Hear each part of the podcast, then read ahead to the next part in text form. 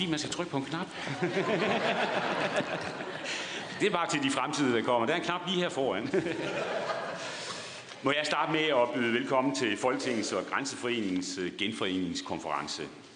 Jeg synes, det er fantastisk at se, øh, hvor mange mennesker der er her i dag, øh, og jeg kunne mærke på stemningen allerede ude fra morgenstunden her, at det bliver en god dag.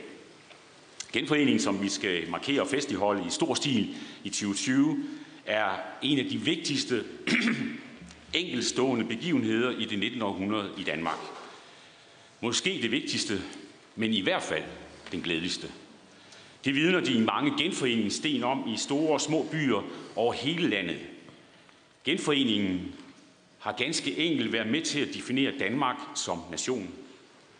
Den blev rammen om den fortsatte demokratisering og udvikling af nationalstaten, det der senere blev til vores velfærdsstat, og som vi i Danmark og i Norden med rette kan være stolte af og værne om. Samtidig så havde genforeningen også den indirekte betydning, at parlamentarismen blev knedsat som styreform i Danmark. Som politiker så synes jeg, at det er et særligt interessant aspekt ved hele genforeningen. Præcis i dag er det 100 år siden Versaillesfredens bestemmelser de trådte i kraft. Baggrunden var som bekendt Tyskland og Østrig-Ungarns nederlag i Første Verdenskrig, og det var det, der gav grundlaget for, at Sønderjylland kunne genforenes med Danmark. Efter afslutningen af krigen kunne folkenes selvbestemmelsesret komme i spil. Sønderjylland havde været fysisk tysk i 56 år siden den katastrofale krig i 1864. Men i 1920 blev Sønderjylland igen dansk. Danmark fik Sønderjylland tilbage. Nogle gange så kan digtere bedre sætte ord på de store følelser, og det gælder måske også genforeningen. Forfatteren Henrik Pontoppidan skrev i 1918 et digt om Sønderjylland, og her lyder det blandt andet. Det lyder som et eventyr, et savn for gamle dage. En røvet datter, dybt begrædt, er kommet frelst tilbage. Mange af os kender billedet af, hvor kong Christian den 10. red over grænsen, og få meter inde i Sønderland tager han pigen Johanne Braten op til sig på den hvide hest og lader hende ride med. Måske havde han netop kongen på en Toppedans ord i baghovedet på den bevægende dag. Og samtidig må man så heller ikke glemme, at genforeningen for andre blev til adskillelse for de danskere, som kom til at leve syd for den nye grænse. I skal ikke blive glemt, sagde statsminister Nedergaard i 1920, og det danske mindretal er heldigvis ikke blevet glemt. Vi skal også huske på de op til 6.000 sønderjyder, som faldt i tysk tjeneste under 1. verdenskrig. Samtidig skabte genforeningen et tysk mindretal i Danmark, som også på bedste vis har medvirket til hele den udvikling, der har været. Og det har været med til at give den sønderjyske landsdel en helt ekstra dimension. Grænselandet er blevet et forbillede for andre. Det enestående, at et mindretal og et flertal lever så fredeligt side om side efter flere krige og strid. Vi markerer det i år med dansk-tysk venskabsår. Folketinget vil besøge Sønderjylland og Slesvig-Holsten i marts måned. Og sammen med landdagen i Kiel og det tyske forbundsdag vil med Folketinget markere genforeningen ved to større arrangementer i november i år. Tidligere kan man sige, at dansk adskilte grænsen Danmark og Tyskland. I dag bygger vi bogstaveligt talt bro mellem de to lande. Vi kan prise os lykkelige for, at man dengang i årene op til genforeningen var kloge og besindige nok til at blive ved med det. Det skabte en grænsedragning og en genforening med stemmesedlen som folkets frie valg. Genforeningen er som sagt en af de glædeligste begivenheder i den danske historie. Og genforeningsjubilæet, som konferencen i dag ønsker at markere begyndelsen på, tegner et af de største nationale jubilæer i mange årtier med næsten 1000 arrangementer over hele landet. Og jeg er sikker på, at fejringen af genforeningen i 1920 bliver en begivenhed, som hele Danmark tager del i, og har med glæde noteret mig, at det man måske kunne kalde to af de vigtigste taler, nemlig dronningen og statsministerens nytårtale, der stod det også ganske centralt. Jeg glæder mig i dag til at blive klogere på genforeningen, og vil hermed også give ord til, at vi kommer på en god og værdig måde kommer igennem det, og det er jeg sikker på, for den, der skal sørge for det, er journalist Bjarne Stensbæk fra Danmarks Radio. Men endnu en gang hjertelig velkommen til konferencen, og værsgo Bjarne.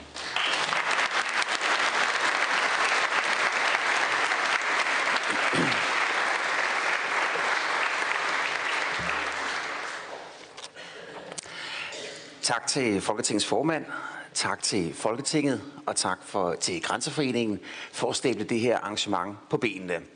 Og jeg vil godt sige stort stor tak for, at øh, jeg er blevet valgt som moderator, fordi jeg har nemlig sønderjyske rødder.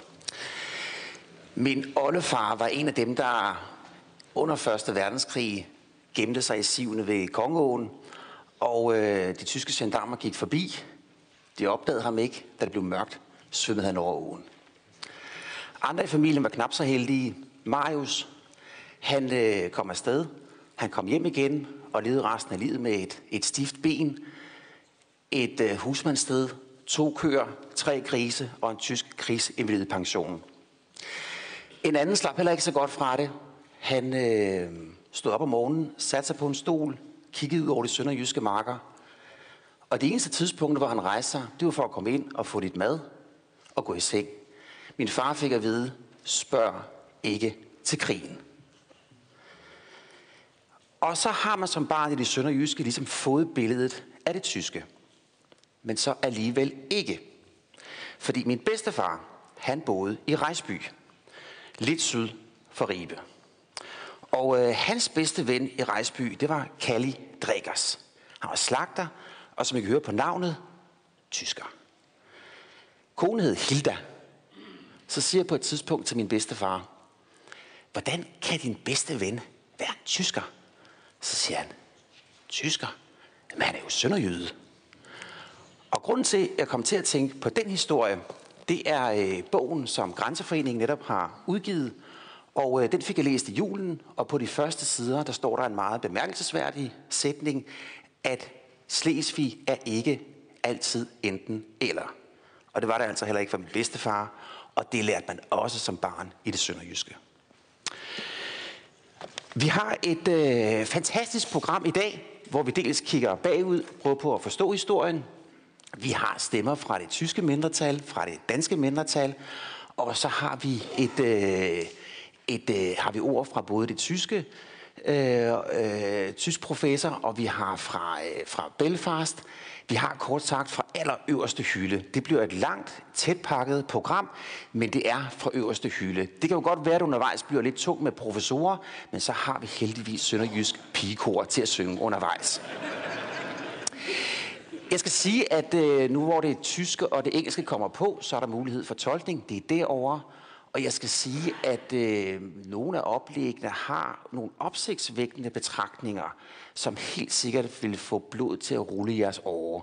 Så derfor er I velkomne til at stille spørgsmål, så kommer vi rundt med mikrofonerne. Den første, der kommer herop, det er øh, historiker Karen Gram Skjoldager. Og øh, Karen tager os med tilbage i historien. Og jeg har varmet lidt op under dig, Karen. Fordi jeg har nemlig også lavet lidt historisk research. Folketinget er jo et fantastisk hus. Der er alt muligt herinde. Blandt andet et bibliotek. Og op på biblioteket, der kan man øh, finde originaludgaverne af Berlingske Tidene. De har dem sågar også fra 1920. De er gule.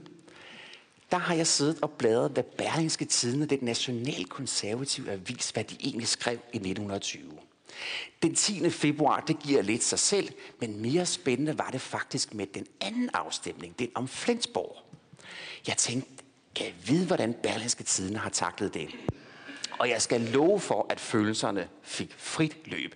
To dage før afstemningen er forsiden på Berlingske Tidene, som jo har en korrespondent i Flensborg på det her tidspunkt. Historien om en politikens journalist, og øh, denne politikens journalist er overskriften, skal landsforvises fra Sønderjylland. Og grunden er den, at øh, politikens korrespondent, Anker Kirkeby, havde spredt et rygte, og nu læser jeg op fra Berlingske Tidene, at der fra dansk side var budløsagtige kvinder i nogle af Flensborgs gader 100 mark for at hænge Dannebro ud. Og at dette var medvirkende til, at det var så stærk flagning i nogle af smågaderne. Så skriver Berlingske her på forsiden, at politikken kunne hjælpe mig ikke vil trække den historie tilbage. Og videre kan man så læse, at en redaktør, han siger så, da han nægtede, altså denne politikens Anker Kirkeby, at komme med en uforbeholden undskyldning gav mine følelser luft ved at spytte det nationale pjalt i ansigtet. Nå, da øh, afstemningen søndag 14. marts var afsluttet, og Flensborg blev klar tysk, så lavede Berlingske Tiden en reportage fra øh, Rigsdagens øh, kantine, tror jeg, de beskrev, restaurant. Og det er jo faktisk det lokale lige her nedenunder. Det er lige her nedenunder. Og øh, der er Berlingske Tidene afdæmpet. Den går sådan her. Ud på aftenen samledes et halvt hundrede rigsdagsmænd med enkelte damer og journalister. Stemningen var aften igennem bevæget.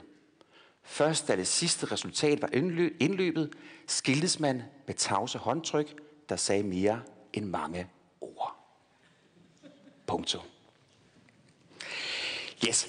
Vi skal sige uh, velkommen til det første, den første indlæg, historiker Karen Gram Skjoldager, og altså fra Aarhus Universitet. Og øh, et ret interessant indlæg skal jeg hilse at sige, fordi det er netop hele spørgsmålet om øh, ordet genforening nu også er det helt rigtige ord. Værsgo, Karen.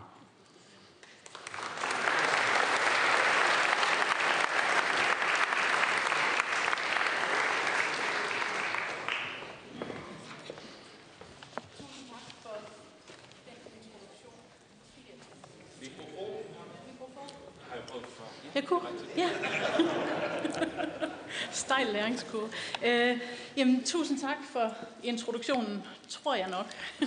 øh, jeg, jeg underholder frem til pigekoret.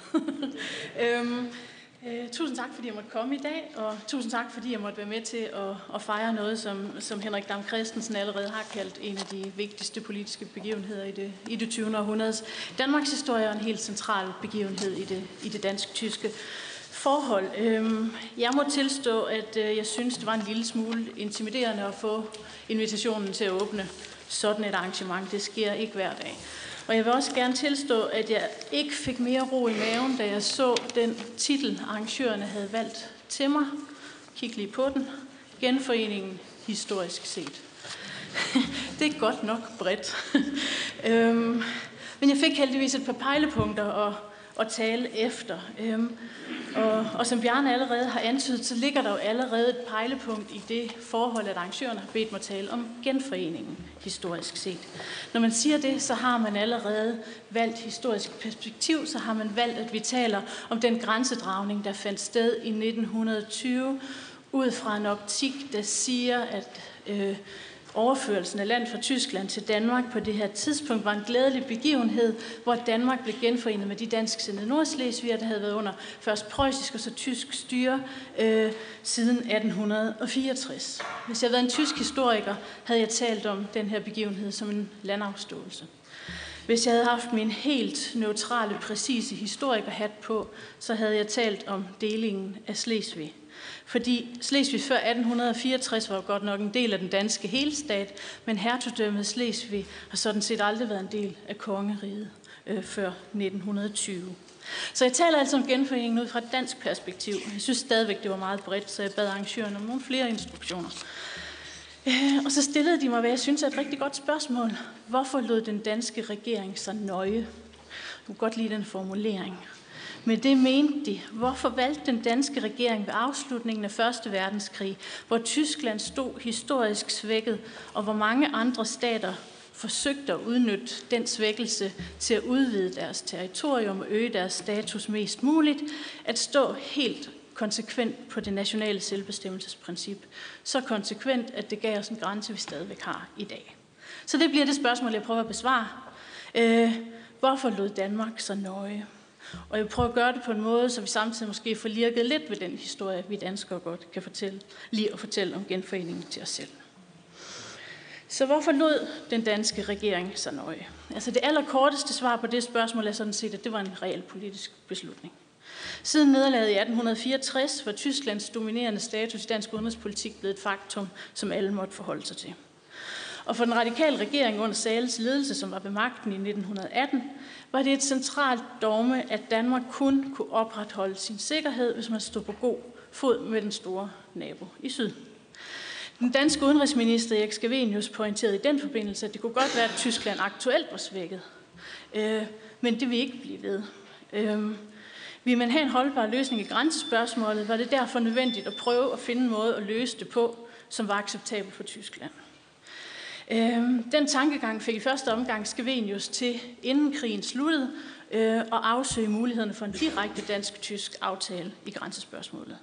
Der gjorde de allierede det så meget tydeligt, meget hurtigt, at det var en, ikke en acceptabel måde at ordne det her på.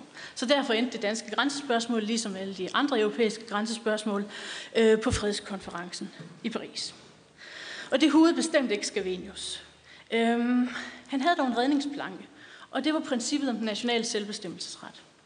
Fordi da USA gik ind i krigen, øh, havde den amerikanske præsident Wilson øh, proklameret, at freden efter krigen skulle baseres på princippet om den nationale selvbestemmelsesret.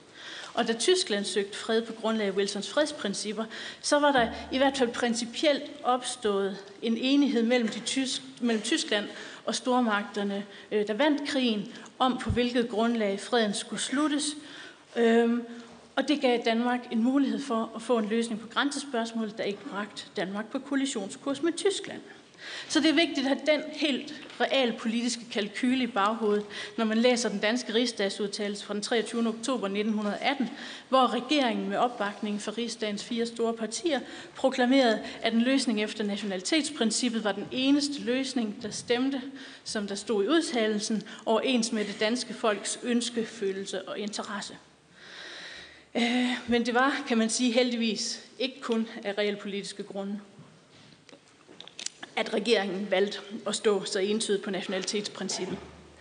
Ideen om, at grænsen mellem Danmark og Tyskland skulle trækkes på grundlag af en folkeafstemning, havde også dybe historiske rødder i en, i en dansk og en dansk-tysk kontekst. De strakte sig nemlig tilbage til Pragfreden mellem Preussen og Østrig helt tilbage i 1866, hvor befolkningen i Nordslesvig havde fået lovning på en fri afstemning om deres nationale tilhørsforhold, hvis de ønskede det. Pragfreden var siden dengang blevet ophævet, men den var stadig et centralt element i det danske sindede Nordslesvigers selvforståelse, og det var en udbredt opfattelse både nord og syd for grænsen, at en løsning af grænsespørgsmålet på grundlag af en folkeafstemning ville være den moralsk mest rigtige løsning.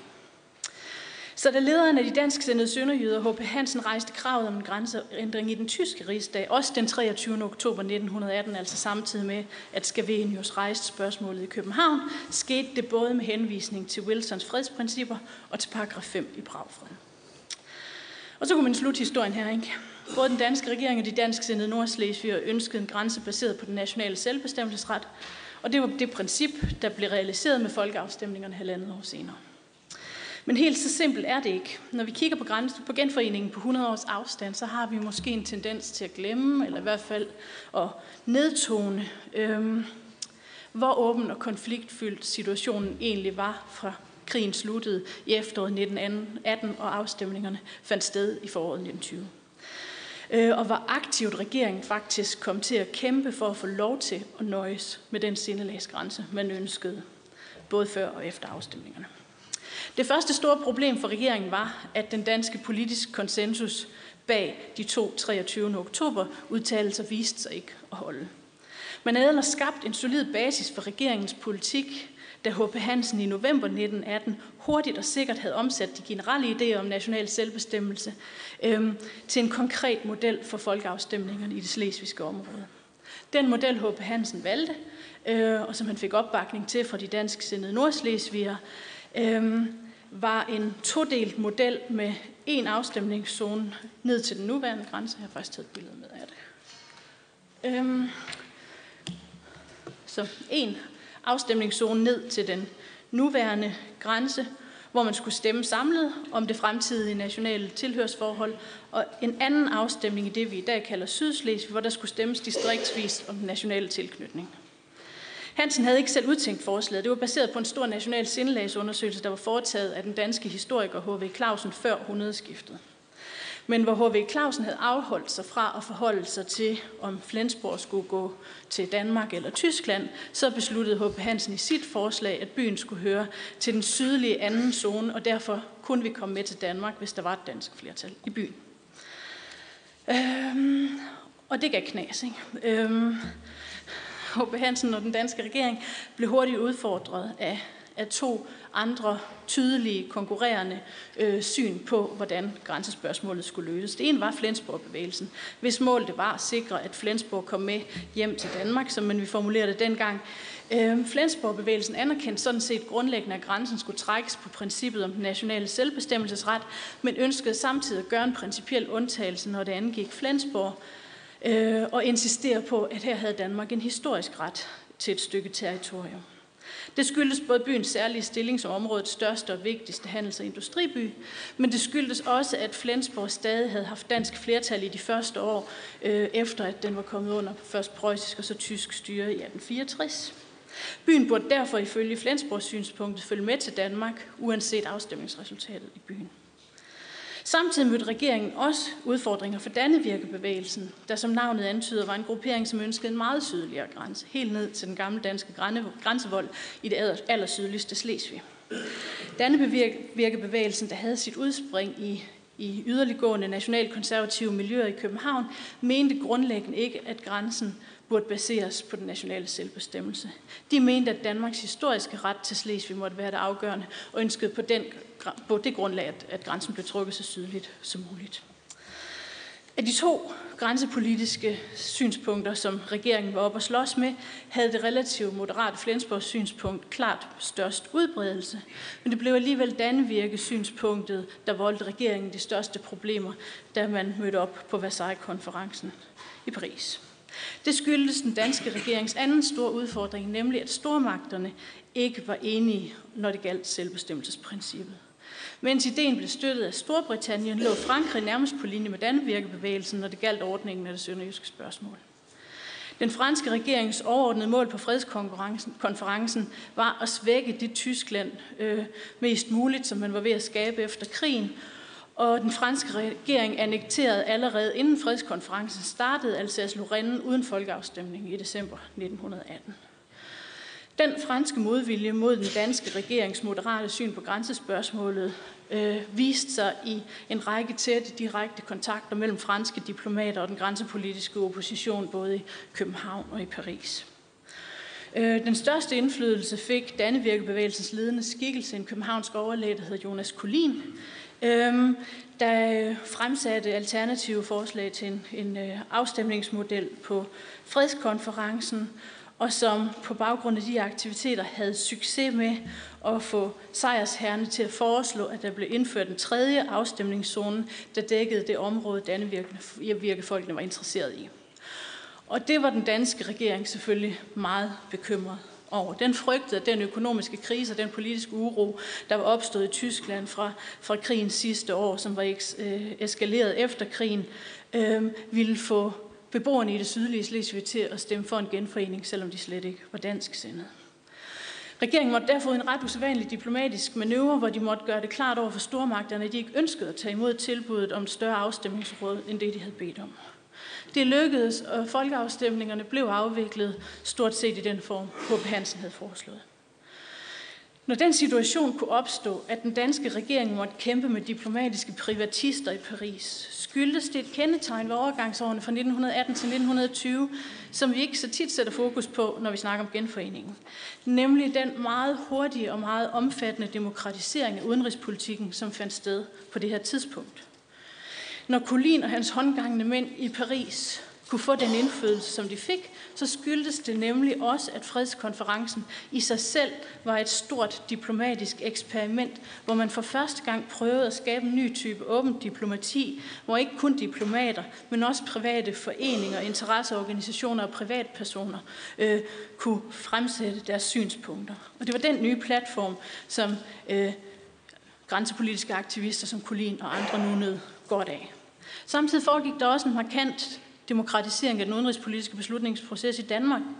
Den udvikling var begyndt allerede øh, under krigen, hvor regeringen havde afholdt lukkede rigsdagsmøder for at informere de politiske partier om krigens gang. Den parlamentariske inddragelse blev løftet til et helt nyt niveau, da Scavenius udarbejdede 23. oktober udtalelsen med tilslutning fra alle de fire store politiske partier. Øhm, og det, der skete efter krigen, var nu, at, øh, at det folkelige og det parlamentariske engagement i udenrigspolitikken med grænsespørgsmålet som motor øh, regulært eksploderede. Det er en udvikling, vi i dag kan se de institutionelle reminiscenser af, fordi en eftervirkning af den her demokratiseringsproces var oprettelsen af det udenrigspolitiske nævn i 1923. Så genforeningen var altså ikke bare en begivenhed, hvor den nationale selvbestemmelsesret fik et gennemslag i Sønderjylland, men også en begivenhed, der skabte et gennembrud for et bredere demokratisk engagement i udenrigspolitikken i Danmark. Det var, som det er fremgået, ikke udelukkende positivt. Dels blev enighederne om grænsen og især Flensborgs stilling, som Jes Fabricius Møller vil tale om senere, et centralt element i påskekrisen i 1920.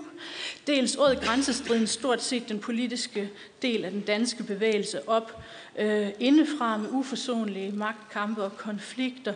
Noget, som fik helt konkrete konsekvenser, da det i markant grad svækkede den danske mobilisering i afstemningskampen op til folkeafstemningerne.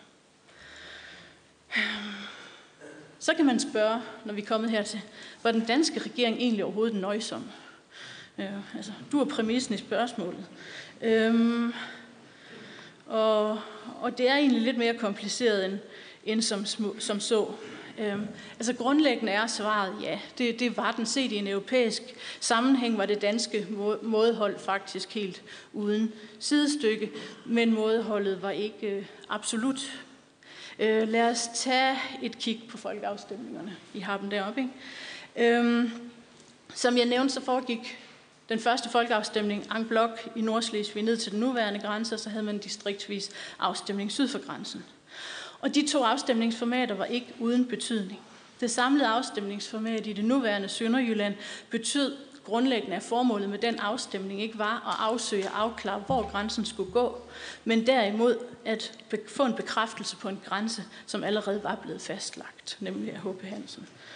Øhm, og den grænse var faktisk ikke udelukkende baseret på nationalitetsprincippet. Da H.V. Clausen oprindeligt optegnede sin grænse, havde han også prioriteret et nogenlunde naturligt grænseforløb, hvor grænsen blandt andet fulgte Hvidåen og Skelbæk, og han havde prioriteret, at, at Tønder skulle beholde sit opland, eller rettere, at det danske opland til Tønder skulle beholde sin købstad. Øhm, og det betød, at man fra dansk side med åbne øjne inkluderede byer som Højer, Tønder og Tinglev, som lå direkte op til den nye grænse, øh, og hvor man var klar over, at der var tyske flertal. Tilsvarende var den, dansk, var den distriktsvise afstemning syd for grænsen også til dansk fordel, fordi den gav mulighed for at bevæge grænsen yderligere mod syd, hvis der viste sig at være dansk flertal i et enkelt øh, område eller to. Så afstemningerne havde altså indbygget en lille, men ikke helt ubetydelig skævhed, som også viste sig i størrelserne på de mindretal, der blev skabt med den nye grænse. Mens det danske mindretal øh, næppe var større end ca. 10.000 personer umiddelbart efter genforeningen, var det tyske mindretal to til tre gange så stort i størrelsesorden 25.000 til 30.000 personer. Og lige præcis spørgsmålet om det tyske mindretal og hvordan man så på det, er en anden ting, som det kan være, være kort at reflektere over, når vi diskuterer den danske holdning i grænsespørgsmålet. Øhm, også når det galt forholdet til mindretallet, anlagde den danske regering og H.P. Hansen øh, grundlæggende et liberalt og selvbehersket øh, princip. Det var et klart konsensuspunkt på dansk side, at man ikke skulle gengælde den uret, man mente de dansksindede Nordslesvig havde oplevet under tysk styre, og den mindretalsordning, der blev skabt med blandt andet offentlige tysksprogede skoler og kirkebetjening, undskyld, var også blandt Europas mest liberale. Men samtidig er det værd her at holde sig to ting for øje. For det første, at Danmark klart afviste at sætte behandlingen af det tyske mindretal under internationalt opsyn. Og det gjorde de, selvom fredsordningen øh, faktisk gjorde det til en forpligtelse for stort set alle andre stater øh, med nationale mindretal, at de skulle sættes under opsyn af den nye internationale organisation, Folkeforbundet, der skulle føre tilsyn med, hvordan de behandlede deres mindretal. Øh, og det er i den sammenhæng værd at notere sig, at grunden til, at Danmark slap for de internationale forpligtelser, nok mindre handlede om de konkrete forsikringer, man fra dansk side var i stand til at give på fredskonferencen, og handlede mere om, at stormagterne i Versailles tænkte den nye europæiske mindretalspolitik inden for en klar hierarkisk civilisations- og kulturforståelse, hvor staterne i Øst- og Centraleuropa blev set som øh, umodne, ufærdige stater, mens Danmark blev betragtet som en af de modne, veludviklede vesteuropæiske kultur- og retsstater, som selv var i stand til at tage vare på deres interne forhold. At det samtidig gav Frankrig en undskyldning for ikke at tiltræde en mindretalsordning for sit mindretal i Alsace-Lorraine, har nok også talt med i den forbindelse. Øhm, og det andet forhold, man kan pege på, når vi snakker om Danmarks forhold til det tyske mindretal, handler om, at den liberale danske mindretalsordning ikke blev indført for at værne om mindretallet og den tyske mindretalskultur. Det kunne man jo ellers godt tro. Den baserede sig i stedet for på en klar assimilationstænkning, som knyttede sig direkte til den nøjsomme danske holdning i grænsespørgsmålet. Tankegangen var den, at hvis man fik et tilstrækkeligt lille tysk mindretal inden for sine grænser, ville det assimilere sig ind i flertalsbefolkningen i løbet af en generation, måske to.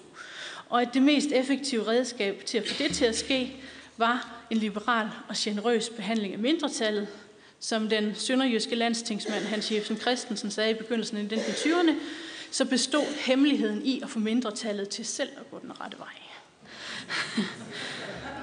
Øh, her der tog man jo så heldigvis fejl, og netop de to nationale mindretal og den måde, de samme eksisterer i dag, både med deres værtsstater, med flertalsbefolkningerne med hinanden, er noget af det, mange rundt om i verden i dag beundrer og gerne vil, vil lære af.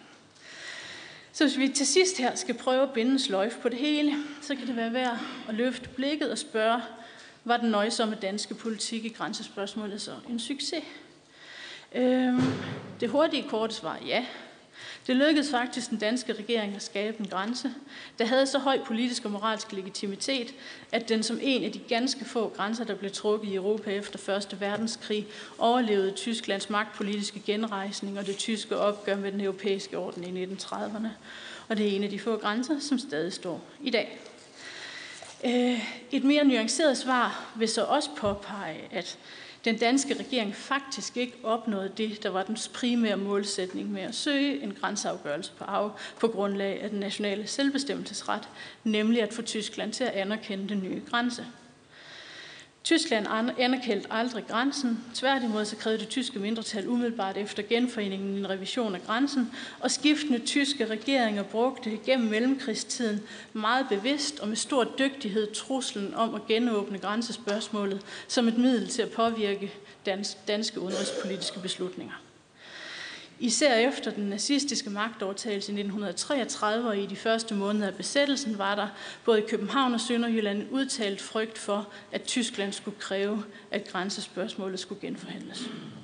Det skete ikke, men det, men det minder os om, at genforeningen ikke bare var en enkelt afsluttet begivenhed, men en proces, der strakte sig langt ind i efterkrigsårene, inden grænsen faktisk endelig blev det sikre udgangspunkt for en fredelig dansk-tysk sameksistens, som vi kender i dag. Tusind tak.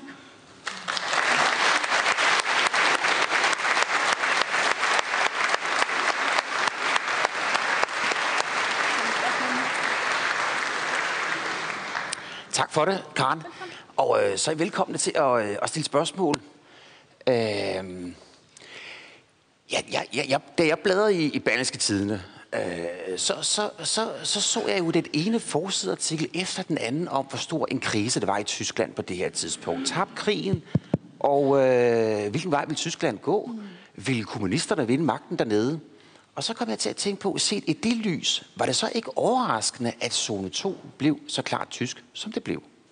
Jo, det tror jeg i hvert fald mange fra, fra både Dannevirkebevægelsen og Flensborg-bevægelsen tænkte og var, var dybt skuffede over, men øh, men vi jo nok historisk sige, at de undervurderer betydningen af nationalt tilhørsforhold. Det er alligevel de færreste, der altså, lader, sig købe, lader sig købe til at skifte nationalitet. Øhm, så, så jo, det er rigtigt. Det, der var en forventning om, at med den situation, der var i Tyskland, så kunne det medføre en fremgang for den danske bevægelse, som ikke materialiserede sig i sønderligt omfang.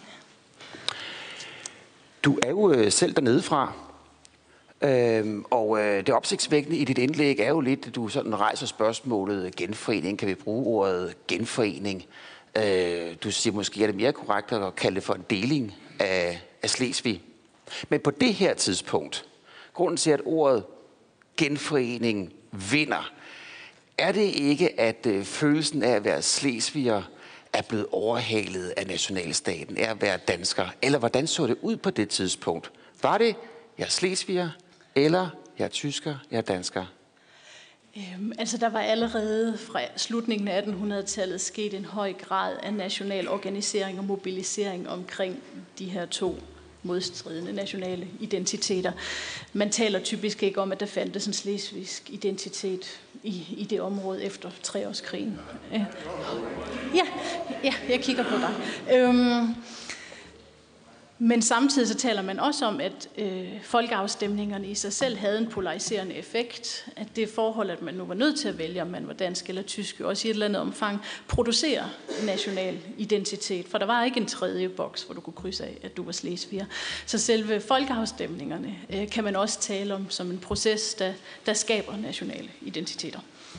Og så har vi et spørgsmål hernede fra. Ja, tak. Øh, Frode Sørensen, jeg er formand for Sprogforeningen, dannet i 1880 med et formål, styrke det danske sprog, den danske kultur i Nordslesvig. Og jeg tør da godt påstå, det lykkes.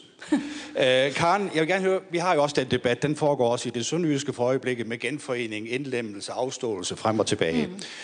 Øh, hvad siger du til påstanden om, at vi var jo ikke en del af kongeriget? Jeg er sønderjyde, jeg kunne snakke sønderjysk, men jeg ved, der kan være enkelte, der ikke forstår det. Uh, vi var en del af hele staten, vi var ikke en del af kongeriget. Hmm. Men frem til 1864, da vi blev en del af Østpreussen, der var vi altså danske statsborgere. Hmm. Er det så ikke rimeligt at sige, når vi efter 56 års tysk, i jo et spændende tid, uh, igen komme tilbage ved en demokratisk afstemning, så var det en genforening. Jeg synes bare, at vi skal øh, undgå alt det der pjat om det indlemmelse, genforening, overtagelse eller hvad det er. Så har jeg en enkelt lille ting også omkring øh, den, de to spændende dage. H.P. Mm. Hansens store tale i den tyske rigsdag den 23. Mm. oktober, mm. som jo efterfølgende dagen efter blev fuldt op af udenrigsminister, undersekretær Dr. Solf, der sagde, I får en afstemning. Mm. Du kom med en ny oplysning. Ikke at Stavning holdt et møde den 23. oktober. Men mig bekendt var det ikke noget, der blev offentliggjort den 23. oktober. Var situationen ikke den, at det var H.P. Hansen, der med baggrund i Dr. Solfs skrivelse anmodede den danske regering om at bekræfte, at man ønskede at give sønderjyderne mulighed for en afstemning omkring den side. Mm. Så mangler jeg to ting i, i forbindelse med det her. Øh, og det ene, det er, når du siger, at der ikke var enighed om grænsens beliggenhed. Mm. Tæller to markante personer, Stavning og den tyske formand mm. for, det, dan- for det, tyske, det, dan- det mm. tyske socialdemokrati, Otto Wels, mm. deres aftale fra mm. 1923, mm. den synes jeg i og for sig også, at den mm. bør tælle. Mm. Og den sidste del, som jeg desværre synes, vi glemmer alt, alt for meget. En væsentlig del af de tyske stemmer, der også var i 1920 i Nordslesvig. Det var jo tyske arbejdere, mm. som havde fundet sig en alsisk bundepige af dansk afstemning. Mm. Og de klarede det fællesskab super godt efter 1920. Mm. Mm. Min påstand er, det er ikke voldsomt mange af dem, som er en del, eller var en del af det tyske mindretal. Mm. Jamen altså, jeg er stort set øh, enig i alle dine overvejelser øh, for at opklare forløbet om, om kravene om grænse, øh, om afstemningen, så var sagen jo den, at Scavenius virkelig puttede sig i forhold til aktivt at fremstille det krav over for de allierede. Han ville meget nødig sætte den danske regerings navn bag sådan et krav. Så det den danske regering i første omgang gjorde, det var sådan set bare at fremsende H.P. Hansens krav videre til de allierede. Og så sagde de allierede igen, ligesom tidligere, da man havde forsøgt med de direkte grænsekontakter, sagde, at den går ikke. Vi skal have et krav fra den danske stat. Vi kan ikke bruge en udtalelse fra mindretallets ledelse. Øh, og så måtte Skavenius ligesom stå ved det og sige, at vi bakker op om kravet for H.P. Hansen, og det er også det, den danske regering øh, ønsker. Men, men alt det andet, du siger, er jo fuldstændig rigtigt angående den socialdemokratiske overenskomst om en anerkendelse af grænsen, så var problemet jo, at den blev lavet på et tidspunkt, da Stavning ikke var statsminister. Så det var ikke en, en formel dansk-tysk aftale. Det var en aftale mellem det danske og det tyske socialdemokrati, og på den måde så havde den en anden status, end, end den vi godt kan lide i diplomatiet. Ja. Altid. Vi har et, øh, et sidste spørgsmål hernede. Ja, goddag. Navn er Martin Grunds. Jeg er historiker og historisk konsulent i Socialdemokratiet og apropos, hvad vi lige talte om. Øh, noget af det, jeg øh, kommer til at tænke på også i et udmærket oplæg her, du taler om nationale selvbestemmelsesret, og det, det er rigtigt, at selvfølgelig Wilson, han øh, i løbet af Første Verdenskrig, han øh, aktualiserer det her, men det er jo også en idé, der sådan set er ældre, du er også rigtig på den ene, i Pragfreden, mm. En idé, der bliver populariseret af Napoleon den 3. Mm. i sin tid, som mange i Danmark dengang ser som, som deres store og gode mm. ven. Og så ikke mindst, så er det, jo, det er jo noget, der lever videre i det politiske miljø. Og faktisk det danske Socialdemokrati øh, går konsekvent fra sin stiftelse ind for, at man øh, løser mm. internationale spørgsmål gennem eller de her, om det kan være afstemninger, men i hvert fald, at man bruger den nationale selvbestemmelse. Øh, det tyske Socialdemokrati gør også. Mm. Og, og når jeg siger det, så er det jo også for, fordi den, den regering, vi har med at gøre, øh, der er en øh, radikal statsminister i under hele Første mm. verdenskrig, hele det her forløb, men regeringen undergår nogle forvandlinger. Og da vi når til afstemningen her, der består den af de radikale, Socialdemokratiet og H.B. Hansen. Hvem han så repræsenterer. Man plejer at være venlig at sige det sønderjyderne. Mm. og det er klart, det realpolitiske det her, det er, de, her interessenter, de, de, de er alle sammen interesserede i den nationale selvbestemmelsesret. Mm. Og hvorfor? Fordi man regner med, at det kan være stabilt. Det, og det er mere for at sige, når man har hele, altså Napoleon den 3., der, der populariserede det her, øh, han var måske ikke så god til at efterleve Og så skal som, vi frem til spørgsmålet. Spørgsmålet nok mest en kommentar, det er, at i, i hele det altså at vi har en intern øh, politisk polarisering, hvor det, altså det nationale og demokratiske står over for hinanden, og øh, hvor en del af det her afstemningsresultat, det er at få, få skabt den her sikkerhed, der er gennem at skabe demokrati mm. gennem national selvbestemmelse. Ja. Altid også. Tak for det. Og så skal jeg lige gøre opmærksom på, at øh, vi skal ikke have foredrag ned fra salen. Vi skal have spørgsmål. Og spørgsmål, det har vi heldigvis heroverfra, og jeg ved, det er kort, kontant og skarpt. Jamen, det er lige det, det er. Jeg er Anke Sporendung, og jeg er formand for Foreningen Norden i Sydslesvig. Og mit spørgsmål går på øh, forholdet til de nordiske lande. Jeg har nemlig læst, at H.P. Hansen var meget bevidst om, at det var vigtigt at få støtte fra de andre nordiske lande. Og jeg vil bare lige høre, om det er en rigtig vurdering, altså at han, som den dygtige politiker han var, også sørgede for at få, øh, få støtte derfra, fordi han var bange for, at den danske regering i sig selv ikke kunne gøre så meget. Mm. Altså, det er jo i hvert fald rigtigt, at det både for den danske bevægelse og også for den danske regering var en grundlæggende kalkyle, at for at man fik en grænse med en moralsk legitimitet, der gjorde det muligt at trække på en nordisk opbakning, så var man nødt til at gå efter den nationale selvbestemmelsesret. Det var den eneste vej ind til en bredere nordisk opbakning øh, på det her øh, punkt. Og man ser det jo aktiveret i 30'erne, da Tyskland begynder at lægge pres på Danmark, at man laver aktivt diplomati og i Stockholm og Oslo og beder om udtalelser fra øh, norske og svenske regeringsledere, der bakker op om grænsen. Så det er en, det er en ting, man indkasserer øh, senere, øh, og som har en helt reel politisk værdi. Tak for det. Og et nyt spørgsmål. Et si- sidste spørgsmål måske. Øhm, Carsten Medsgaard hører som Grænseforeningen. Øh, jeg vil gerne øh, spørge om de kongeriske enklaver. Det var vel sådan, at det var en, øh, et landområde, der tilhørte kongehuset, mm. og blev afstået så til, til, til Preussen under Bismarcks ledelse. Men der, der må have været et, et arvespørgsmål, eller, eller, eller ikke. Det er mit spørgsmål. Det, det spørgsmål tror jeg ikke, jeg forstod. Vil du prøve at uddybe? Jeg mener bare, at når det er et landområde, der tilhører kongehuset, mm. kunne kongehuset ikke kræve have en vis ret til de områder igen i 1920? Jo, det er tænkeligt, men det, det var i hvert fald så langt uden for den reelle politiske tænkning, at, at det, det, det har jeg ikke set som overvejelser i de konkrete så, diplomatiske udvekslinger. Så det blev bare for tiden? Ja. ja. Men der kan jeg så tilføje at blive hængende her på konferencen, fordi lidt senere så kommer Jes Fabricius på, og øh, han har øh, haft den øh, enestående mulighed for at blive klogere på Christian den 10., fordi Christian den 10. dagbøger jo er blevet offentlige. Så vent, der får du svaret. Et sidste spørgsmål i den her runde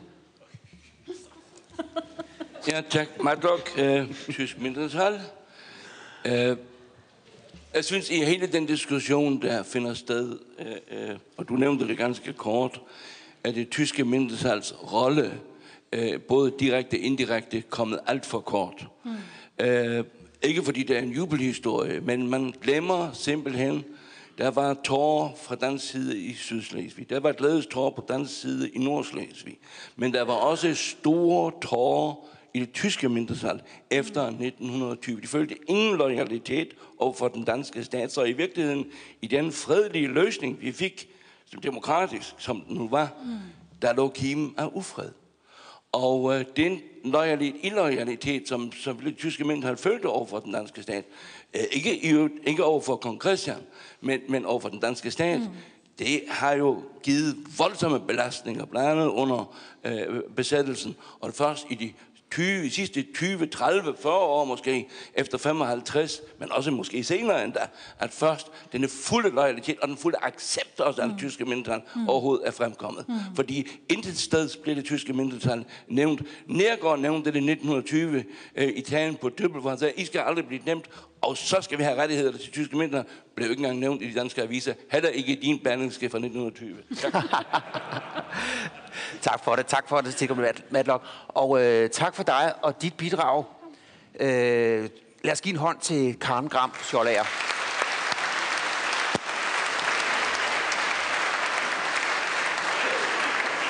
Fordi øh, det spørgsmål, eller den kommentar, du havde, Sigfrid, øh, ligger helt perfekt op til det næste, fordi nu skal vi nemlig øh, nu skal vi til nutiden. Fordi hvordan er det at være en del af det tyske mindretal i Danmark? Hvordan er det at være en del af det danske mindretal i øh, syd for grænsen? Og øh, den første, og er der overhovedet i dag, altså er det, er, det, er det vanskeligt i dag? Så den første, vi er på, det er dig, Brita Tøstesen. Velkommen. Tusind tak. Det er ikke længe siden, jeg blev færdig med mit studie. Og øh, da jeg startede på kandidaten, lavede vores underviser en af de her øvelser, hvor man øh, skulle lære hinanden lidt bedre at kende. Han sagde, tal med din sidemarker om, hvem du er, hvor du kommer fra og om dine hobbyer. Og derefter står I hver især op og repræsenterer eller præsenterer jeres sidemakker. Jeg sad så tilfældigvis ved siden af min gode ven Janak, som jeg dengang havde kendt i fire år. Vi læste sammen på bacheloren, og vi var på en rejse sammen, og vi læste også sammen i et semester i Indien. Så vi var det, som man kunne kalde rigtig gode venner. Janak stod så op og skulle præ- øh, præsentere mig, og han stod op og sagde, det foregik på engelsk, han sagde, This is Britta, she is 23 years old, and she's from Germany. Jeg kiggede op på ham, så tænkte jeg, skal jeg nu stå op og sige, nej, det passer ikke, jeg, øh, jeg er ikke fra Tyskland, eller hvad er det? Og hvorfor er det egentlig, at Janak han nu tror, at jeg kommer fra Tyskland? Han ved da godt, at jeg kommer fra Sønderjylland. Han kender da godt min baggrund. Eller, ja, eller gør han egentlig det? Har jeg egentlig fået forklaret det hele til ham? Jeg blev født 1992 i Sønderborg som den yngste af en flok på seks børn. Jeg er opvokset i en lille by, som hedder Lumkloster. Her har jeg gået i tysk børnehave, i tysk skole og senere på en tysk efterskole og et tysk gymnasie. Jeg regner med, at I godt ved, at Løven Kloster ligger i Sønderjylland, det vil sige i Danmark. Så jeg gik i en skole i Danmark, men det var en tysk skole. Og jeg taler tysk med mine forældre og mine søskende og med min mors forældre. Og søskende fik, foregik det hele på tysk, øh, mens med min fars forældre, der foregik det mest på sønderjysk. Med mine venner talte jeg en stor blanding, altså det, som lige var mest naturligt, om det så var tysk, sønderjysk eller dansk.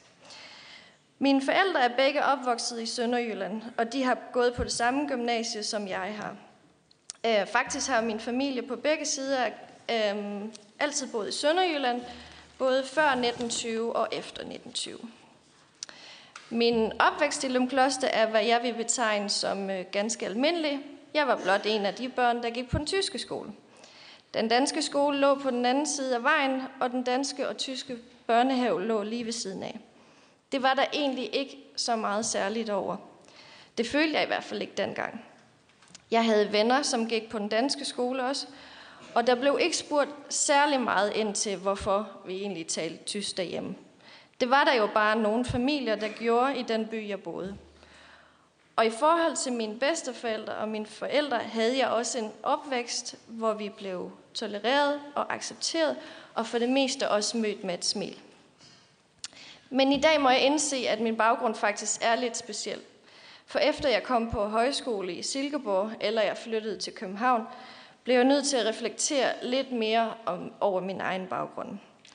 Jeg siger, jeg blev nødt til det, fordi jeg måtte simpelthen finde en forklaring, der kunne beskrive min baggrund på en let og forståelig måde. Senest, når jeg måtte tage min telefon, når jeg sad sammen med mine venner og mine søskende eller forældre ringede, øh, blev jeg pludselig helt vildt eksotisk blandt mine venner her i København. Jeg vidste slet ikke, at du var tysker. Nå, nej, nej, jeg er faktisk ikke tysker. Jeg kom fra det tyske mindretal. Jeg er opvokset i Sønderjylland. Øh, og så videre, og så videre. Og det gør historien sådan lidt kompliceret. Jeg mødte nemlig stor forvirring. En af mine forældre måtte da være fra Tyskland, siden vi talte tysk derhjemme. Snakken endte ofte sådan her. Har du så et dansk pas? Ja, jeg har et dansk pas. Jeg har aldrig boet i Tyskland. Ah, okay. Har din mor et dansk pas? Mm, ja, min mor har også et dansk pas. Hun er også dansker. Ah, okay, så det er din far, der har et tysk pas? Nej, min far har også et dansk pas, fordi at vi er jo opvokset i Sønderjylland, ligesom jeg har fortalt jer. Ah, okay, det giver ingen mening.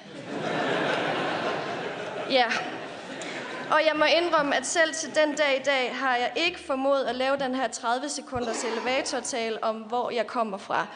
Og jeg synes nogle gange, at det føles som om, at jeg er lige så eksotisk som en, der kommer fra Fiji-øerne.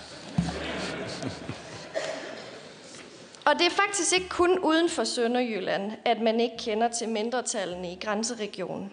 Dengang jeg gik i skole i Sønderjylland, opdagede jeg det måske bare ikke, eller jeg reflekterede ikke så meget over det.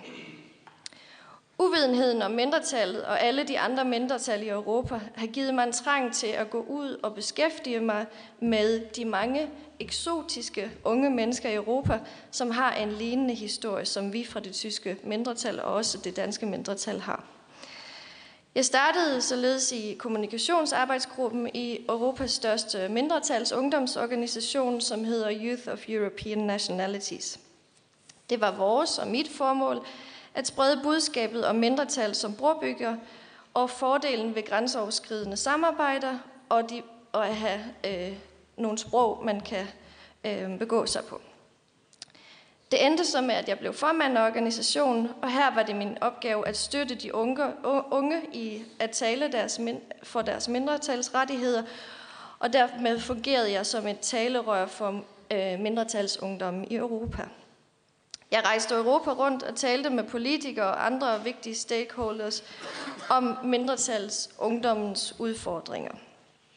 Og som vi tidligere har hørt i dag, så oplevede jeg også her, at man, øh, at man kaldte det sted, som jeg er opvokset i, Mercedesen over mindretalsregioner.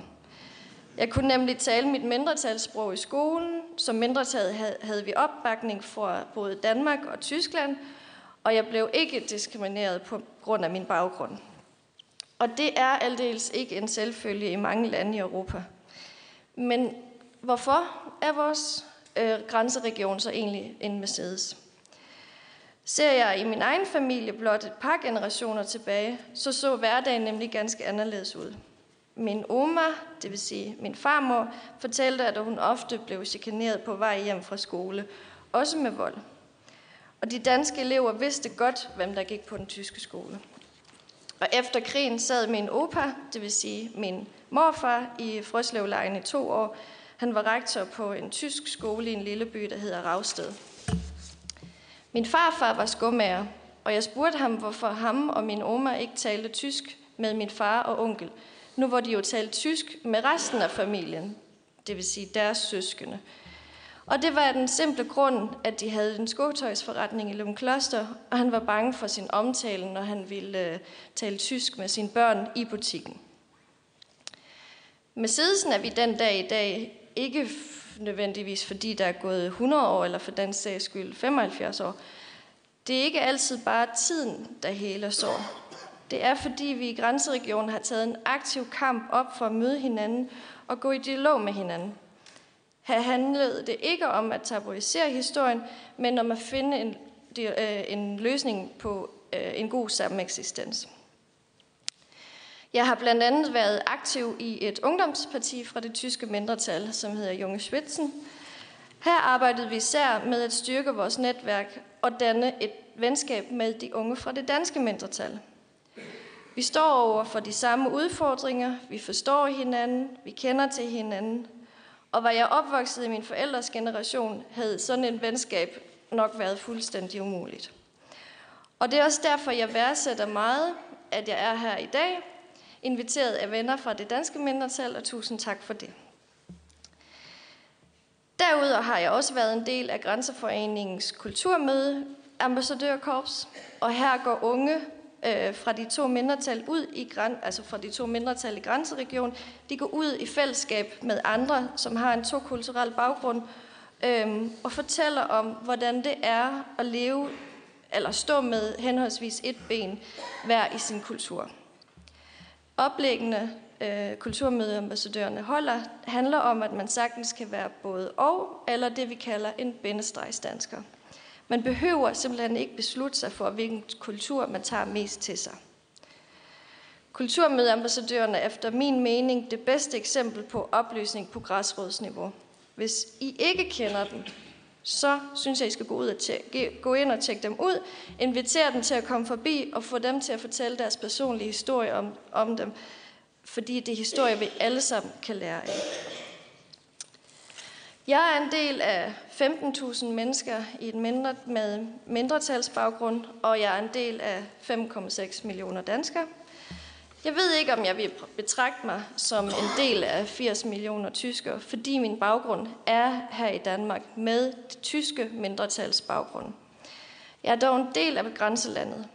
Jeg er den, jeg er i dag på grund af historien, og jeg er taknemmelig for alt det, min baggrund har givet mig. Det er tolerance, det er sprogfærdigheder, det er forståelse for det flerkulturelle, men især en forståelse af, hvor vigtigt sammenhold er. Selvom det må lyde som en floskel, så er mindretallet mit hjem, og det har lært mig rigtig meget. Vi er nemlig blevet opdraget med tanken om, at en frivillig indsats for fællesskab er utrolig vigtigt. At vi må møde nye naboer med en åbenhed. At vi må arbejde for det, vi gerne vil opnå. Og at det er helt okay at være meget sprogforvirret til tider. Jeg arbejder i dag som projektleder for et dansk-tysk fødevareprojekt om bæredygtighed, og jeg har også haft studiejobs, hvor ikke blot mine sprogkundskaber, men også min viden om begge kulturer har givet mig, eller været meget værdsat. Selvom jeg som teenager til tider har følt, at jeg var vokset op i et meget lille samfund, hvor der nærmest ikke var nogen, der ikke kendte mine forældre, så ser jeg den dag i dag, at det der er blevet åbnet døre for mig netop på grund af min baggrund. Og jeg håber, at mange unge i fremtiden også vil sige det samme, uanset hvilken to kulturel baggrund de har. Så har jeg faktisk også reflekteret lidt over øh, titlen for, øhm, for øh, den her konference i dag. Hvad betyder grænsen øh, i dag, eller hvad betyder grænsen for mig i dag? Og selvom vi måske ikke fejrer selve genforeningen som sådan, så er 2020 et ganske vigtigt år. Det er her, vi kan sætte os ned og reflektere over udviklingen i de sidste 100 år. Og mit personlige håb for 2020 er, at vi kan give en bedre oplysning om vores egen historie, om Danmarks historie og om, hvordan mennesker er blevet påvirket af grænsens øh, flytning igennem tiden. For mig er 2020 et år om opløsning, så mine, altså øh, mine børn måske har lidt nemmere ved at forklare deres historie engang. Tusind tak.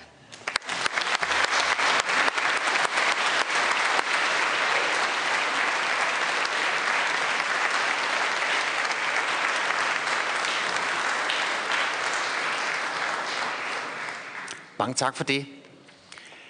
Så hvad når vi skruer øh, tiden en måned frem, 10. februar? Det er dagen for afstemningen. Hvor sidder du der? Og din familie? Øhm, jamen, jeg sidder nede i Sønderjylland igen. jeg er flyttet tilbage til Haderslev øhm, og Men arbejder. hvordan vil I markere det?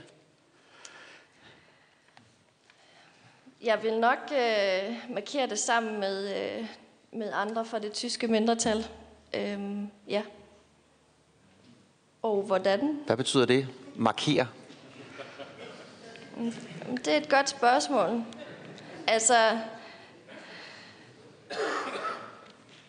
det er jo i det, at man, øh, man kommer sammen, og man, øh, man snakker om, om øh, hvad tiden har vist os, og hvad vi kan lære af den, og hvad vi især kan bringe af den ud i fremtiden.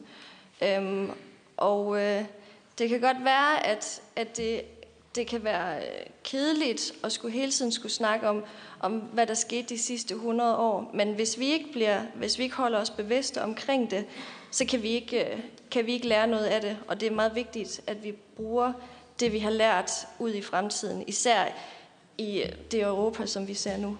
Ja. Er det en dag med blandede følelser? Med blandede følelser? Jeg må sige for, for mig personligt, nej.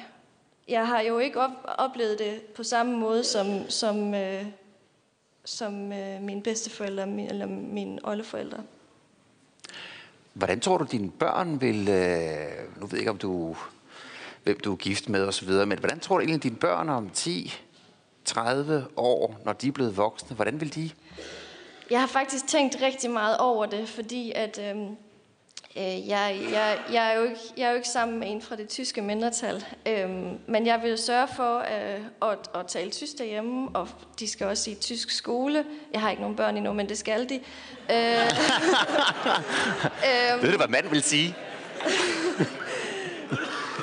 øhm, og så vil jeg prøve at fortælle dem om, hvorfor de har den baggrund, de har. Fordi at hvis ikke de ved det, så kan de heller ikke forklare det til deres venner. Og jeg synes, det er vigtigt, at vi, at, at vi forklarer øh, andre unge, at der faktisk er sket en del øh, i vores grænseregion. Ja. Tak for det, Britta.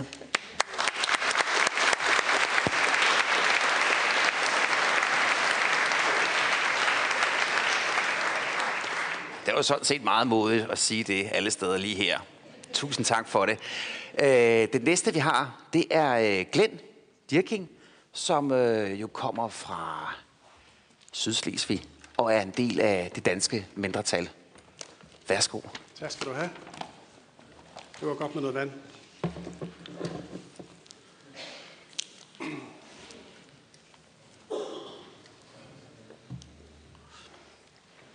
Indledningsvis vil jeg gerne sige tak til formanden for Folketinget og til formand for Grænseforeningen for invitation til dagens konference om genforeningens 100 års jubilæum. Mit navn er Glenn Dierking. Jeg kommer fra det danske mindretal i Flensborg. Til dagligt er jeg selvstændig arkitekt med en uddannelse fra Arkitektskolen i Aarhus, men jeg er også byrådsmedlem for det danske mindretal SSV. Som byrådsmedlem har vi gennem længere tid beskæftiget os med markeringen af genforeningen. For nogle er det en stor festlighed, nemlig genforeningen af Nordslesvig, Sønderjylland. Med Danmark, for andre er det en markering eller et jubilæum. Og det gælder for både det danske mindretal i Sydslesvig og det tyske mindretal i Nordslesvig. Sidste år havde jeg den store fornøjelse at kunne hilse på hendes majestæt dronning på hendes rundrejse i Sydslesvig og Slesvig-Holsten. Både på første dagen i Flensborg Rådhus, og da vi tog afsked med hendes majestæt dronning på Flensborghus.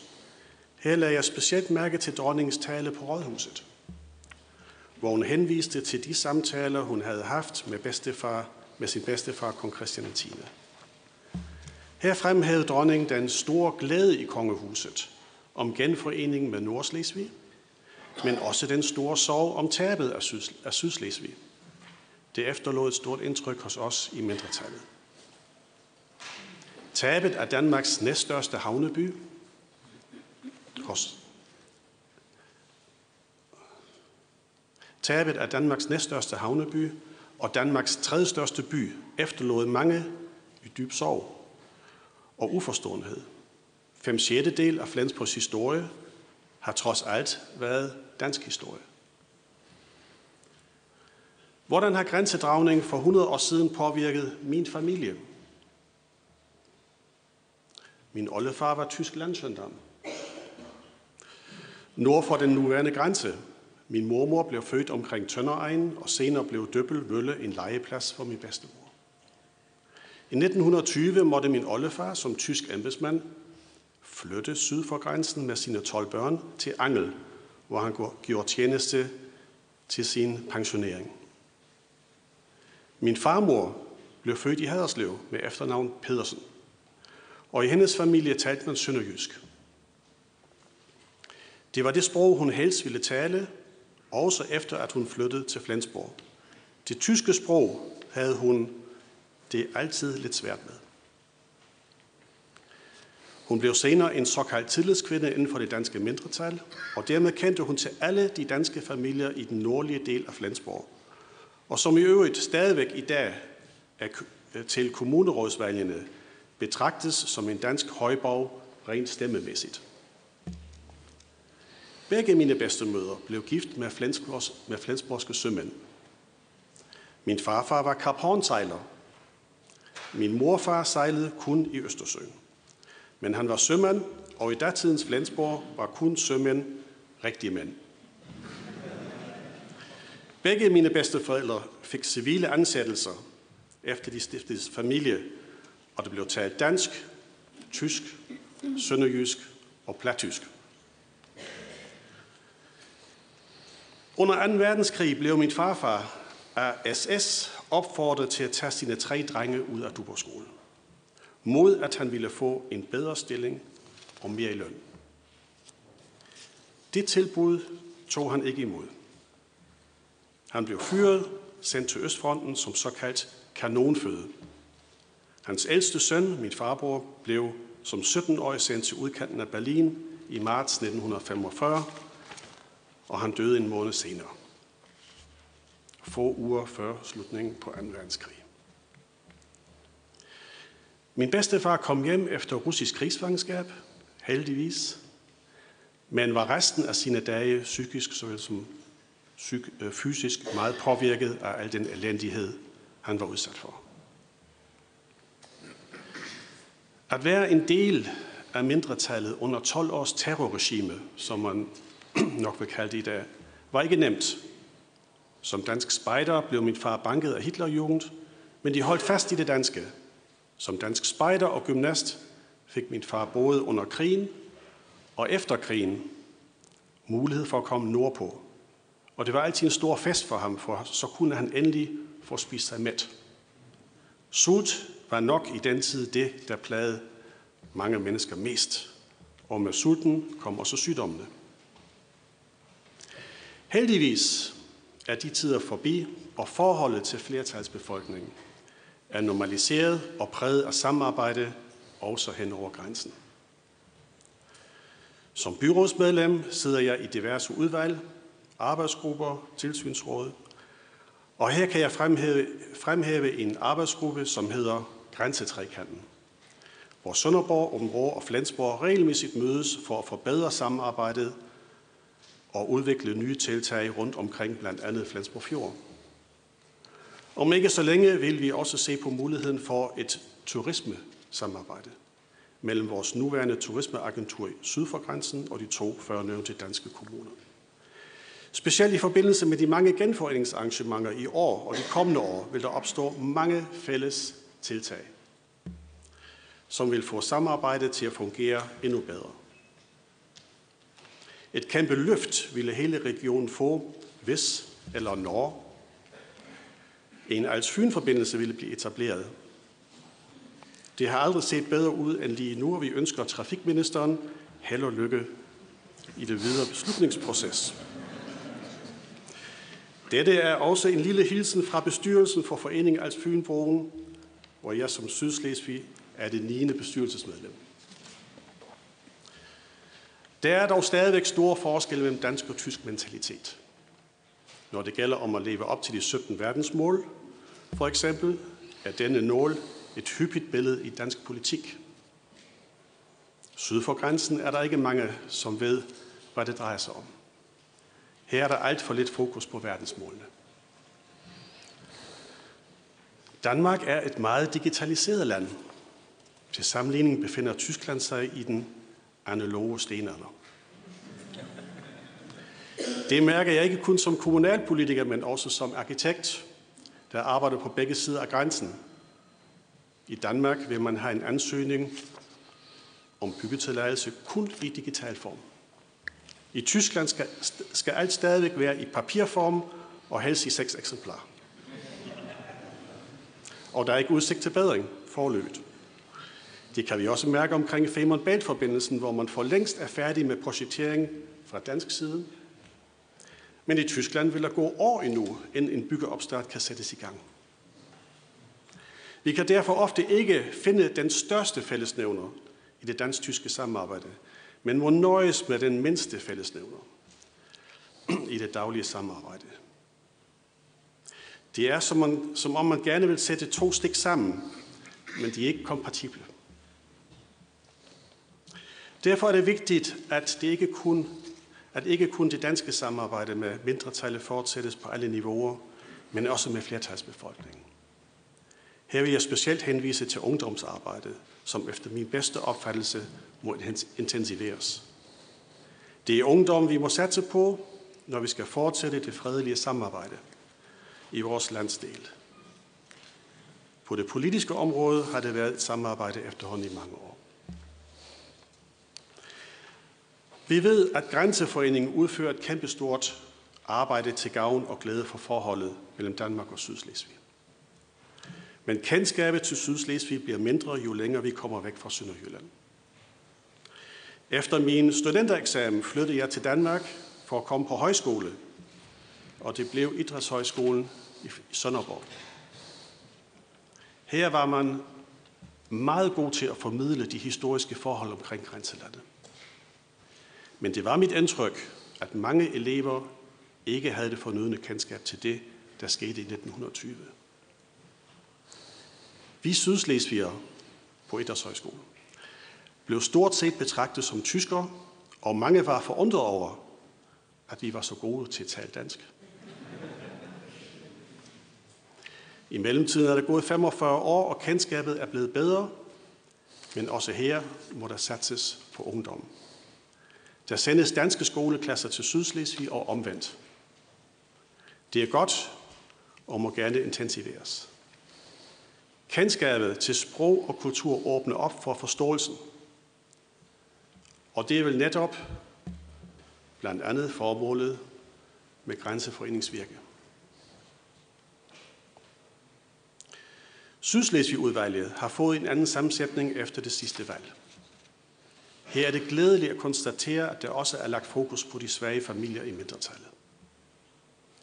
Her er det Dansk Sundhedstjeneste for Sydslesvig, som organiserer aflastninger for disse familier ved at sende børn til Danmark. Det gør de i dag, og det har de også gjort lige efter krigen. Jeg havde en oplevelse under sidste valgkamp, hvor vi stod med vores bod i den nordlige bydel. Her kom der en ældre mand forbi med løftet arm og sagde, lige meget hvad I gør, lige meget hvad I siger, jeg vælger altid SSV. Og jeg spurgte ind til, hvordan det kunne være, at han sagde, at han sagde det. Og så sagde han, det danske mindretal har lige efter krigen reddet mit liv. Uden et ophold på et lungesanatorium i Danmark, havde jeg ikke overlevet. Både som byrådsmedlem og som almindelig sydslesvig er det dejligt at høre, at den hjælp Danmark har ydet og stadigvæk yder, bærer så mange frugter. Lad mig slutte af med den tidligere statsminister Poul Nyrup Rasmussens ord. Så længe I holder fast i os, holder vi fast i jer, og vi holder fast i jer, og det gør vi meget gerne. Tak for opmærksomheden.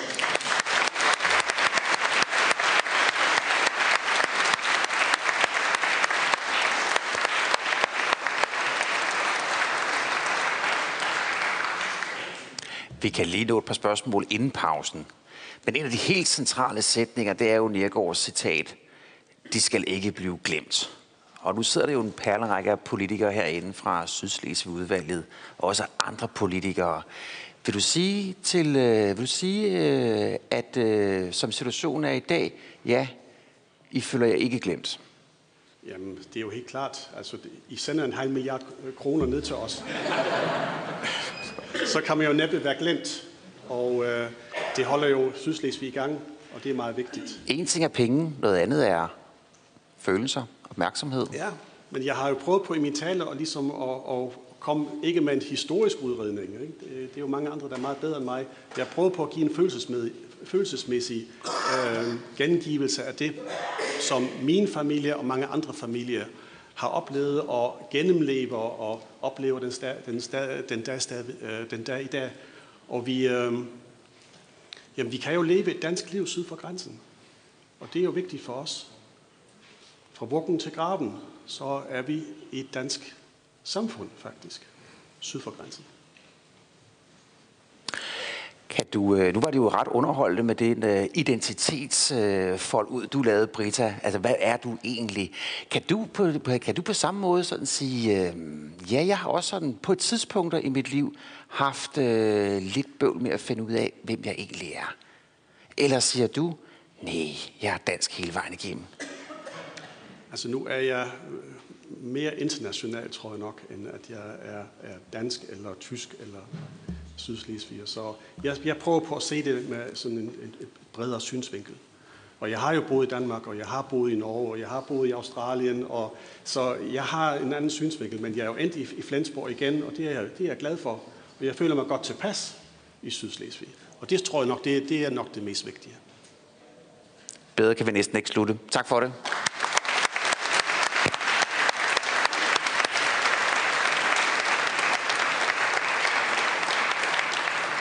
Så har vi nu en, øh, en kaffepause. Tiden passer helt perfekt. Øh, og den har vi frem til 11.05. Og kom endelig ind, fordi der har vi øh, Jes Fabricius øh, Møller, som kommer til at fortælle om, øh, hvordan øh, man så hele slagsmålet her fra København, særligt med fokus på Christian 10. Og det er en historie, som jo kører i øjeblikket. Og når I så går ud og får jeres kaffe og går lidt hen ad gangen, så på venstre hånd kan I bruge tiden på at kigge på en stor glasmosaik, som er blevet lavet og markerer genforeningen. Den ligger lige på venstre hånd. Vi ses!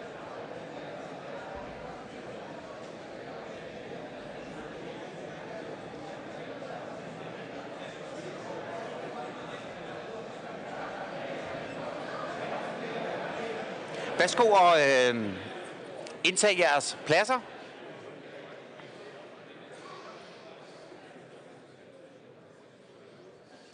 Og det gælder også Bertel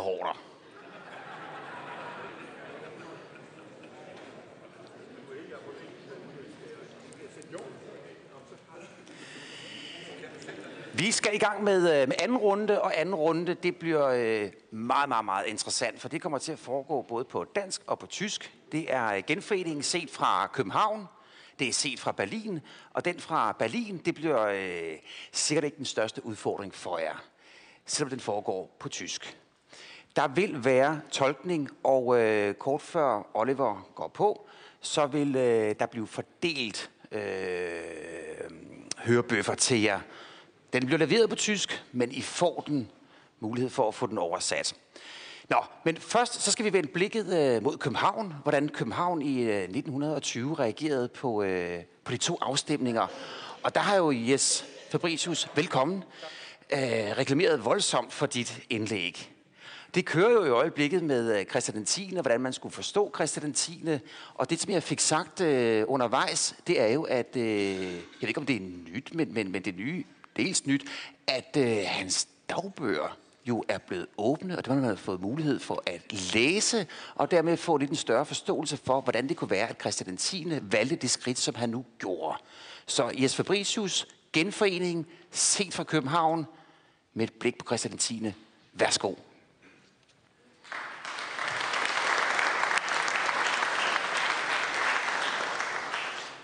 Tak. Først tak til øh, Folketinget og til Grænseforeningen for den her øh, invitation til at komme og sige, og tak for tilliden til, at øh, jeg har noget at sige.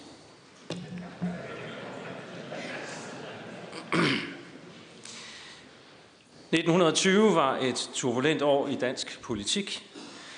Hele fire forskellige udenrigsminister tjente landet det år, Det var ingen forsikring om kontinuitet eller stabilitet, at tre af de fire udenrigsminister hed Scavenius til efternavn.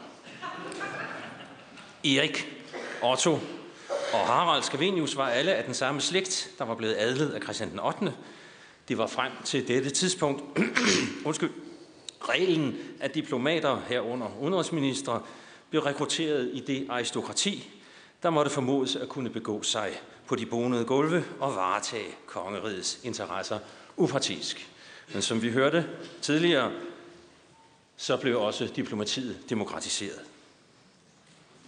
Scavenius familiens, aristokratiets betydning for den reelle politiske magt, øh, var skyggen af, det, af den indflydelse, som adelige og godsejere havde haft blot en generation tidligere.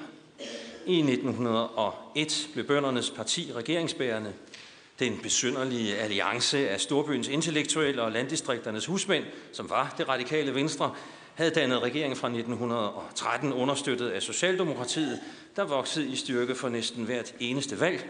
Denne tektoniske forskydning af magten blev besejlet med lensafløsningsloven 1919, som blev opfattet, og vel også var, en ydmygelse af det store hardcore i scenesat af bøndernes og husmændenes repræsentanter her på Tinge.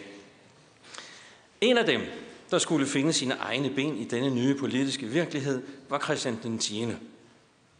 Han var vokset op og var blevet uddannet under det gamle regimente, da kongen, som grundloven byder, udpegede sine ministre. Som prins fulgte Christian 10. ivrigt med i politik, og han kunne se, hvilken rolle hans farfar og siden hans far spillede.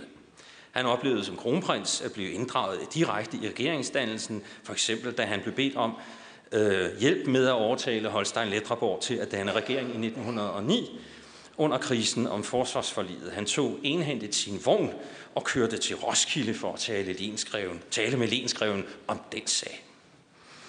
Christian 10. beundrede sin farfar, Slesvigeren, prinsen af Glücksborg, Christian den 9. Han var i sin tid blevet valgt som tronfølger for at være en del af løsningen på det slesvigske problem. Sådan skulle det ikke gå. Christian 9. havde som sin første embedshandling efter tiltrædelsen i november 1863 måtte skrive under på en ny fællesforfatning, der fuldstændig eroderede det grundlag, hvorpå valget af ham som tronfølger hvilede. Man må forestille sig, at øh, stillingsbeskrivelsen, som han havde fået udleveret tidligere, den måtte han lige rive over. Hele pointen med at vælge prinsen af Glücksborg som tronfølger var, at han som konge kunne holde sammen på hele staten. Danmark og hertugdømmerne. Denne dynastiske tankegang blev til intet gjort af Bismarcks nådesløse politiske logik, ifølge hvilken fremtiden skulle formes ved hjælp af blod og jern. Ikke dynastier, diskussioner eller flertalsbeslutninger. Dermed var betingelserne for den danske udenrigspolitik også lagt fast. Fra og med krigens afslutning i 1864 sigtede man efter en deling af Slesvig og en tilpasning til den tyske overmagt. Ordvalget er interessant, for det er første gang genforeningen optræder som politisk mål. Det blev udtrykt af Christian den 9. i hans trontale ved rigsdagens åbning den 12. november 1866. Citat. I genforeningen med de trofaste danske brødre i Nordslesvig ser vi opholdelsen af et retfærdighedskrav imod dem og den danske nationalitet, og vi ville til lige med glæde her i hilse pantet på vores mægtige nabos hensigt om at stille sine forhold til Danmark på et varigt og oprigtigt venskabsgrundlag. Citat slut. Så længe Preussen og siden det forenede Tyskland med magt kunne gøre sine krav gældende, var der meget lidt at knytte sine forhåbninger til, som vi også har hørt. Det sidste håb blev slukket med Frankrigs nederlag i Sedan i september 1870. Det krævede et nyt tysk, et skrevet et tysk nederlag at vække håbet til live igen. Det spørgsmål, som var forblevet åbent efter de mislykkede fredsforhandlinger i sommeren 64, nemlig hvor grænsen skulle gå, blev i praksis besvaret, da grænserne mellem afstemningszonen blev lagt. Men som bekendt var ikke alle enige i den besvarelse. Vi har hørt om Dannevirkebevægelsen og om Flensborgbevægelsen. Og Flensborgbevægelsen havde tilhængere i meget indflydelsesrige kredse og langt ind i de etablerede partier, og den gjorde, som Tage Korsted har vist, i sin, indfly- øh, sin indflydelse gældende også over for kongen. Og det var udslagsgivende for den værste, værste forfatningskrise i Danmark i nu 100 år. Der var flere andre elementer at tage i betragtning. Blandt andet, at Venstre med Ise Christensen i spidsen gerne så et valg gennemført, inden en ny valglov kunne træde i kraft, som var til ugunst for Venstre. Hvad der egentlig gik gennem kongens hoved, da han på egen foranledning, foranledning afskedede statsminister Sale i påsken 1920, at selv efter at der er blevet givet adgang til kongens dagbøger, jeg skal lige bemærke, det er jo ikke alle, der har fået adgang til kongens dagbøger, det er indtil videre kun Knud J. Jespersen. Men det er vanskeligt at sige, hvad der er gået gennem kongens hoved. Han var antagelig i god tro i det, han formodede, at der havde dannet sig et flertal imod Sale. Interessant er det, at Sale accepterede opsigelsen, uden at rådgive kongen om de faktiske forhold, og uden at stille sig til rådighed som leder af et forretningsministerium. Med til historien hører naturligvis også, at der, har udviklet, der havde udviklet sig et personligt modsætningsforhold mellem den omtrent to meter høje konge og den lille, trivelige sale. Christian den 10. havde politisk gehør nok til at anerkende det parlamentariske princip, hvad han da også offentligt havde givet til kende. Men, som Knud Jespersen diskret peger på i sin biografi om ham, var påvirkningen fra farfaren ikke gået sporløst hen over kongen der mærkede et dynastisk ansvar hvile på sine skuldre. Et ansvar, han følte måtte trodse tidens stemninger og øjeblikkets krav. Sale derimod repræsenterede en pragmatisme, øh, der for så vidt var en frugt af Bismarcks politiks, politiske tænkning at opnå så store fordele, som de umiddelbare omstændigheder tillod, uden at kræve mere, end man med tiden realistisk kunne forsvare. Det har Karen øh, fint øh, redegjort for. Det var jo ikke præcis, hvad Bismarck havde gjort i 1864. Han kunne nemt have erobret hele Jylland, men undlod at gøre det, antageligt fordi det ville have forøget spændingerne stormagterne imellem unødigt. Påskekrisen fandt som bekendt sin løsning i det Torvald Stavning udnyttede situationen til at konsolidere sin magt i Socialdemokratiet og sit partis stilling i det politiske liv. Flensborg kom ikke hjem, men vi fik politisk fred. Stavling allierede sig med de syndikalister, der havde vokset sig til en stærk og slagkraftig bevægelse under verdenskrigen. Den socialdemokratiske avis beskyldte kongen for statskup, og uroligheder på de københavnske gader gav Stavnings ord vægt. I midlertid valgte han til manges fortrydelse ikke at udnytte situationen til at afskaffe monarkiet. Da han blev spurgt, om, hvorfor han ikke havde benyttet lejligheden til at indføre republik, skal Stavning have svaret, nej, ved de hvad, så havde vi jo risikeret at få Ise Christensen som præsident. Der er, der er mere sandt i den replik, end man umiddelbart tror. Stavning havde leget med ilden, da han havde allieret sig med de revolutionære kræfter med fare for at indføre russiske tilstande. Stavning manøvrerede uden om denne fare ikke alene afskar han syndikalisterne fra indflydelse på den politiske udvikling, men han havde også i kraft af denne manøvre held med at tilføje de revolutionære kræfter et nederlag, som de aldrig forvandt. Med håbet om med tiden at få absolut flertal i rigsdagen var parlamentarismen en langt mere farbar vej for Socialdemokratiet og samtidig fik Stavning en gang for alle fastslået den arbejdsdeling mellem statsoverhovedet og regeringslederen, som består i dag, og som sikrer statsoverhovedets fuldstændige politiske neutralitet. Og til kongens held tilbød der sig allerede samme sommer en mulighed for ham for at styrke sin rolle som politisk neutral, national landsfader, da han fik den absolute hovedrolle i den symbolske og ceremonielle iscenesættelse af Nordslesvigs indlemmelse i kongeriget hans kongerige. Derfor kan man sige, at vi i dag ikke alene fejrer 100 år for Danmarks nuværende territoriale afgrænsning, men også for den gældende forfatningsskik, hvad angår tolkningen af grundlovens første gode snes paragrafer. Fordi den grænse, som Sale og så mange andre ønskede, men ikke alle altså, er forblevet ved magt, kunne man fristes til at stille det samme spørgsmål for så vidt som Karen stillede, om historien har givet ham ret. Helt så enkelt er det ikke. Grænsen ligger fast, har som udsagn været gentaget ofte nok af beslutningstagerne til, at det kan identificeres ikke som en konstatering, men som en besværgelse.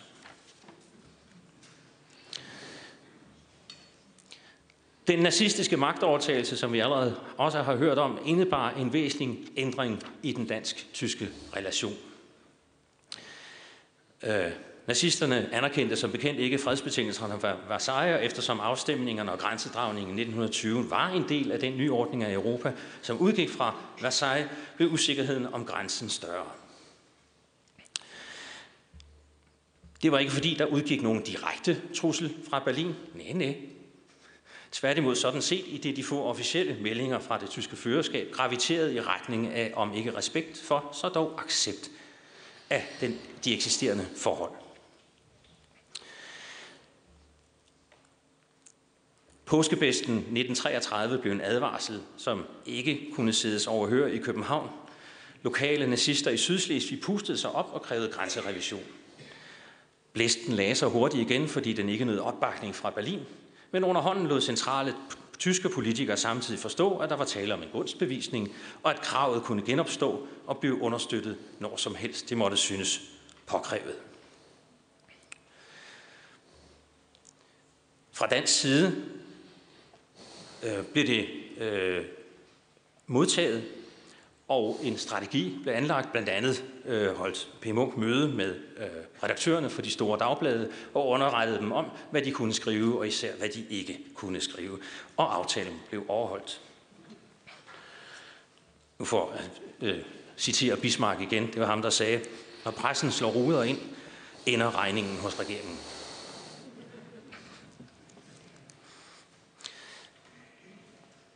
Fra den side var strategi, strategien således, at hvis grænsespørgsmålet blev sat på dagsordenen, var det et øh, problem, som danskerne, eller en kamp, som danskerne på forhånd havde tabt. Så længe grænsespørgsmålet blev holdt under radaren, var der mulighed for, at det ikke blev genstand for en løsning dikteret af det aktuelle magtforhold. Efter Anschluss øh, blev spørgsmålet selvfølgelig accentueret, og det tyske mindretal i Danmark blev mobiliseret med henblik på at komme heim ins Reich. Og det stod klart, at det var inden for Berlins rækkevidde at undertrykke eller understøtte lokale krav, både nord og syd for grænsen, med henblik på at flytte den nordpå. Paradoxalt nok faldt, som Hans Schulz Hansen skriver i sin lille fremragende bog om genforeningen, den første entydige accept af 1920-grænsen fra tysk side af alle, på alle tidspunkter den 9. april 1940. I et enslydende memorandum til den danske og norske regering, dette løfte om ikke, citat, at berøre kongeriget Danmarks territoriale integritet, citat slut, var i udgangspunktet upålideligt, for det var jo netop, hvad der var sket den 9. april. Hvis man imidlertid ser på sammenhængen, giver det god mening. Før den 9. april havde tyskerne brug for at kunne opretholde en trussel om grænserevision, efter den 9. april havde tyskerne brug for at opretholde en fiktion om, at Danmark stadig var et suverænt land. Og at der i virkeligheden slet ikke var tale om en besættelse. I nej. I begge tilfælde var der åbenlyst tale om, at en stormagt trynede en småstat bare med skiftende midler. I lyset af endnu et tysk nederlag i 1945 vejrede irredentisterne Øh, Øh, det er et ord, jeg har læst, uh, lært af Uffe Østergaard. Øh, dem, der stiller krav om grænserevision, uh, de vejrede morgenluft, og grænsespørgsmålet blev rejst på ny, blandt andre af Venstres leder Knud Christensen. Hans forslag havde ingen gang på jord. Nok en gang måtte man besværge, grænsen ligger fast. Og endnu i 1952 Øh, men endnu i 1952 kunne pressen berette om herværk mod danske skoler og ejendomme i Sydslesvig, der var blevet bemalet med dansk fjendtlige slagord. De næsten enslydende og reelt gensidige, øh, men altså unilaterale regeringserklæringer fra henholdsvis Bonn og København i 1955 nævner ikke grænsen, men erklæringernes anerkendelse af mindretalsrettighederne nord og syd for samme grænse fungerer i praksis som en anerkendelse af den. De fleste er enige om, at først fra 1955 var grænsedrag, den grænsedragning, som Sale valgte at stå fast på, sikret og konsolideret og forankret juridisk og politisk og efterhånden også folkeligt. Den sidste danske grænserevisionist er hverken død eller født endnu, men vores tyske naboer plejer at være flinke til at, til at ignorere dem.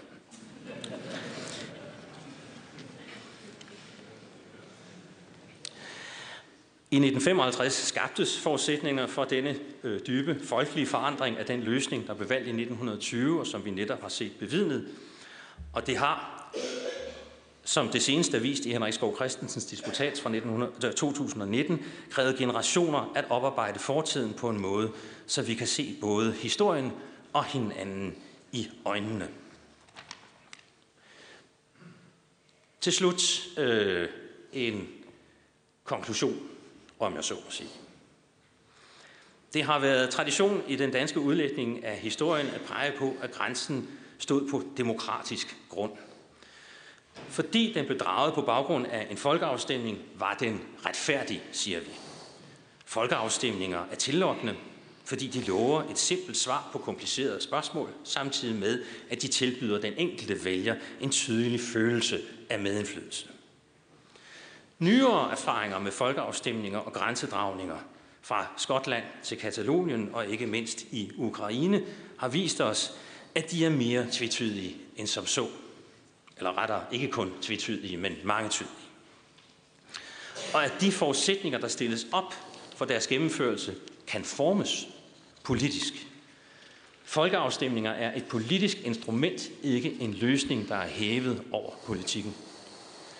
Og det er værd at bemærke, at de fleste folkeafstemninger, der er blevet afholdt i Europa de seneste år, har været konfliktoptrappende, snarere end det modsatte.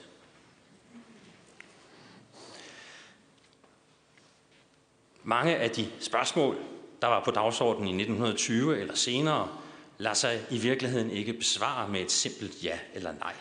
Men grænser er nu af en sådan natur, at enten står man på den ene side af den, eller den anden, og grænser af den karakter hører nu engang til statslogikken i nyere europæisk historie, så det måtte blive et ja eller et nej for dem, der stemte dengang.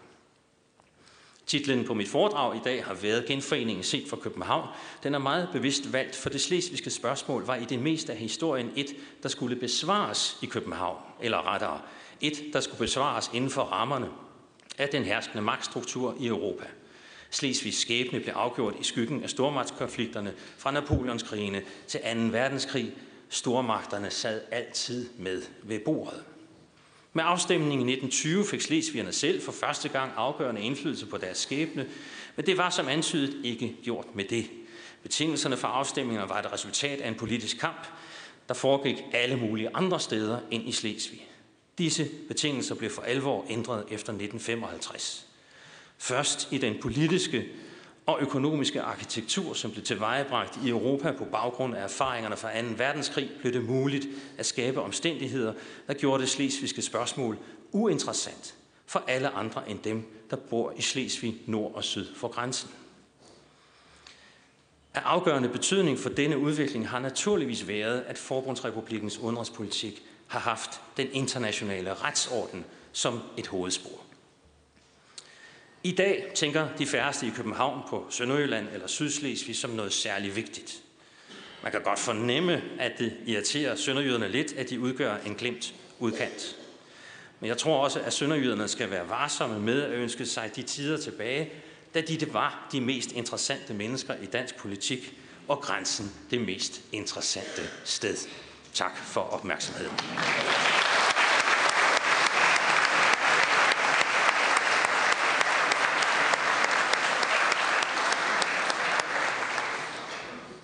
Og så er der åbnet for spørgsmål. Men du siger, at øh, set fra København, så man det øh, på afgørende punkter væsentligt anderledes i København, end man gjorde dernede? Øh, nu er der faktisk kolleger til stede fra, øh, fra Kiel, som er væsentligt bedre til øh, opinionsstudier øh, end jeg. Øh, jeg tror, vidnesbyrdet, øh, de vidnesbyrd, vi kender fra, øh, fra Slesvig, øh, jo er at virkeligheden har mange facetter, og at i langt de fleste familier, eller i langt de fleste hverdage, bliver der skiftet øh, mellem de fem sprog, øh, der blev talt, altså plattysk, sønderjysk, øh, øh, højsysk, rigsdansk og frisisk. Vi skal aldrig glemme friserne øhm, Og det er en, en, en, en hverdag, der altid, næsten altid har måttet bøje sig fra den øh, logik, der hører til øh, udenrigspolitik og til den øh, stormagts, øh, øh, de stormagtsforhandlinger, som Danmark altid har været underlagt, altså fra Napoleonskrigene og, og frem, øh, den der særlige europæiske øh, systematik, hvor, hvor, hvor stormagterne øh, lige skal øh, ind og skrive under på, øh, hvad det er, vi går og finder på. Og øh, som jeg også sagde, så er, øh, så er den europæiske statslogik øh, senest fra Wienerkongressen indrettet på grænser. Øh, også tidligere, men altså senest fra 1815 indrettet på, at der er grænser mellem staterne, og de skal altså ligge et sted. Øh, og det er altså en, en logik, der gør vold på en, en, en, en hverdag, øh, og derfor har, øh, har den, den, det københavnske syn på det slesvigske spørgsmål øh, altid overtrumfet en hvilken som helst øh, oplevet hverdag i, øh, i Slesvig, for så vidt der var tale om modsætninger. Ja, og vi har et spørgsmål herover.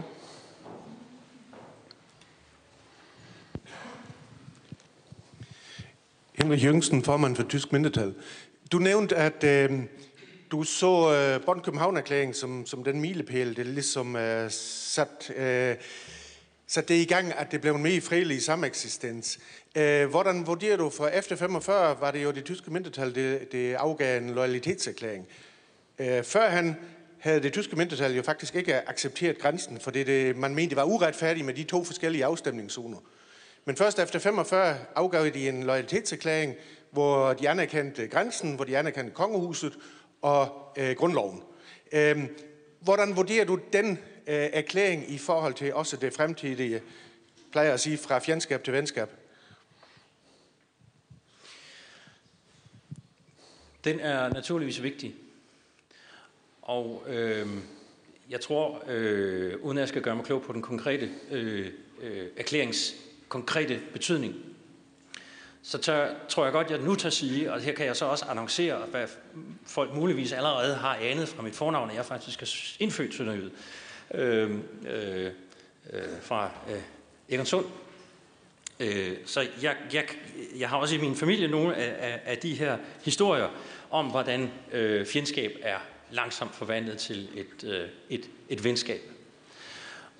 Og jeg, jeg mener for så vidt, at den erklæring øh, er øh, meget, meget vigtig fordi jeg øh, vil gå så vidt som til at sige, at man i dag, eller jeg kan i hvert fald ikke øh, være dansk i dag, uden det tyske mindretal.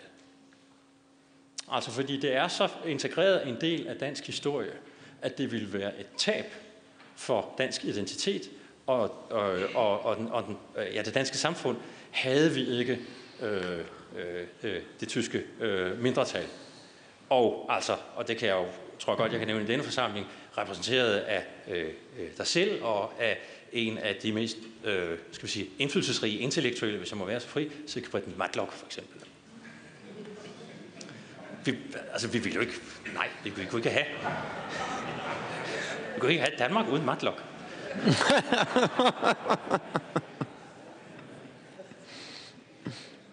jo, selvfølgelig, for, fordi det, øh, øh, kan man sige, 1955-erklæringerne er jo en, en, en, en, en fuldbyrdelse af en nødvendighed, som blev indset efter 45.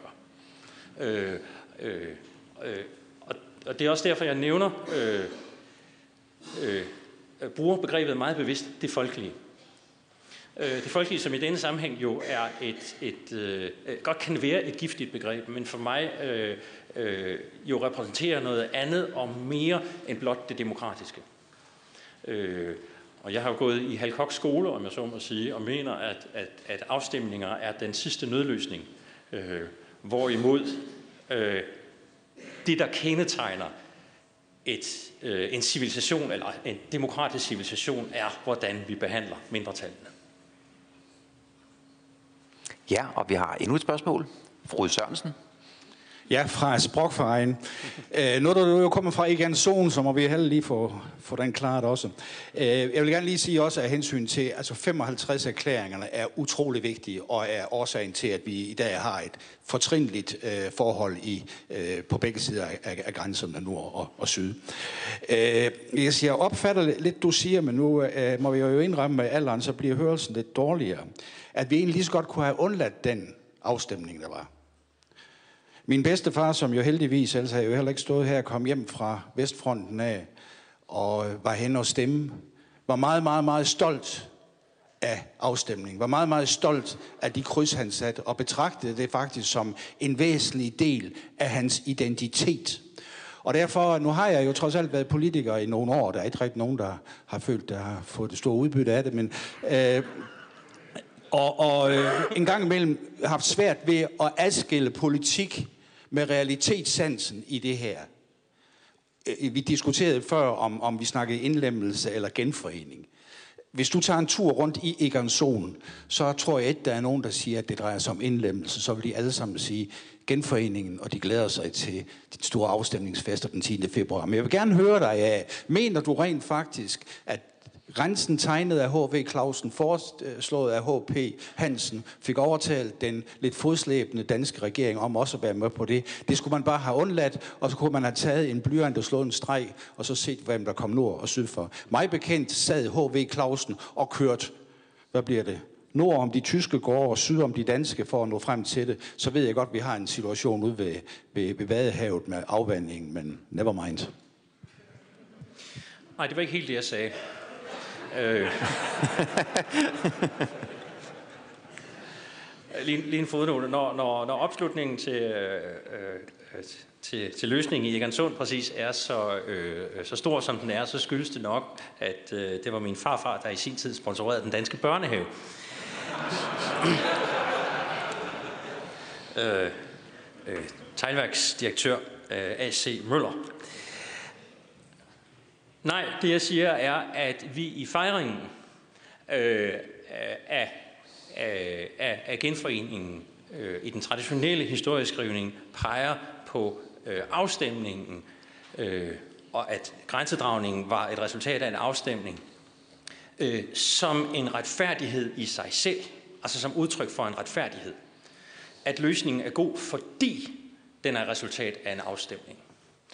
Og, og det nævner jeg, fordi øh, erfaringerne fra Krim, øh, som vi for nylig har, øh, har set, øh, jo viser, at en afstemning også er et legitimeringsinstrument, af et politisk instrument.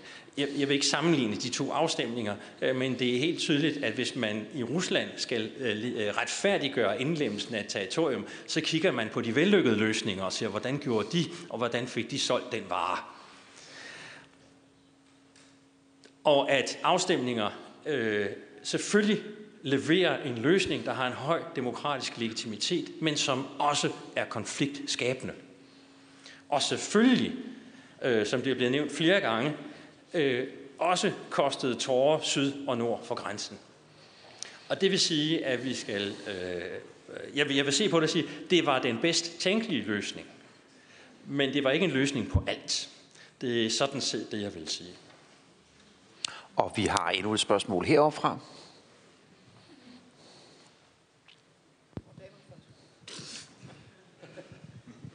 Det var ikke min skyld.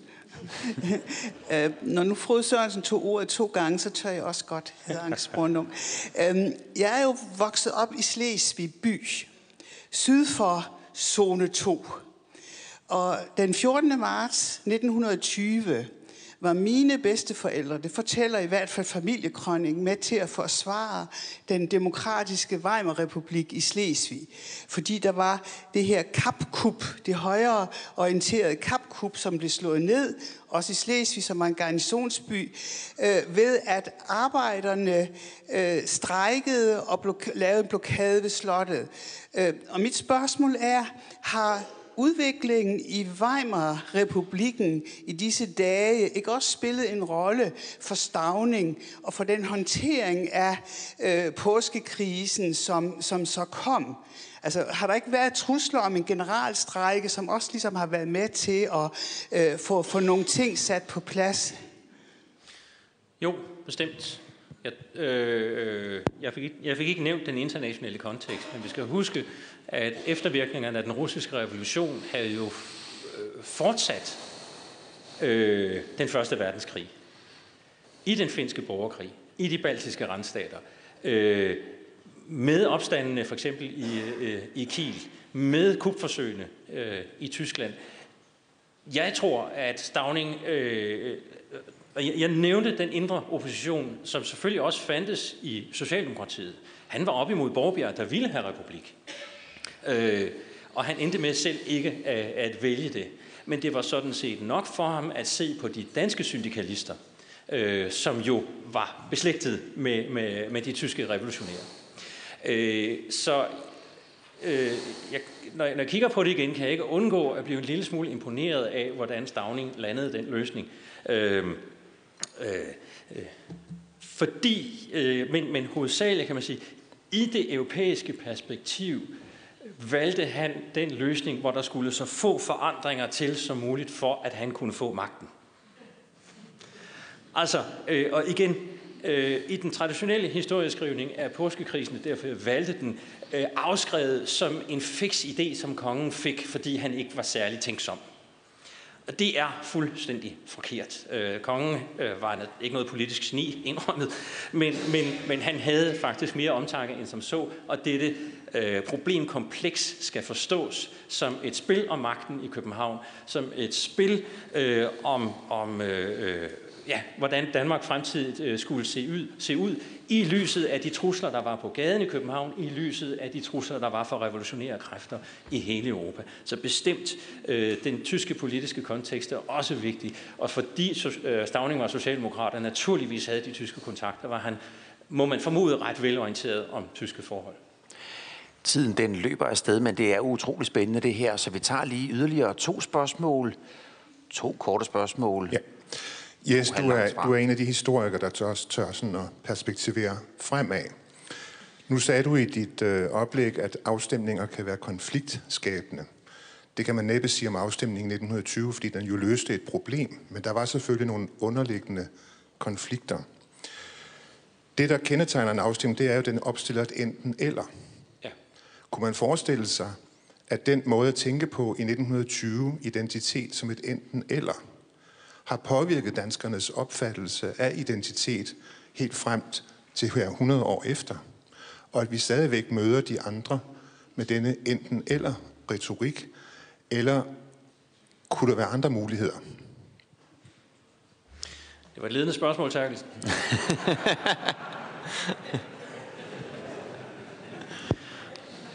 Jeg nævnte jeg refererede til den, den øh, indirekte til den britiske øh, Brexit-afstemning, øh, hvor man jo, øh, tror jeg, øh, at, at det er gået rigtig, rigtig lang tid, før britterne fandt ud af, at de har et nordirsk problem. Og at de ikke forstår, at det nordirske problem var blevet, altså øh, langfredagsløsningen, øh, aftalen, er blevet, øh, kunne kun bringes til veje inden for en europæisk kontekst, altså inden for rammerne af EU.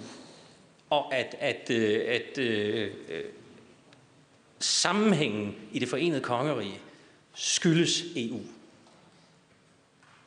Så vidt vil jeg gå. Øh, og at den situation, vi er på vej tilbage til, med en, altså hvor det er muligt nu faktisk, øh, ret mig hvis jeg tager fejl, øh, som man siger, det er jo ikke en invitation, altså, øh, men undskyld, øh,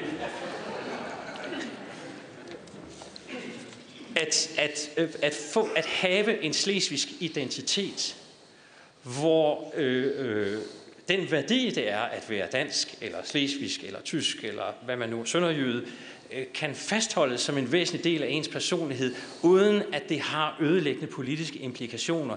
Fordi statsgrænsen ikke er væk, den er der, men den er bare ikke noget politisk problem. Og det kan lade sig gøre inden for rammerne af, af, af, af EU. Øh, og øh, derfor synes jeg, der er den her interessante parallel, og der, derfor vil øh, øh, i, i, i det her, øh, og det er jo Uffe Østergaard, der har peget på, at EU faktisk har øh, bevirket, at nationalismen i Europa er blevet stærkere. Så er det EU som, som institution, der skal sikre, at den stærk, forstærkede nationalisme ikke får, får alt for kraftige politiske implikationer. Men man kan faktisk godt være skal vi have en stærk national identitet. Men så længe grænsen er uinteressant, altså det var det også, jeg sluttede med, sønderjyderne skal for guds skyld ikke ønske sig, at grænsen går hen og bliver interessant politisk. Og, og hver, gang den bliver, hver gang den bliver interessant politisk, går det ud over sønderjyderne eller slesvigerne. Stort set. Så, så bliver det besværligt, og så kan det ikke lade sig gøre, og så alt muligt. Øh, Ej, det, det, det, nej, det er så et stort og svært spørgsmål, men altså nej. og så har vi uh, sidste spørgsmål herover fra. Ja, Simon Faber, født i Flensborg og gift med en pige fra Tønder. Uh, lige lidt tilbage i historien, uh, du har jo beskrevet, hvordan, uh, og også Karen har beskrevet, hvordan man havde en ret tydelig forestilling om, hvordan Danmark skulle se ud, og hvor grænsen øh, skulle ligge. Og man havde også en idé om øh, assimilering. Øh, nu har du beskrevet, hvordan Matlock øh, blev assimileret ganske godt. Øh, jeg kan godt tænke mig lige at bore lidt ned i de overvejelser, man gjorde sig for Tønder, henholdsvis Flensborg, en tro på, at Tønder, der kunne man lykkes med en assimileringsstrategi over for en tysk befolkningsdel, og Flensborg, hvor man åbenbart har vurderet anderledes.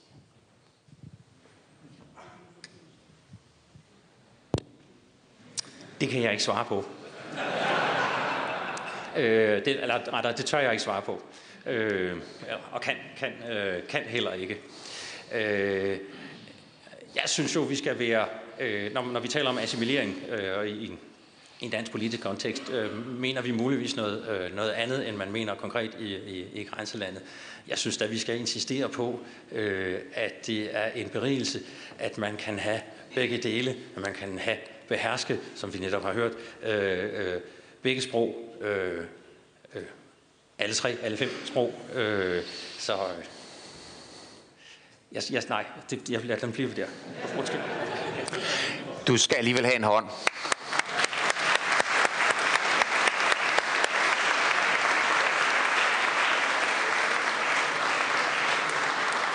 Und dann äh, herzlich willkommen, Oliver Auge. Og så hjertelig velkommen til Oliver Auge, professor fra Tyskland. Således at I kan få øh, det her tyske, tyske oplæg øh, oversat til dansk, og de kommer rundt i raketfart nu. Men der går nok lige lidt tid, og så kan jeg lige slå øh, den tid ihjel med en lille historie om, hvad påskekrisen jo også kom til at betyde for den her bygning. Fordi den her bygning, den stod jo færdig øh, lige omkring øh, 1920. Og øh, ideen var jo, at kongefamilien skulle have boet herinde. Det var delt præcis på midten. Vi har tårnet derovre. Politikerne havde den her afdeling, men præcis på midten, ja, så resten, det var tiltænkt kongefamilien. Og der stod 95 værelser klar og parat til, at de kunne flytte ind. Men øh, på grund af balladen, påskekrisen, så meddeler Christian den 10. Nej tak, jeg flytter ikke ind. Jeg har selv skrevet øh, bog om borgen og interviewet øh, sammen med Thomas Larsen fra Berlingske, dronning Margrethe, hvordan hun egentlig havde det med det. Og så svarer hun, gudskelov, vi ikke skulle flytte ind på Christiansborg. Yes, jeg tror, vi er ved at være der med øh, høretelefonerne. Så øh, Oliver Auge, bitteschön. Tak. Meine sehr geehrten Damen. Mine damer og herrer, vi er samlet i dag i denne imponerende sal i Christiansborg Slot for at, at diskutere om folkeafstemning i 1920'erne og også huske på den betydning, som grænsen har, som nu har fungeret godt i 100 år. For mig er det en stor ære, men det er også en udfordring som eneste oplægsholder fra Tyskland at tale i København. Ikke som tysker, men som tysk oplægsholder. Og det vil jeg gerne sige øh, organisatorerne tak for, især min gode kollega Stenbo Fransen, som havde den idé. Emnets berettigelse er ikke kun begrundet i det faktum, at folkeafstemningen i 1920 afgjorde, om Nordslesvig skulle forblive tysk, eller om det fremover skulle være dansk territorium, og at Tyskland altså, om man ville det eller ej, var involveret i processen. Grunden til, at det kan være nyttigt at se tilbage på den tyske holdning til grænsedragning, er blandt andet, at man også på tysk side relativt hurtigt anerkendte nødvendigheden af at gennemføre en folkeafstemning, men i den sammenhæng tænkte på en model, som tydeligt adskilte fra sig fra den model, som de danske naboer foretrak, og som jo siden blev gennemført. I Tyskland havde man i lang tid efter den opfattelse, at man med omvejen omkring Versailles havde opnået en afstemning, som var uretfærdig og vilkårlig, hvilket ikke just gavnede forholdet på begge sider. Det var jo sådan, at artikel 5 i Pragfreden, som blev øh, aftalt i 1866 i forbindelse med øh, øh, øh, en passus om, øh, vores Nordslesvig skulle øh, være positioneret. Men Nordslesvig-klausulen i 1800 blev ophævet igen i 1878, da Preussen og Østrig øh, slog øh, sluttede slaget. Danmark selv havde i den såkaldte Octant-konvention fra 11. januar 1907 eksplicit anerkendt grænsen for anden gang siden øh, Wienerfreden fra 64 og se, taget afstand fra grænsen. Fra tysk side var det sådan, at man frem til efteråret 1918 egentlig ikke havde noget nordslesvigt spørgsmål at tage hensyn til, selvom det var sådan i 1915, da der kurserede et rygte om, at Nordslesvig efter krigens afslutning enten ville falde tilbage til Tyskland, øh, enten som tak for øh, den danske neutralitet, eller også som følge af den, det tyske nederlag. Dette rygte holdt sig så hårdnakket over præsidenten i, prins, i provinsen Slesvig-Holstein, Friedrich von Molke, udtrykkeligt måtte dementere dem. Den officielle tyske holde dengang fremgår tydeligst af en citat fra Ulrik Brockdorf von Ransau, den daværende danske gesandt i København, som sagde frem til 1. oktober 1918, har jeg i enhver politisk sammenhæng pur afvist, at der var et nordslesvig spørgsmål, og siden Øh, krigens udbrud har jeg øh, helt utvetydigt øh, indtaget dette standpunkt, ikke kun i København, men også for os. Og spørgsmålet blev faktisk sjældent stillet. Og det var også sådan, at den danske regering i løbet af krigen om muligt undgik spørgsmålet. Men den tyske holdning baserede selvfølgelig på en forventning om en tysk sejr over Ententen. Og det var, især, det var senest fra midten af 1918 en illusion. Brockdorf Franzau sagde, vi befinder os i dag i en helt anden situation. Hvis vi havde sejret, eller hvis krigen havde været uden sejr eller taber, så havde Nordslesvig spørgsmålet og spørgsmålet om Alsace-Lorraine været ude af verden. Nu har vi måttet fastlægge os på Wilsons 14-punkt-program, og så er Nordslesvig spørgsmålet, som jeg anså for at være øh, øh, død og borte, for det har fået nyt liv. Der er ingen tvivl om, at spørgsmålet kommer op, mens vi forhandler om freden, men det er entente-magterne, der sætter det på dagsordenen. Øh, 17. Oktober øh, skrev han et memorandum, som var yderst hemmelig, og det er også derfra, jeg citerer. Røde Brockdorf Ransau, så den nye øh, rigsregering under rigskansler Max von Baden selv at tage hånd om løsningen af Nordslesvig-spørgsmålet, da man desværre ikke kan øh, tage det af dagsordenen mere og gøre det, før Tysklands fjender ville træffe en afgørelse til ulempe for Tyskland. For at øh, set i denne sammenhæng, var det sådan, at rigskansleren den 14, 4. oktober 1918 havde søgt ententen om våbenstilstand, og havde bedt om, at man grundlaget for fredsforhandlingerne skulle være de 14 punkter, som præsident Woodrow Wilson havde formuleret i januar 1918. Et centralt aspekt var, at folkenes selvbestemmelsesret skulle garanteres. Og det er det, Brogdorf øh, hentyder til sit memorandum, selvom Nordslesvig i 14, Wilsons 14 punkter slet ikke dukkede op, altså Laurent gjorde. Han rådede til, at efter vi har anerkendt Wilsons principper, så er det sådan, at øh, vi bør gøre det før end de egentlige fredsforhandlinger. For at ententen er fast besluttet på at give Nordslesvig til Danmark, det er der ingen tvivl om.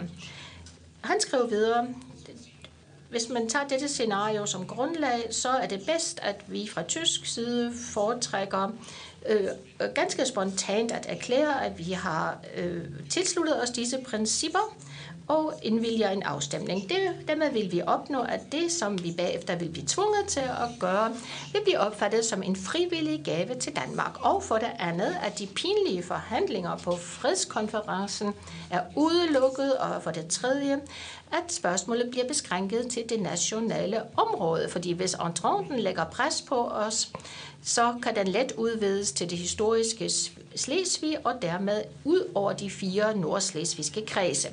Desuden vil vi have mulighed for at øh, altså, øh, klare spørgsmålet udelukkende med Danmark og få fordel deraf. Øh, helt bortset fra, at situationen i 1918 øh, ikke virkede troværdigt, at spontaniteten og frivilligheden med hensyn til en afstemning, øh, så er øh, hans plan meget tydelig. Tyskland skulle gennem en bilateral afgør løsning med Danmark være fri for pinlige forhandlinger med entente-magterne og få en afstemning, der var begrænset til et meget øh, lille område, det vil sige til de øh, områder i Nordslesvig, som var danske hvor der var dansk flertal. Så vidt man ved, har han fået et tip fra den danske udenrigsminister Erik Scavenius, at nationalistiske danske kredse havde til hensigt, at entente-magterne skulle, magterne skulle afgøre Nordslesvigs fremtid. For Rock Bogdorf Ransov betød det en far, fordi han mente, at Tyskland blev berøvet sin handlefrihed ved, at afstemningsområdet blev udvidet. Hans memorandum siger også, at hans danske, den danske regering, den var, det var regeringen Sale, ikke var villig til at modtage Nordslesvig som en gave fra vores fjenders hånd, men han mente også, at regeringen ville være nødt til at gå af. Og det var han øh, som set, øh, det havde han sådan set en ret i. Og den efterfølgende regering ville tage imod gaven, og dermed havde man kimen til en dybgående misstemning mellem os og Danmark øh, Bogdorf Ransov, med hans forslag øh, øh, og hans forslag var altså samme mening som H.P. Hansen, som jo havde øh, defineret afstemningsområdet. I Hansens dagbog står der, vi besluttede vores, begrænse vores beslutninger øh, på det område, som virkelig var dansk sindet og havde et dansk flertal. Hansen, og der af, dermed var han på en øh, anden, øh, et andet grundlag end Brogdorf Ransov, på freds, freden fra 1917, som for, for, hvor der var blevet krævet en afstemning, og øh, også den 1888 reviderede Nordslesvig-klausul. Friedrich Naumann, som han havde gode kontakter til, havde sagt til H.P. Hansen, at en revision af artikel 5 øh, gennem den tyske regering havde været mulig.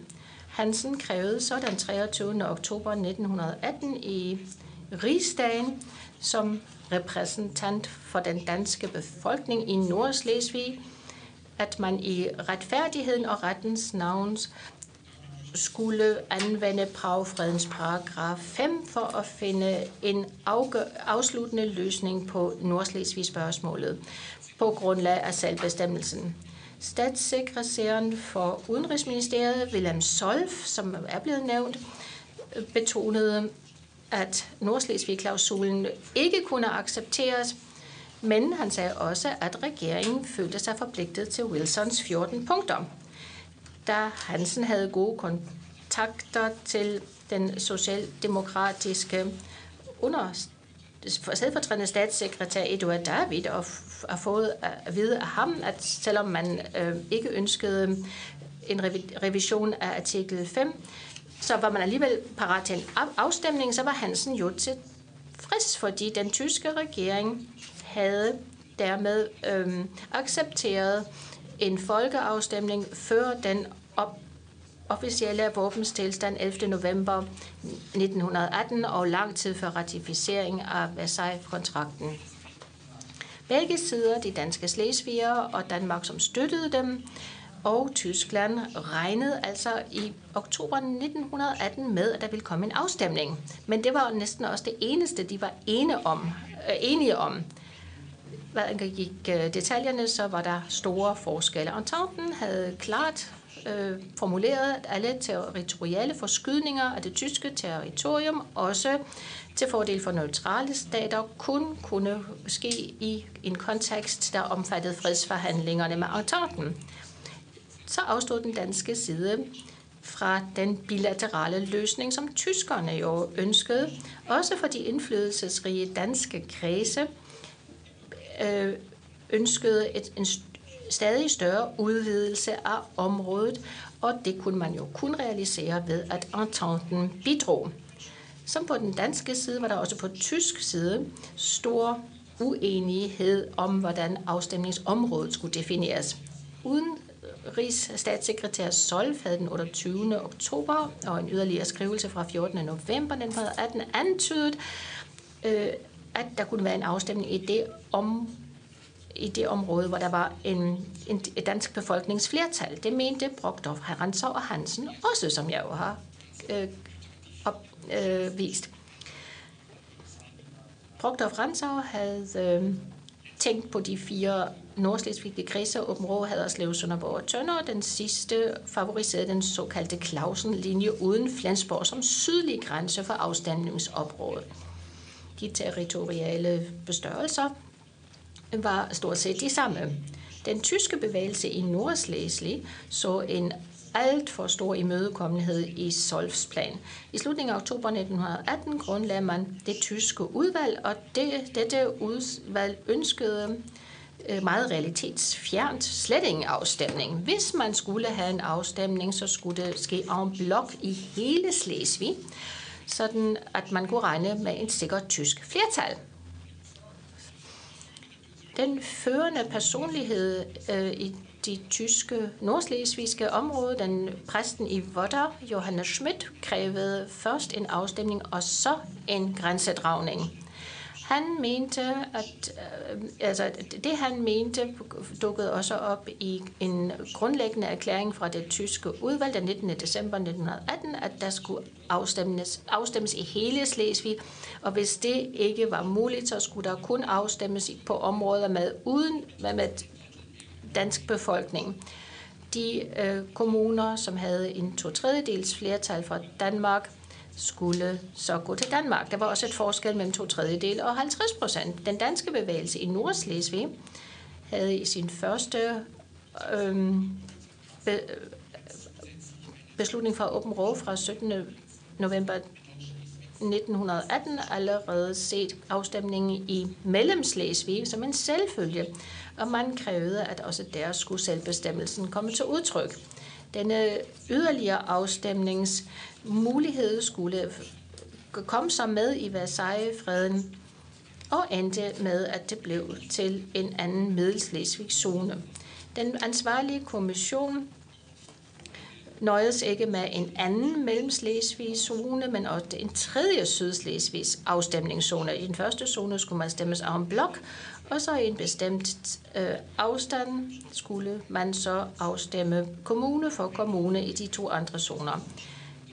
En, et simpelt flertal, det vil sige et stemmeandel på mere end 50 procent, øh, skulle øh, være nødvendigt for at øh, komme frem til en afgørelse, altså ikke en to, et to tredjedels flertal, som man havde diskuteret i december 2018. Den tyske side så, at den egen strategi over for Danmark var i fare. Den 10.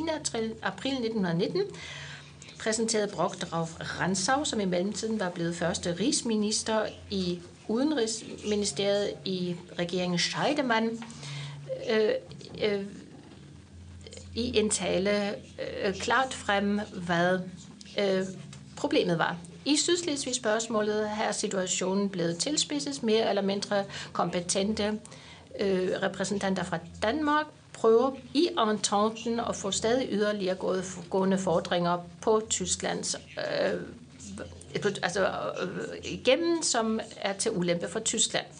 Hvis den tidligere regering, tyske regering i sidste efterår har erklæret, at den er besluttet til at anvende Wilsons principper, ja, så har de uden tvivl tænkt på områder, hvor der bor danskere. I en diplomatisk note fra 13. april erklærede han, at den tyske fredsdelegation ikke kunne indse, med hvilken ret Entente-magterne havde gjort den tysk, den, det tysklandske grænsespørgsmål til et punkt i fredsforhandlingerne.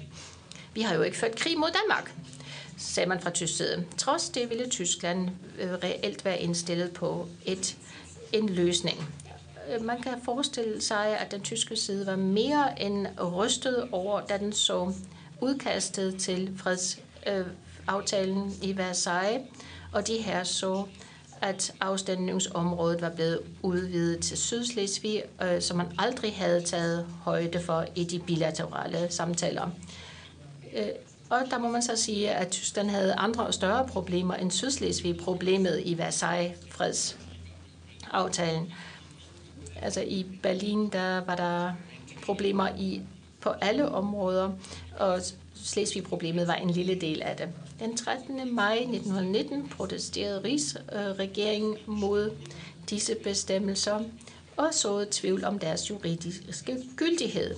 Man sagde, at Nordslesvig spørgsmålet allerede var blevet forhandlet med Danmark før øhm, våbenstilstanden, og man, havde, man dengang var blevet enige om afstemningsområdet. Den tyske side lagde så et modforslag på bordet den 29. maj 1919, øh, hvor man krævede, at kun Nordslesvig uden højre og tønder øh, skulle være afstemningsområder, og man skulle afstemme i hver kommune. De, den tyske administration skulle blive i afstemningsområdet og ikke blive flyttet før, hvilket jo skete. Men den tyske proces gav ingen resultater. I Sydslesvig, i den tredje zone, var der, kom der ikke nogen afstemning, men det skete på grund af, at danskerne ikke ønskede denne øh, afstemning. Og det var noget, britterne og amerikanerne understøttede overfor øh, franskmændene. For den tyske regering og den danske regering var den tyske afstemning øh, sådan, som det blev fastlagt i øh, Versailles-fredsaftalen, og Brockdorf-Ransau var det et vilkårligt diktat fra Ententens side, som Danmark havde foretrukket frem for en frivillig aftale med Tyskland. Og videre skriver han i sit tilbageblik på året 1921, Derfor består kravet om en reel og retfærdig afstemning stadig. Brogdorf Ransau var dog så ærlig, at han i sit tilbageblik indrømmer egne fejl, uden dog at drage en entydig konsekvens heraf. Et længere citat. Det sydjyske spørgsmål blev holdt i live af en kortsigtet og inkonsekvent preussisk politik, uden at tage højde for, at det havde mistet en del af sin tiltrækningskraft i de sidste årtier i Danmark. Da verdenskrigen brød ud, var det næsten skrumpet ind til en indenrigspolitisk partipolitisk sag. Kun chauvinisterne prøvede udad til at give indtryk af, at de regnede med en genforening efter afstemningen. Ingen klarsynede dansk politiker troede på, at den højlydt krævede gennemførelse af Pragfredens paragraf 5 ikke stod mål med deres forhåbninger, og at de økonomiske interesser, der var knyttet til det mægtige tyske rige i de omstridte nordslesvigske kredse, der var ingen, der tænkte på zoner dengang, til syvende og sidst ville være udslagsgivende. Han mente altså, at før 1918 havde Nordslesvig stemt for Tyskland, fordi Tyskland var jo meget vigtigere.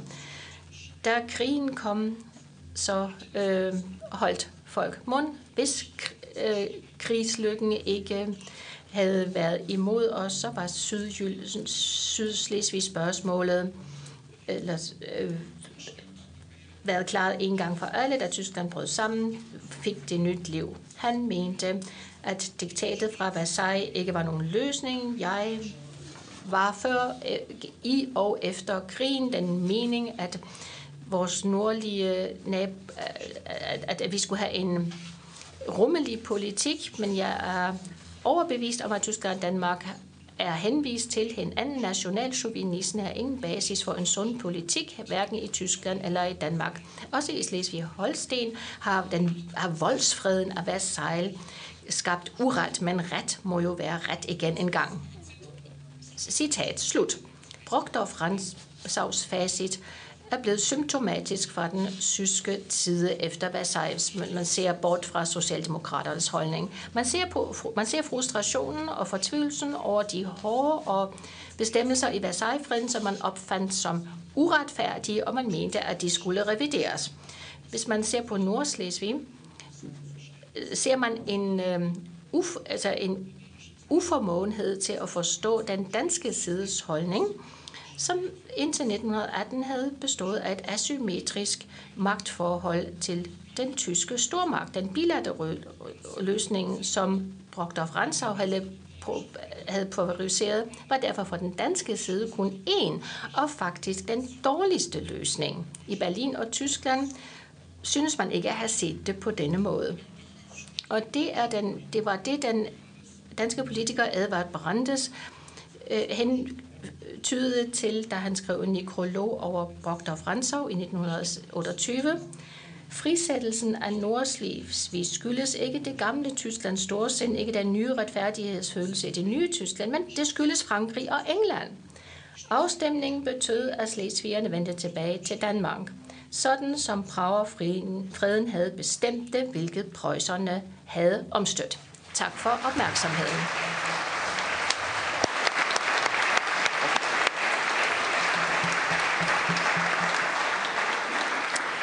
Vielen Dank, Oliver Auge. Äh, die Mittagsessen ist schon bereit, ja. aber die Pause dauert bis 1 Uhr. Frage? Ja. Vielen Dank, Oliver Auge. Dansk. Vi har nemlig pause frem til klokken 1, så vi har mulighed for lige at trække tiden lidt, selvom den allerede er løbet med et kvarter. Og det må gerne blive fyret af på dansk. Ja, der var et.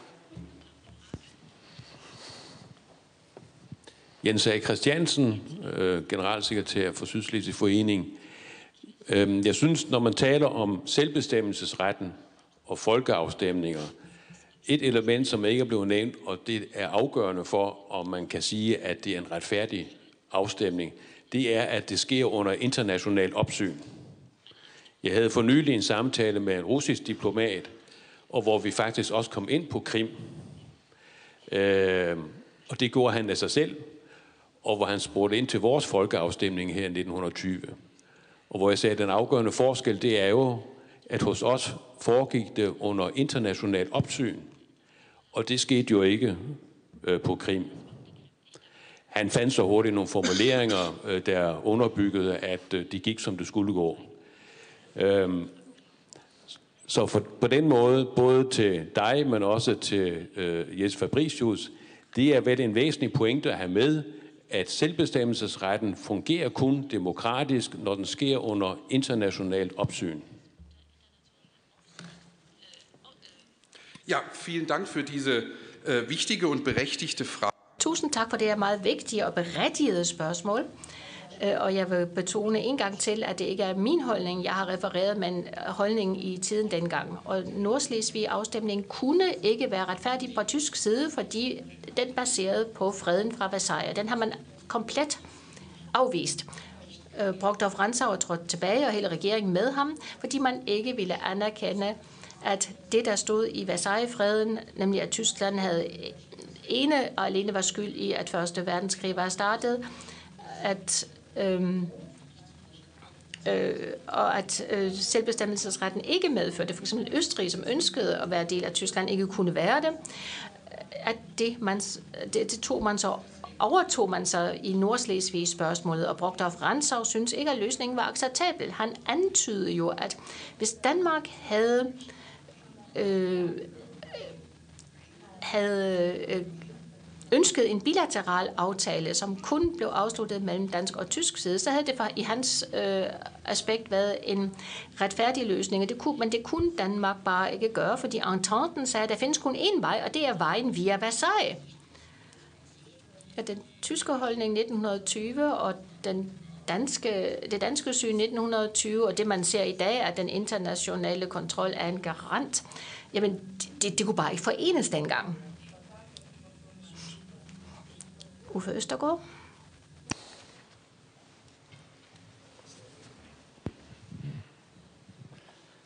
Vielen Dank. Jeg må hellere tale på dansk. Meget gerne. Ja. Og øh, mange tak for udredningen. De introducerede dem selv som tysker og ikke prøjser. Vigtig pointe. Man taler jo om, at der skete med Slesvig og Holsten en borussificering øh, efter 1864. Og øh, det gik jo ud over Kiel i 1943-44. Øh, øh Men mit spørgsmål er, og set fra Schleswig-Holstein i dag, er der, var der, har der været en slesvigsk identitet? Og jeg spørger, fordi min egen take på dette spørgsmål er, at genforeningen var også en deling, nemlig af Slesvig.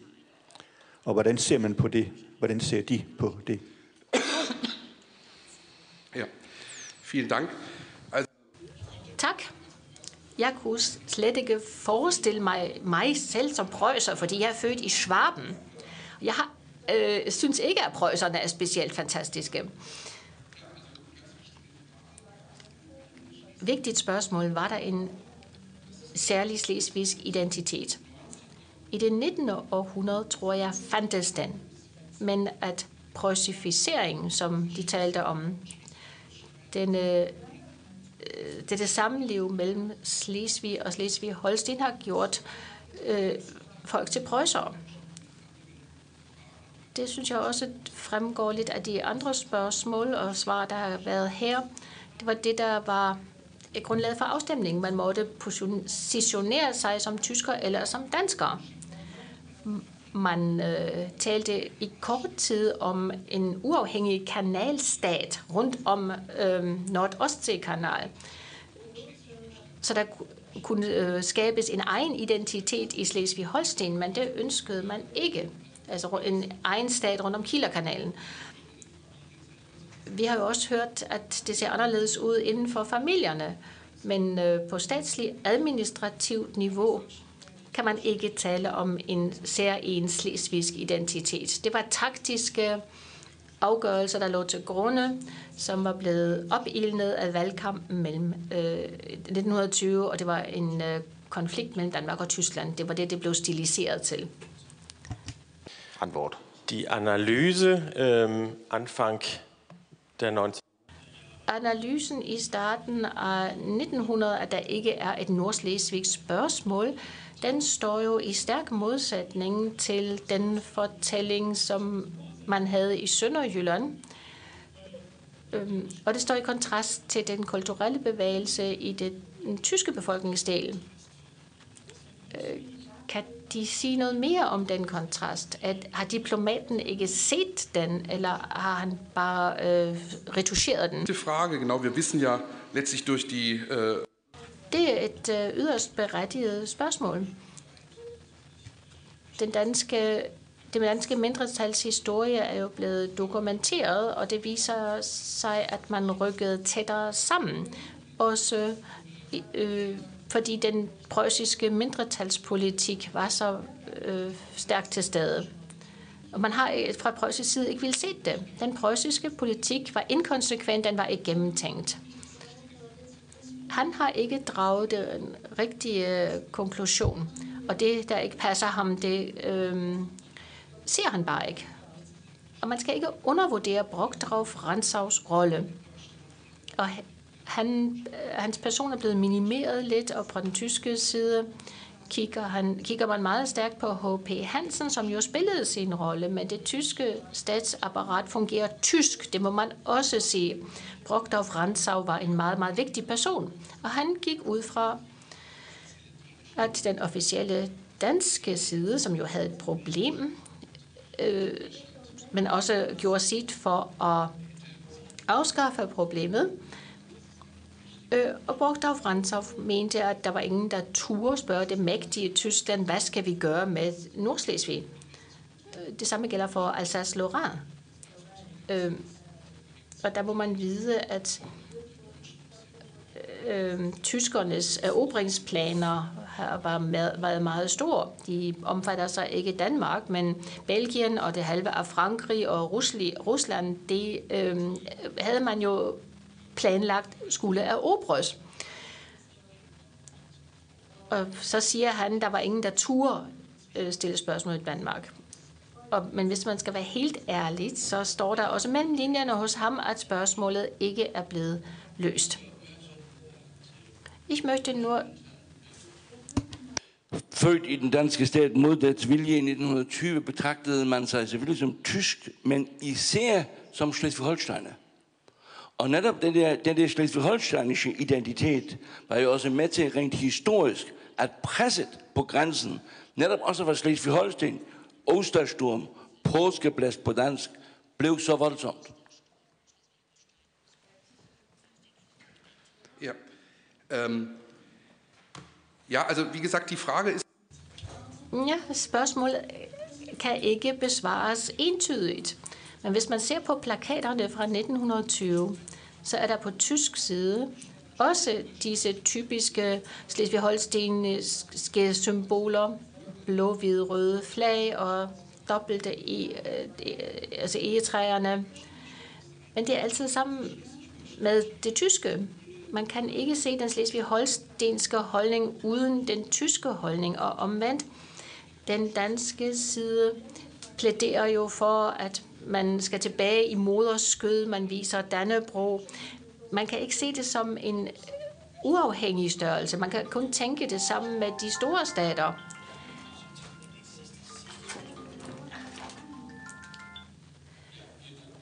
Sidst,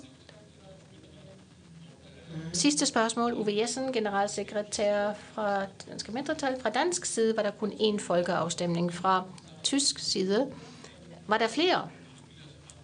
Og de sagde jo også, at man havde accepteret en bilateral løsning, men i og med, at man ikke anerkendte Versailles-freden, så havde man også accepteret en folkeafstemning.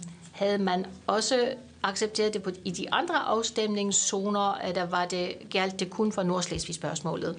Den Frage, ja. Øhm, um, ich glaube, det er virkelig et spørgsmål, man ikke kan svare på. Jeg tror ikke, man havde accepteret det de andre steder. Vi taler jo konkret om Øvre Slesien, om Østpreussen etc. Det var områder, som man som prøjser øh, så som en integreret del af det preussiske Tyskland. Og man ønskede ikke nogen afstemning. Så på den måde er det noget særligt. Og jeg mener, at man også kan øh, øh, se det ud fra det faktum, at han var, at Brokdorf Ransov var født i Slesvig-Holstein og havde været 10 år i København. Han vidste simpelthen, hvad han talte om. Og der var ingen andre i Tyskland, der var velinformeret om emnet. Altså, sådan er det også en dag i dag. Hvis man spørger en øh, Bayer, hvad den det danske mindretal er, så siger de, jamen det er sådan noget som sorberne. Men man har ikke nogen øh, særlig information om det. Og det var den store forskel. Der stod et menneske i spidsen for Udenrigsministeriet dengang, som kendte de danske forhold ud og ind, og som også havde en forståelse for det, en vis forståelse på grund af sin store tyske grundholdning. Og der tror jeg, man har haft større empati for de danske naboer, end man havde for de polske naboer. Tusind tak.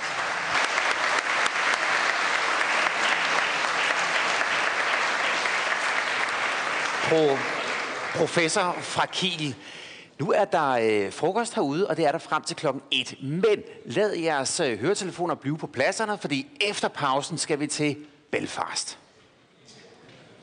Klokken 1.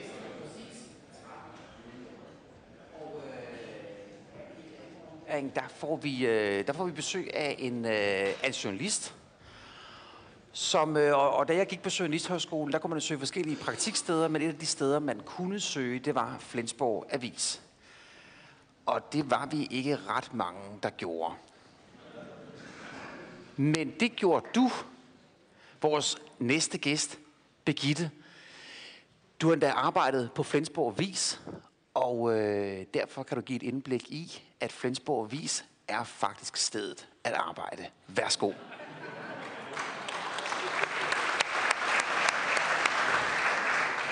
Ja. Voilà. Sådan. Journalister, sådan nogen som jeg, vi er da nysgerrige, sådan professionelt interesserede i, hvad der foregår omkring os. Det var nok antagelsen, da jeg blev bedt om at tale under den her overskrift. Interessen stopper ved grænsen. Punktum. Og jeg vil gerne tilføje et spørgsmål. For gør den nu også det? Stopper interessen ved grænsen? Eller skal vi måske tænke grænserne anderledes i dag? Min første stilling efter andet uddannelse på Danmarks Journalisthøjskole var på Flensborg Avis. De søgte efter en lokal journalist, der kunne både dansk og tysk. Og jeg havde arbejdet lidt på Horsens Folkeblad der, og på Aarhus Stiftstidende, så jeg kunne det med lokaljournalistikken, og jeg kunne begge sprog. Jeg fik jobbet i 1997. Det jeg oplevede var et grænseland som noget helt særligt. Bevidstheden i grænselandet er helt anderledes end inde i landene. Jeg kommer jo fra Wuppertal og boede dengang i Aarhus, og inde i landene var og er kendskabet til grænselandet ikke så udbredt. Og slet ikke til den helt særlige erfaring i grænselandet, som giver den intense historiske bevidsthed, som jeg vender tilbage til. Da jeg fik jobbet, var der kolleger og bekendte i Danmark, som sagde, åh, hvad er det dog for noget med det der? Mange millioner kroner, vi sender til det mindretal hvert år til avis og skoler og biblioteker og sådan noget. Er det, er det der, du vil arbejde? Og det var så, skal vi være klar over, et tidspunkt i slut 90'erne, hvor vi lige havde fulgt med i nyheder om krig og kriser og flygtninge fra Balkan, om grænsedragning og mindretal. Som ung journalist under uddannelse har jeg selv arbejdet med Balkan op gennem 90'erne, med bosniske flygtninge, der kom til Danmark, med flygtninge, der blev udvist til det sønderbombede Sarajevo, hvor jeg var nede og føre interview jeg kendte til de smertefulde oplevelser i Balkans mange grænselande mellem Kosovo, Serbien, Albanien, Bosnien, Kroatien, der ikke andet end grænser. Så når kolleger spurgte til Flensborg Avis og mindretallets millioner, så plejer jeg at svare, at hvis man på Balkan om 100 år formødes relativt få millioner om året, kunne få nogle byer og landsbyer, der var lige så provinssøvnige og stille som de flersprogede områder i Syd- og Nordslesvig, så var det nogle millioner, der var egentlig givet ganske godt ud. Så tav de som regel. Jeg håber, I hørte mig sige provins Søvni. Jeg håber, I ikke blev provokeret.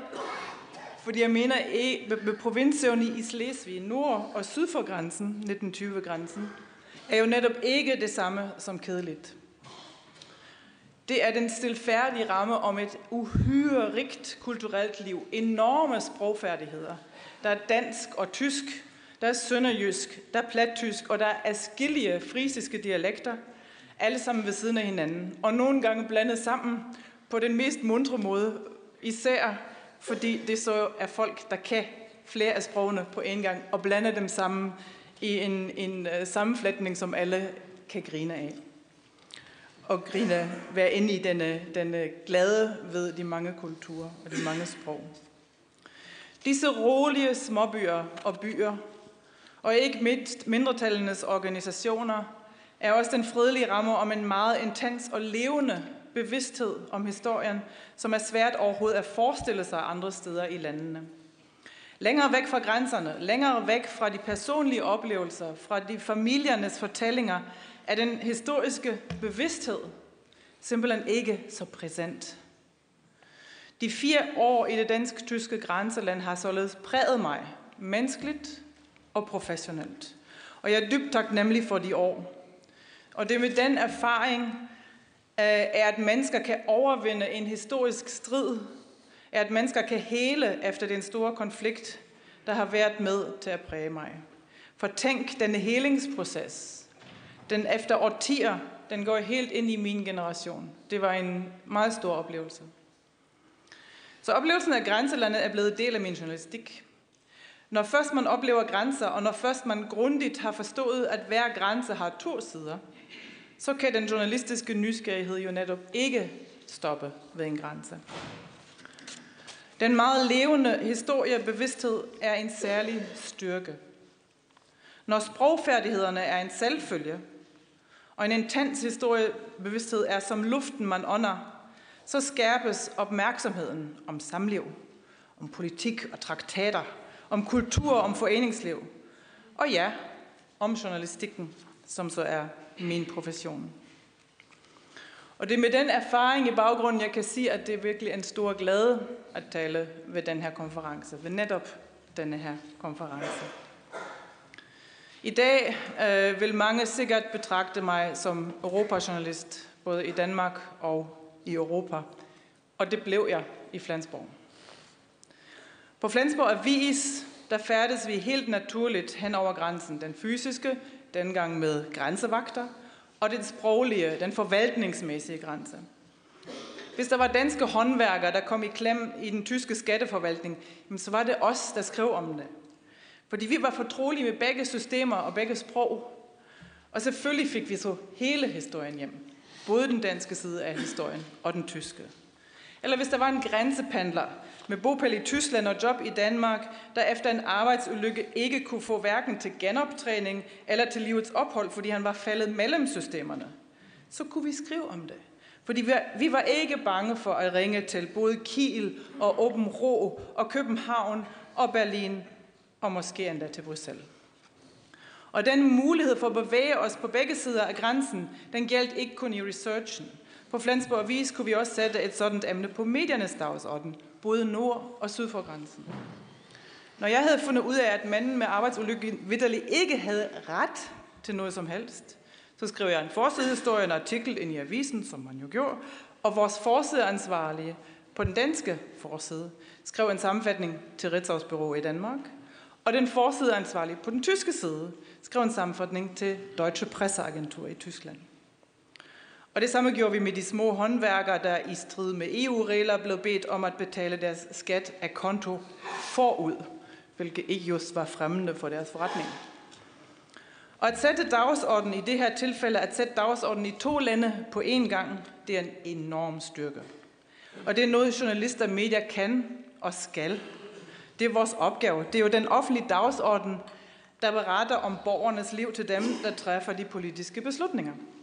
Og hvis beslutningstagerne er i to lande, så må sagen også på den politiske dagsorden i de to lande. Så simpelt lyder det, men det er det jo ikke. Dengang tænkte jeg bare, huhu, det er sådan noget, jeg drømte om på journalisterskolen. Altså, man finder ud af noget, det er forkert, man researcher, man skriver om det, og så er der nogen, der tager problemet op, og forhåbentlig går i gang med at løse det. Og problemet med de små håndværkere blev endda løst ret hurtigt, hvis jeg husker ret. Det var dengang, jeg blev europæisk journalist. I dag ved jeg, at det, der kan holde journalister fra at interessere sig for den anden side af grænsen, er et strukturelt problem. Det er måske også et generationsproblem, og heldigvis et problem, som journalister gradvist er ved at overvinde. Det strukturelle ligger i rammen for det journalistiske arbejde. Medierne, såvel lokale som regionale som nationale, plejer jo at leve af at skrive for deres lokale publikum, og sådan skal det være. De plejer også at leve af lokale, af nationale annoncekroner, og sådan er det selvom det er ved at blive udfordret på, i stor stil af det digitale. Men derfor er det selvfølgelig ikke overraskende, at de tænker på det nære. Medier og journalister tænker på det nære. Og vi ved, at det nære og genkendelige er noget, folk interesserer sig for. Folk, det er vores læsere, vores lyttere, vores seere, vi lærer på journalistuddannelserne, at vi skal prioritere det nære. Et cykelstyrt med småskrammer henne om på hjørnet er en større nyhed end en hel bus med sårede på den anden side af jordkloden. Det er entydig journalistisk prioritering, og sådan skal det være. Men det er så journalisternes opgave at vælge ud af den nyhedsstorm, som konstant fyrer om ørerne på os og finde og udvælge relevant viden for vores målgruppe. Det nære er altså det, jeg som journalist skylder min læser og mit publikum. Problemet er, at det nære ikke er afskåret fra resten af verden.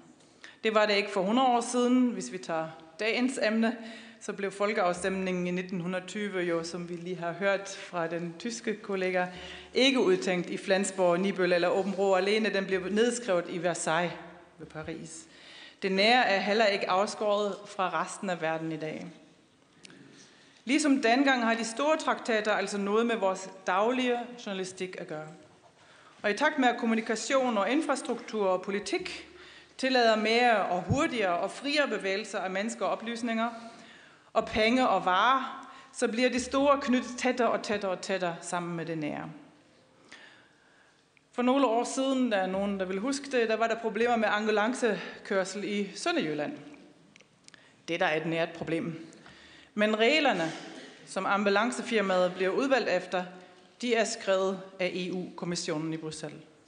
Så for at forstå den sag, hinsides den smålige øh, konkurrence mellem det ene og det andet firma, øh, så skal vi gå dybere og forstå den europæiske lovgivning. Hvis den europæiske lovgivning giver problemer hos os, og når ambulancer ikke er klar til at hente folk i nød, så er det et problem. Hvis den lovgivning altså giver problemer, problemer hos os, giver den så lignende problemer andre steder i Europa?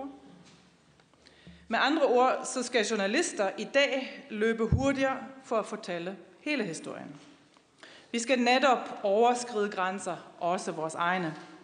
Nej, det er ikke pinligt at ringe til Bruxelles og tale lufthavnsengelsk, når det gælder om at få grundige oplysninger om en sag, hvor kompetencen nogle gange er flyttet væk fra det nære. Journalister skal være dem, der slår bro hen over afstanden og forstå andre mennesker fra andre lande lidt bedre, for at levere gode og væsentlige historier for vores læser, vores publikum i det nære. I kan høre, jeg er printjournalist. Jeg siger læser, jeg mener publikum. Øh, her er vi tilbage ved strukturerne omkring journalistikken. Det kræver en god uddannelse at kunne tænke og at arbejde hen over grænser. Og det kræver redaktører og udgiver, der støtter journalisterne i at fortælle hele historien, selvom den skal oversættes fra det store til det nære. Heldigvis er den slags journalistik hen over grænsen på vej. Nogle har vel sikkert ikke genkendende, når de hører om de store artikelserier i Danmark, Tyskland og mange andre lande, om momskaruseller eller skatte, skatteoptimering, som blev offentliggjort under navne som Panama Papers, eller Football Leagues, eller Grand Theft Europe. De er dagsordenssættende. Men der findes talrige mindre og mindre kendte hold af journalister, der arbejder hen over grænser, både på de store nationale medier og på de mindre regionale og lokale. Journalisters samarbejde hen over grænser er ved at blive en arbejdsmetode, og i Europa har jeg bidraget mit bedste til at drive det arbejde fremad. Skrevet bøger, talt med journalistskoler og organiseret en årlig europæisk konference for journalister, så de kan mødes og begynde at samarbejde. Her i 2020 og de seneste par år er samarbejde hen over grænser blevet noget, der faktisk er ved at blive introduceret i journalistuddannelser. Det bliver undervist i de første journalistskoler. Det får forskningsmidler på universiteterne. Og interessen ved at samarbejde hen over grænser er ved at blive del af journalistfaget. Mange unge i det dansk-tyske grænseland, det fredelige, de får sprog og evnen til at sætte sig ind i mennesker – der er anderledes, det får de forærende, helt intuitivt. Det er del af deres hverdag. Inde i landene er det noget, der skal læres. Og selv når de unge sydslesviger eller nordslesviger øh, lærer det intuitivt, så kan man jo videreudvikle det bevidst bagefter. Det er en særlig styrke i udgangspunktet. Grænsen, grænser, alle slags grænser er en forhindring, en udfordring, der skal overvindes. For at leve sammen, det skal vi, og det vil vi. Intellektuelt er grænser en udfordring, og dermed berigende, fordi når man hele tiden skal sætte sig ind i nye og anderledes forhold, det holder hjernen i gang. Det er sjovt. Og menneskeligt er det dybt rørende. Nogle vil måske huske beretninger om den tid, da de to mindretal i det dansk-tyske grænseland begyndte at nærme sig hinanden og fandt ud af, at de faktisk havde en hel masse til fælles med hinanden, som de ikke havde til fælles med flertalsbefolkningen. Lige sådan kan jeg finde ud af, at jeg har masser til fælles med en journalist i Paris, eller Utrecht, eller Zagreb, mere end med kollegerne lige ved siden af mig ved mit skrivebord i København. Det er intellektuelt og menneskeligt berigende. Så lad os vende tilbage til udgangsspørgsmålet. Stopper interessen ved grænsen? Der vil jeg sige klart nej. Men vi må indse, at der er mange grænser. Der er stregen på landkortet. Der er grænser mellem sprog. Der er forvaltningssystemer, der støder sammen. Der er også forskellige måder at tænke på, og, måder, for, og forskellige måder at gøre tingene på. Når vi arbejder med samarbejdsjournalist, eller det man med nutidens lingua franca kalder collaborative journalism, eller cross-border collaborative journalism, så er vi ved at bane vejen for næste generation, så de lærer det allerede i journalistuddannelsen. Med andre ord, ja, interessen. Den journalistiske interesse, den går hen over grænserne. Men det er et generationsprojekt. Journalister i disse år lærer sig selv og hinanden og næste generation at dyrke en ægte samfundsmæssig, politisk og historisk nysgerrighed, der ikke er bange for grænser, og der er klar over egen baggrund. Denne nysgerrighed for den anden side af grænserne skal kombineres med evnen til at fortælle den nære historie.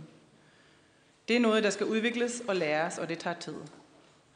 Kort sagt handler det om, at, om den nære historie med den store baggrund. Ligesom jeg i sin tid lærte det på Flensborg Avis. Tak.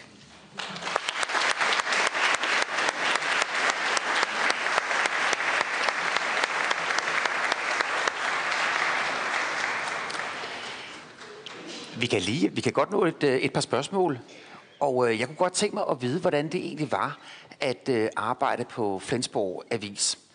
Øh, fordi når man kommer som, øh, nu nævnte jeg, at man kunne søge praktikplads Flensborg Avis.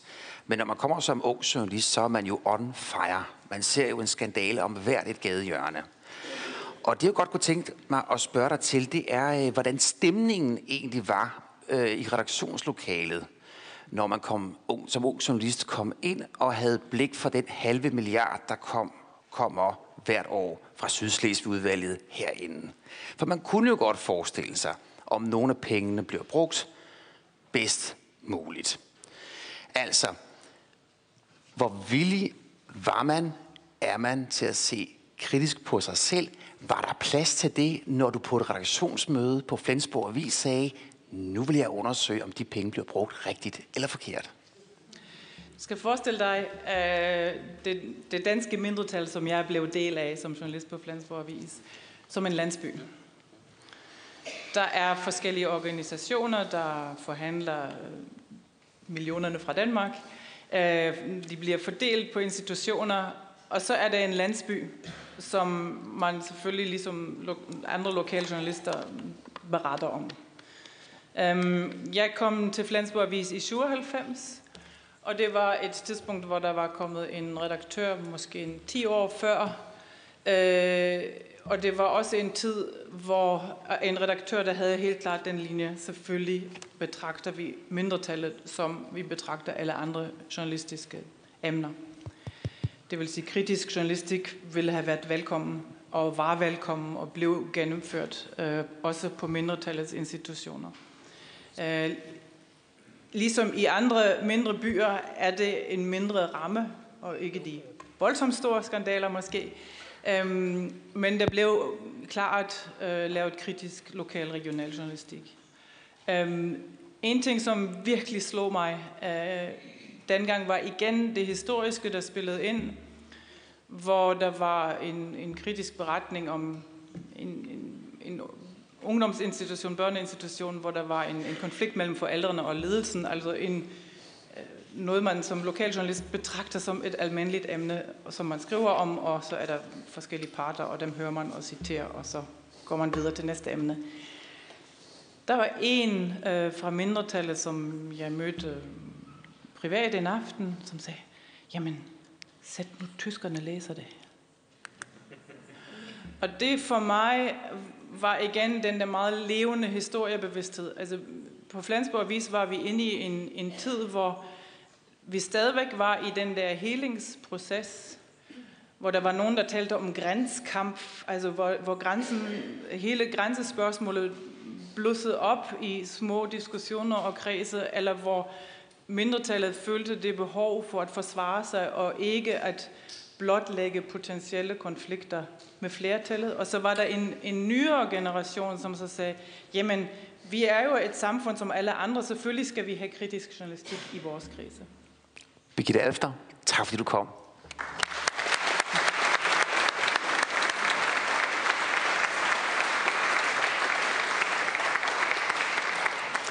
Og nu skal vi videre til øh, Sønderjysk Pigekor. De skal være på her præcis 13.25, og det skal de, fordi de skal nemlig også synge i aften. Og det skal de være klar til. De skal i det kongelige teater, hvor regeringen jo med besøg af dronning Margrethe, kongefamilien, fejrer genforeningen. Øh, Sønderjysk Pigekor er det største kor uden for Danmarks Radio. Og øh, korets mindste deltager er en pige på tre år. Hun er ikke med i dag. Det aldersgennemsnit, vi har, det er fra 15 til 20 år. De, øh, vi får besøg af cirka 37 piger, og øh, de har hjemsted i Sønderborg og synger her fire sange. Så velkommen til jer.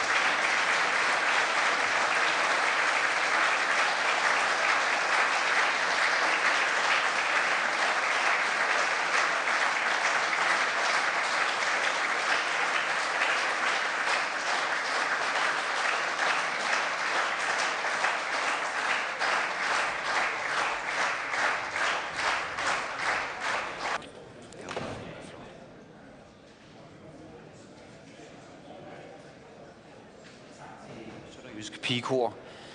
Og øh, i aften er det jo som sagt i øh, det kongelige teater. Og øh, hvis I ikke selv skal derind, så kan I åbne for DR2, så vil sende fra kl. 21. Vi fortsætter herinde, og vi fortsætter i kunstens verden. Fordi spørgsmålet det er, hvordan i alverden så kunsten ud? Ser kunsten ud? Er kunsten præget af det at være et grænseland? Og ja, det er det faktisk.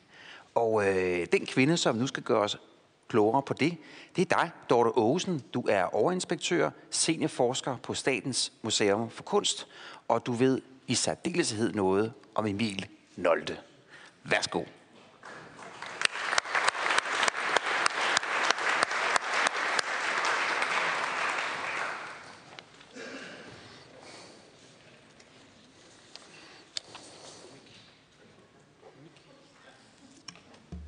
Sådan der. Mange tak til Folketinget og Grænseforeningen for invitationen til at komme og bidrage med et kunsthistorisk perspektiv på sagen her.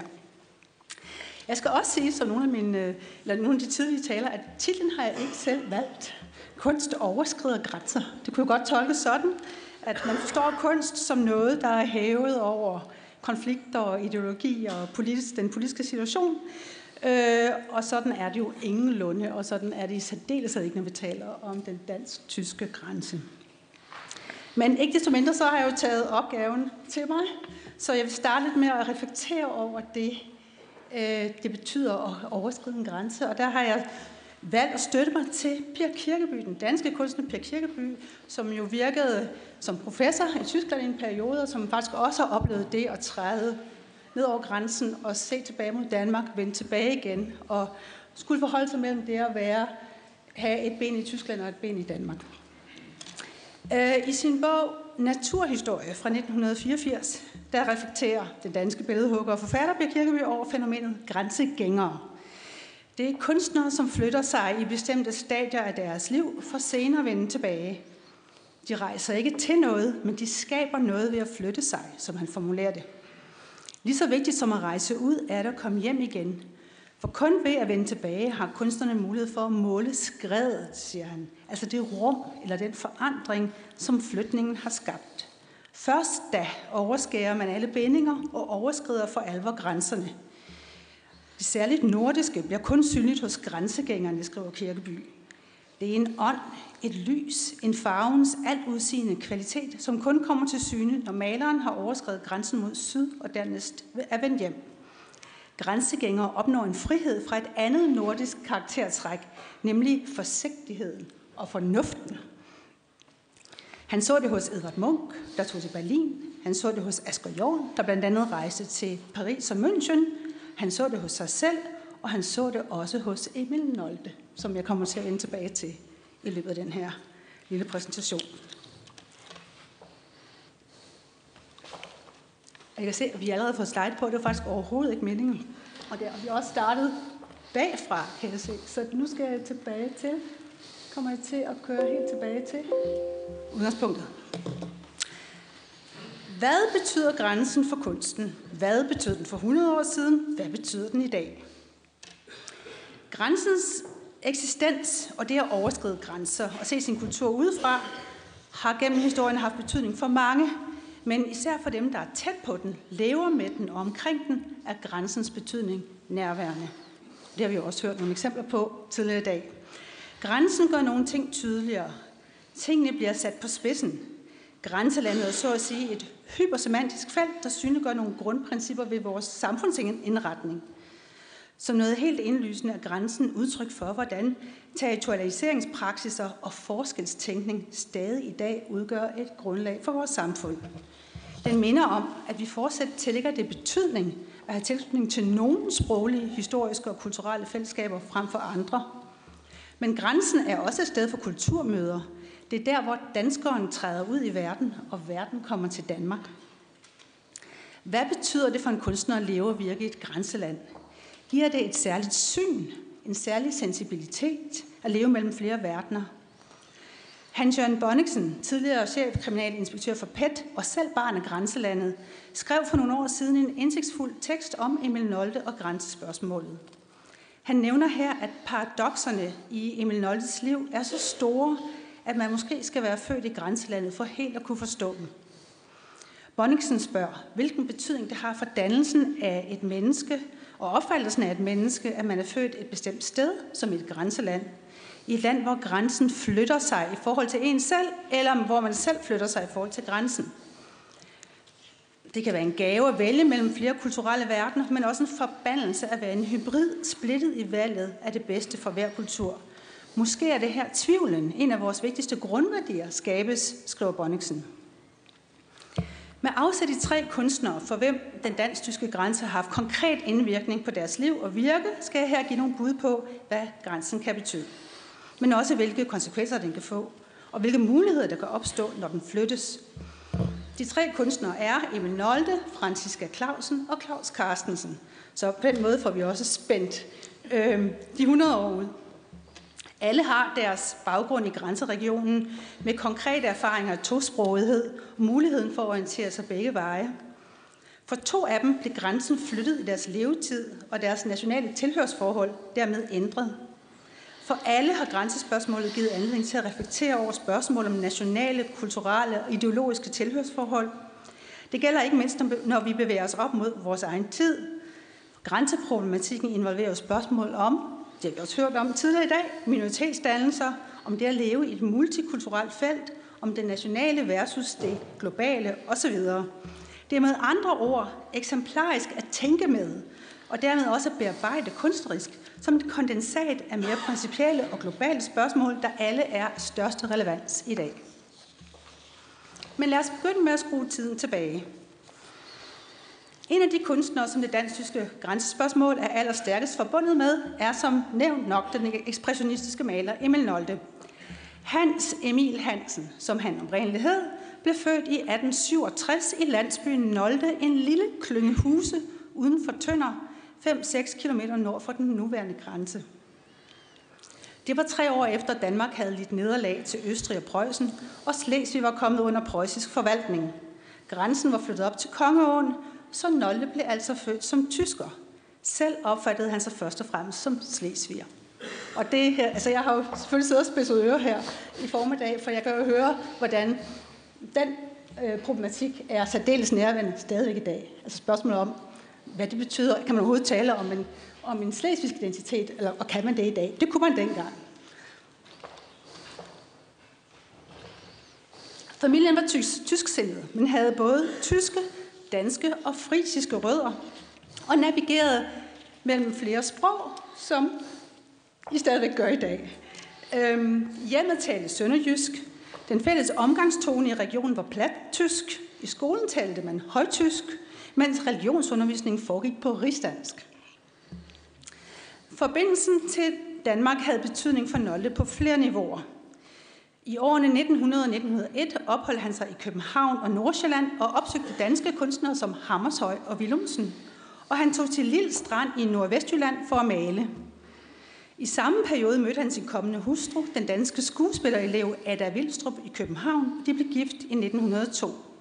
Ægteskabet med Ada cementerede Noldes relation til dansk kultur og betød, at han livet igennem tog på rejser og besøg i Danmark – i flere år tilbragte ægteparret Nolde sommerne i en fiskerhytte på Als, og perioden 1916-1927 havde de fast bopæl i Udenvarf ved Møltønder.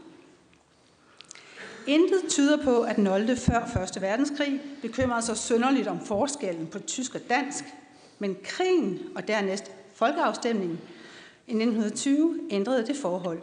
Politisk agitation fra både dansk og tysk side fik modsætningsforholdet til at blusse op.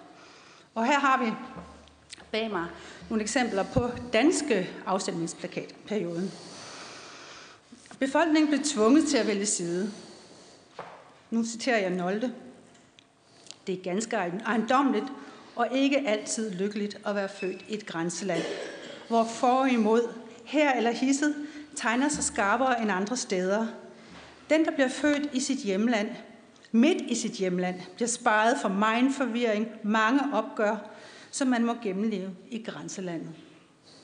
Skriver han senere i sine erindringer. Nolde afholdt sig fra at stemme ved folkeafstemningen 1920. Ikke af manglende interesse, men angiveligt, da han ikke ville vende sig mod hverken Danmark eller Tyskland. Og jeg citerer ham igen. Spørgsmålet om, hvad der er tysk og hvad der er dansk, beskæftigede mig i denne sindsoprivende tid. Jeg elskede mit land og stod uden at føle misundelse eller vrede og så mod nord og syd. Danmark havde givet mig min højt elskede livsledsagerske, Tyskland sin musik, sin bildende kunst, intense skønhed. Genforeningen betød, at den da 53-årige kunstner blev dansk statsborger. Den ændrede grænsegravning var en sorg for Nolde, fordi den delte hans slesvigske hjemstavn. Da den nye danske administration lagde planer for afvanding af området omkring hans bogpæl, blev Nolde for alvor vred. Han mente, det ville ødelægge den unikke natur. I 20'erne skriver han, den mest særprægede, måske den skønneste egen i det hellige tyske rige, er blevet delt, sønderrevet, gået tabt ved landsfremmede ingeniører og folks kolde blikke og en landegrænses uretfærdighed. Og jeg citerer videre, vi betragtes som primitive og stejle, men de betragter sig som højrestående. Forholdene driver os væk.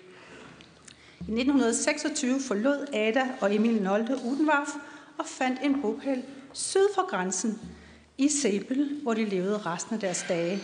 De beholdt dog deres danske statsborgerskab. Nolde var dansk statsborger de følgende 30 år, frem til sin død i 1956. Hvilken betydning fik så livet mellem de to verdener? Kirkeby skriver, at Nolde i hvert fald ikke er dansk, selvom han blev født ved grænsen og i bogstaveligt forstand var en grænsegængerfigur. Kirkeby skriver, nu citerer jeg Kirkeby, os der bor lidt ved siden af, betragter det som fjernt, fordi vi ser det som næsten alt for forbundet med sin hjemmeegn. De dernede ser det som typisk nordisk, vi heroppe som ægte tysk.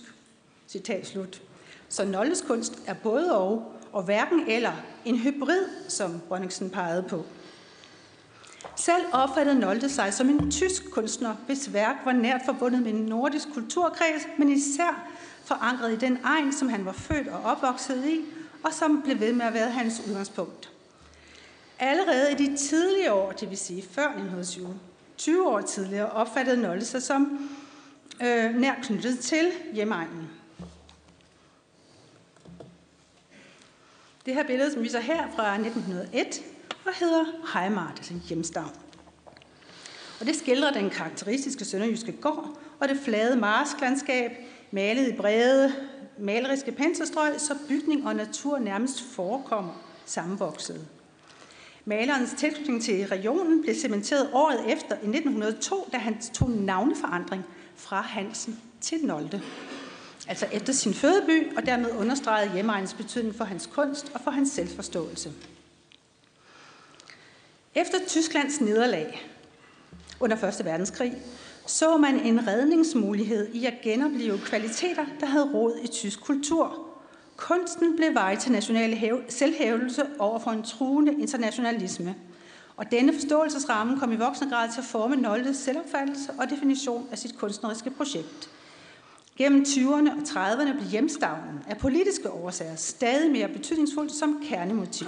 Og det er i det lys, hans senere hjemstavnsmotiver skal forstås. Og det er nok sådan, I allerbedst kender Nolde. Der, hvor han hvor skruer op for farverne og for alvor udvikler det sådan ekspressionistiske formsprog. De lavt liggende horisonter, høje dramatiske himmelrum i Noldes landskabsmalerier, deres hæftige farver, kraftige penselstrøg, formidler en intens naturfølelse, en oplevelse af et landskab, der er påtrængende og nærværende – her er stærke kræfter på spil, både ydre naturkræfter og indre sjælelige emotionelle kræfter. Frem for alt er skildringen bundet til det specifikke sted, her Nordfrisland. Øh, en anden motivkreds, som i endnu højere grad indikerer en forbundethed med nordisk kultur, er nordisk vikingebilleder. Motivet optog ham allerede før 1. verdenskrig. Jeg skal lige kigge på et her. Motivet optog ham allerede før 1. verdenskrig, inspireret af islandske sagaer Snor Sturlason, som Ada læste for ham.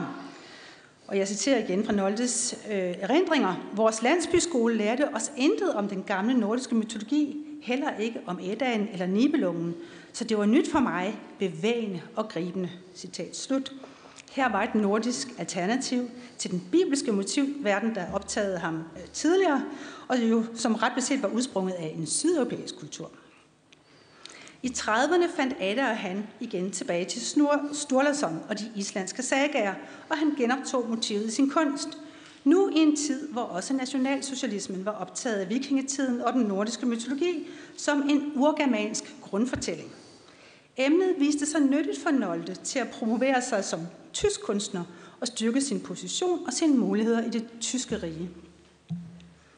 Når man trækker en kunstners ideologiske position helt i forgrunden, kan udlægningen nemt blive sort-hvid. Især når der er tale om sympati med noget så betændt og problematisk som nazismens idégrundlag. Men historien er jo ofte mere kompleks end som så. Noldes eksempler rummer flere paradoxer, som Bonningsen pegede på, herunder at hans kunst delte vandene i det tyske nazistparti og bliver erklæret degenereret af nazisterne. Noldes engagement i nationalsocialismen der fik fornyet opmærksomhed sidste år, hvor en udstilling om emnet blev vist i Berlin, fik en journalist til at spørge polemisk, om vi nu kan være stolte af Nolde her i Danmark. Mit svar er, ja, Noldes kunst er betydningsfuld. Med sin nytænkende omgang med mediet og dets udtryksmuligheder er den et væsentligt bud på, hvordan man kan arbejde meningsgivende med maleriet i moderne tid – det kan hjælpe os med at forstå centrale problemstillinger omkring for eksempel subjektivitet, naturfølelse, regionalisme og nationsdannelse, og om det at leve i en grænsekultur. Tilhørsforholdet til Danmark blev ved med at have betydning for Nolde.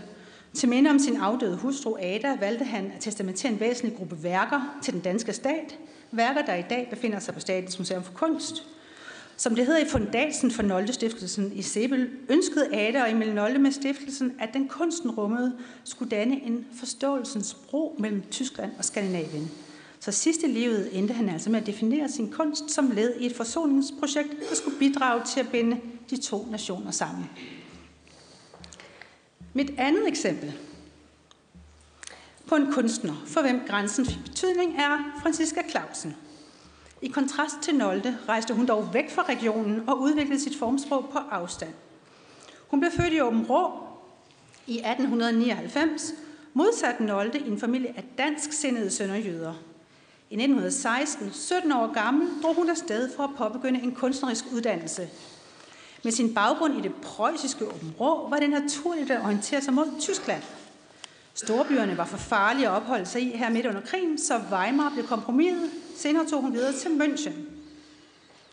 Ved folkeafstemningen i, februar 1920 vendte Clausen tilbage til Åben Rå og stemte for genforeningen med Danmark.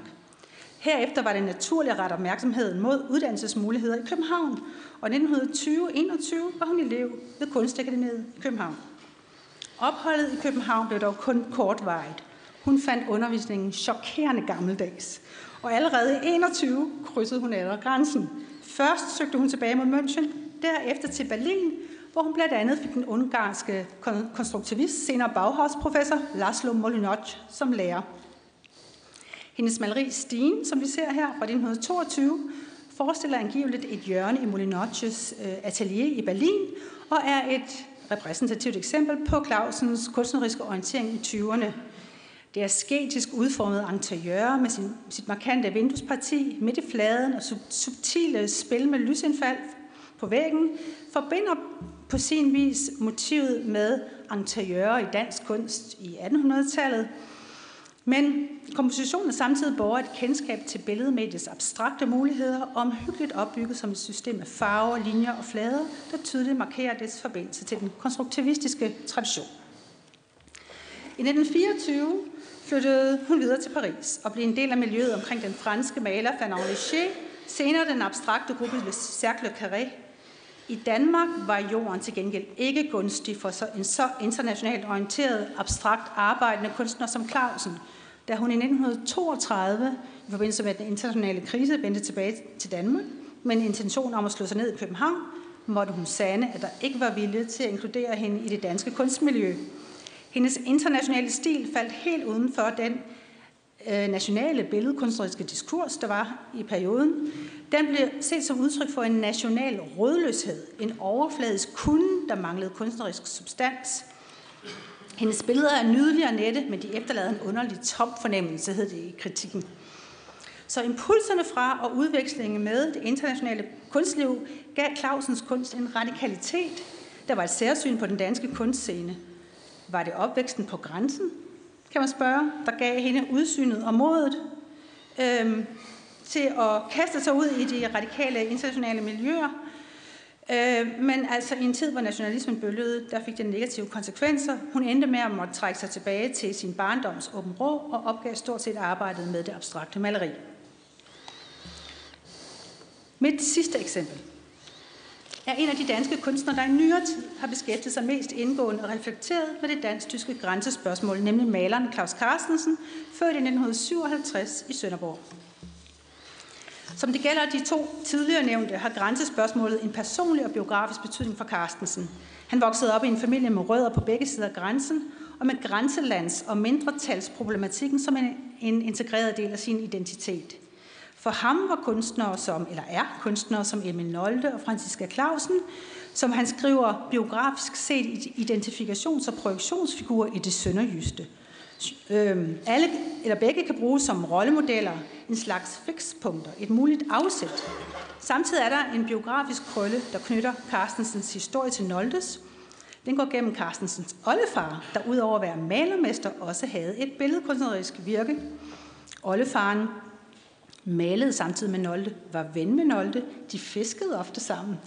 Men i 40'erne, sidst i 40'erne kom det til et brud, angiveligt på grund af overensstemmelser om ekspressionismen, så altså ikke af politiske årsager. Hvad man kunne have formodet. Min oldefar malede i en kunsthistorisk anachronistisk stil den klassiske Øh, naturalisme. De må have været hæftigt op at skændes, fortæller Carstensen. Og så fortsatte han om sit oldefars maleri. Det er en mærkelig form for kunstnerisk praksis, der bevidsthedsmæssigt halter efter, men som er stærkt identitetsdannende med hensyn til den nationale og politiske selvforståelse. Den første gang øh, Carstensen adresserede spørgsmålet om sin sønderjyske familiehistorie var i 1980 i et projekt skabt til Haderslev Museum, men dog aldrig realiseret i sin oprindelige form. Udstillingen med værker af hans oldefar og morfar, øh, begge håndværksmalere med en billedkunstnerisk praksis. Hans morbror Alfred Fris, der var professionelt uddannet billedkunstner, og en video af hans mormor, der fortalte om sit liv i grænselandet og hvad det ville sige at vokse op med en selvforståelse, der både rummede nationale og kunstneriske aspekter. Tanken med projektet var, som Carstensen har forklaret, at koble det sociologiske og det kunstneriske. Med afsæt i sin egen familiehistorie ville han undersøge, hvordan en ejendomlig passion for kunst, politik og nationalfølelse vævede sig sammen i dette tilfælde, og netop med grænselandet som familiehistoriens særlige kontekst og forudsætning. Da Carstensen i 92 blev far til datteren Zoe, fik projektet ny aktualitet. Det blev taget op igen og realiseret som to galleriudstillinger i henholdsvis Køln og København med fællestitlen Untitled Room for Zoe. Hvad Carstensen betegner som det historiske problem med den nationale selvforståelse, bliver her fremstillet som et personligt og biografisk øh, fænomen, og som et fænomen, der potentielt kan nedarves. En række af de værker, Carstensen skabte i forbindelse med forlængelse af projektet, peger direkte tilbage øh, til genforeningen i 1920 som et definerende moment for nationalitetsspørgsmålet. I en serie plakatbilleder, jeg viser to af dem her, med titlen Udkast fra 1993, tog han afsæt i nødpengesedler og plakater fra den nationalistiske valgpropaganda i 1920. Og her kan man jo se en reference blandt andet til flaget, slesiske flag, øhm, og øh, som, som er, jo er øh, altså en, sådan et, et visuelt symbol, som er stærkt identitetsgivende, når vi, når vi øh, befinder os i øh, et grænseland, hvor det nationale er så højt på agendaen. Serien afspejler, som man selv har formuleret det, hans interesse for grænsegængeriet. Så her har vi temaet igen, men nu en lidt anden udlægning. Carstensens interesse angår grænsegængeri mellem det politiske, nationale og det identitetsmæssige, men også mellem abstraktion og figuration. Han ledte efter et motiv, der både semantisk, motivmæssigt og kompositorisk var bæredygtigt nok til at rumme alle disse betydningslag omkring det dansk-tyske, således at temaet kunne behandles abstrakt, uden at det blev rent smøreri, men stadigvæk havde nærhed til det oprindelige maleri, og valgplakaterne blev altså løsningen. Territorialiseringstemaet blev også adresseret i udstillingen Untitled Room for So i form af nogle sorte monokrome lærreder og såkaldte territory panels. Her har jeg igen en lidt senere variant af det, jeg viste lige før, igen baseret øh, med direkte reference på afstemningsplakaterne. Men her har jeg et, et eksempel på de, de sorte terri- territory panels. Monokromerne tematiserer territorialitet gennem et klassisk Carstensens greb, nemlig overpisning. Han har simpelthen tisset på lærrederne. I det, det at pisse noget af, jo også er at trække en grænse, markere et territorium. Monokromerne dukker op igen i andre udstillinger, blandt andet Clinch på Statens Museum for Kunst 2004, som I ser et eksempel på her, hvor det dansk-tyske forhold, inklusiv øh, nationalitetsmarkører og grænsedragninger er det eksplicite tema. Han medtog også et flag som del af sit materiale. Det er rød, en reference til anarkisternes sort-røde fane og den tyske kunstner Gerhard Richters billedpanel med henvisning til det tyske nationalflag. Og jeg runder af nu. Jeg tror også, min tid er ved at være gået. Spørgsmålet om territoriale praksiser udgør et hovedspor i Carstensens kunstneriske univers. Men også undersøgelser af, hvad den subjektive motivation, historien og biografien kan betyde for kunsten. Alt sammen tematikker, der kan føres tilbage til den fundamentale erfaring af at vokse op i grænselandet. Hvad betyder grænsen for kunsten? Hvad betød den for 100 år siden? Hvad betyder den i dag? Hvad betyder det at være grænsegænger? For Nolde var grænselandet det er den identitetsgivende hjemstavn, som både hans kunst og selvforståelse hvilede på. For Clausen derimod fik grænselandet betydning som en tærskelzone til Europa. En tærskel, hun var tættere på og havde lettere ved at overskride end de fleste danske kunstnere i hendes tid. Også Claus Carstensen kan ses som en grænsegænger. Han boede syv år i Køln og oplevede opholdet som en slags eksil. Det gode ved eksilet er, at den formidler, det formidler en form for dobbeltsyn, skriver Carstensen. Og jeg citerer, et ydre og et indre perspektiv, som jeg principielt allerede har kendt fra barnsben af via grænselandets tosprogethed. Det er måske netop denne evne til at se og rumme flertydigheden, som grænsen skaber mulighed for, der er den, der, der er den særlige kvalitet. Carstensens kunst plæderer for, at man tager sin biografi på sig.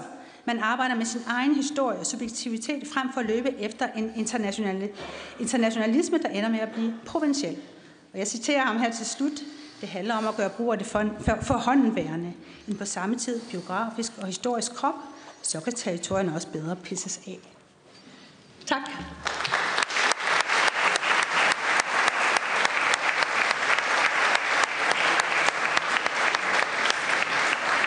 Ja. Tak til dig, Dorte Åsen. Vi skal nu øh, forlade øh, den bløde verden og vende tilbage til den hårde verden, til politik. Den hårde politik. Vi skal nu have besøg af øh, en professor fra Belfast, som øh, hedder Kefil McCall. Og Kefil McCall, welcome. There you are.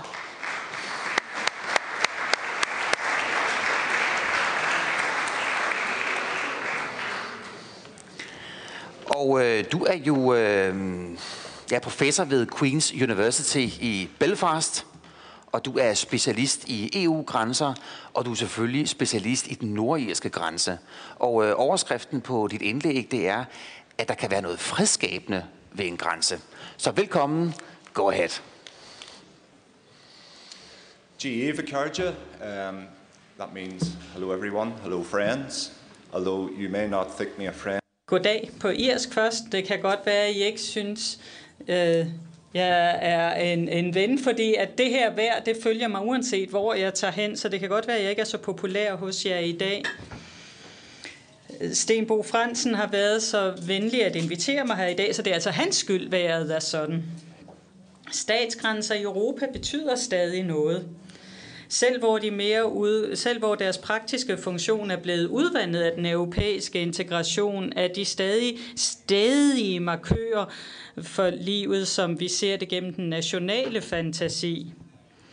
Og denne tosidige skældning begrundes og øh, fastlægges af statslige grænser, at man skældner mellem os selv og andre, også og dem, venner og fjender, her og der, indland, udland, trussel og sikkerhed og inkludere og ekskludere.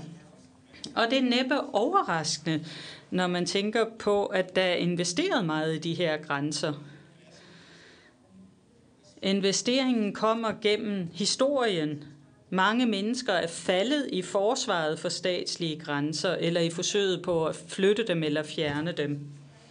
Konflikter over territorier er opstået, når grænser ikke har øh, afgrænset hjemstavnen i tilstrækkelig grad ifølge nationens ønske. Man har kunnet mobilisere, man har fundet ideologi og myter, som har været et nøgle for, at en nation har kunnet lancere en voldelig kampagne imod en modpart, når det gælder territoriet. Moderne nationalisme ser man så øh, den territorielle hjemstavn som sikkerheden for en nation. Myter om tidligere sejre og nederlag legitimerer konflikt over territorier. Symboler som flage, sprog, sange, mindesmærker og selve kort over det nationale territorium er det, der forbinder mennesker til nationale myter og politisk mobilisering, når det gælder konflikt over territorium. De kulturelle institutioner som nationalmuseer, universiteter, kunstmuseer er med til at stadfæste territoriet i folks fantasi og opfattelse. Og disse kulturelle institutioner giver os netop en idé om hjemstavn. Al denne institutionelle, ideologiske og kulturelle kraft styrker vores idé om grænseegne som steder, hvor man ser noget kulturelt og politisk komplekst, som vi har vi hørt om hele dagen i dag. Det er steder, hvor der er konflikter og forskellige forståelser og samtidig stridigheder om inklusion og eksklusion. Men antropologen Chiara Brambilla siger, at grænseegne som koncept også er noget, man kan se som en chance en chance for at frigøre den politiske fantasi fra det territorielle imperativ, samtidig med at man åbner områder for nye former for politisk og social organisation. Citat slut. EU's grænseegne kan man se som sådan nogle potentielle steder for øh, at frigøre områderne for interkulturel kontakt og kommunikation ved at sætte spørgsmålstegn ved alle de her modsætninger, og så dem, venner og fjender, her og der, indrigs og udenrigs, trussel og sikkerhed, og inkludere og ekskludere. Så på den måde kan man altså begynde at se grænseegnene som et fredsprojekt.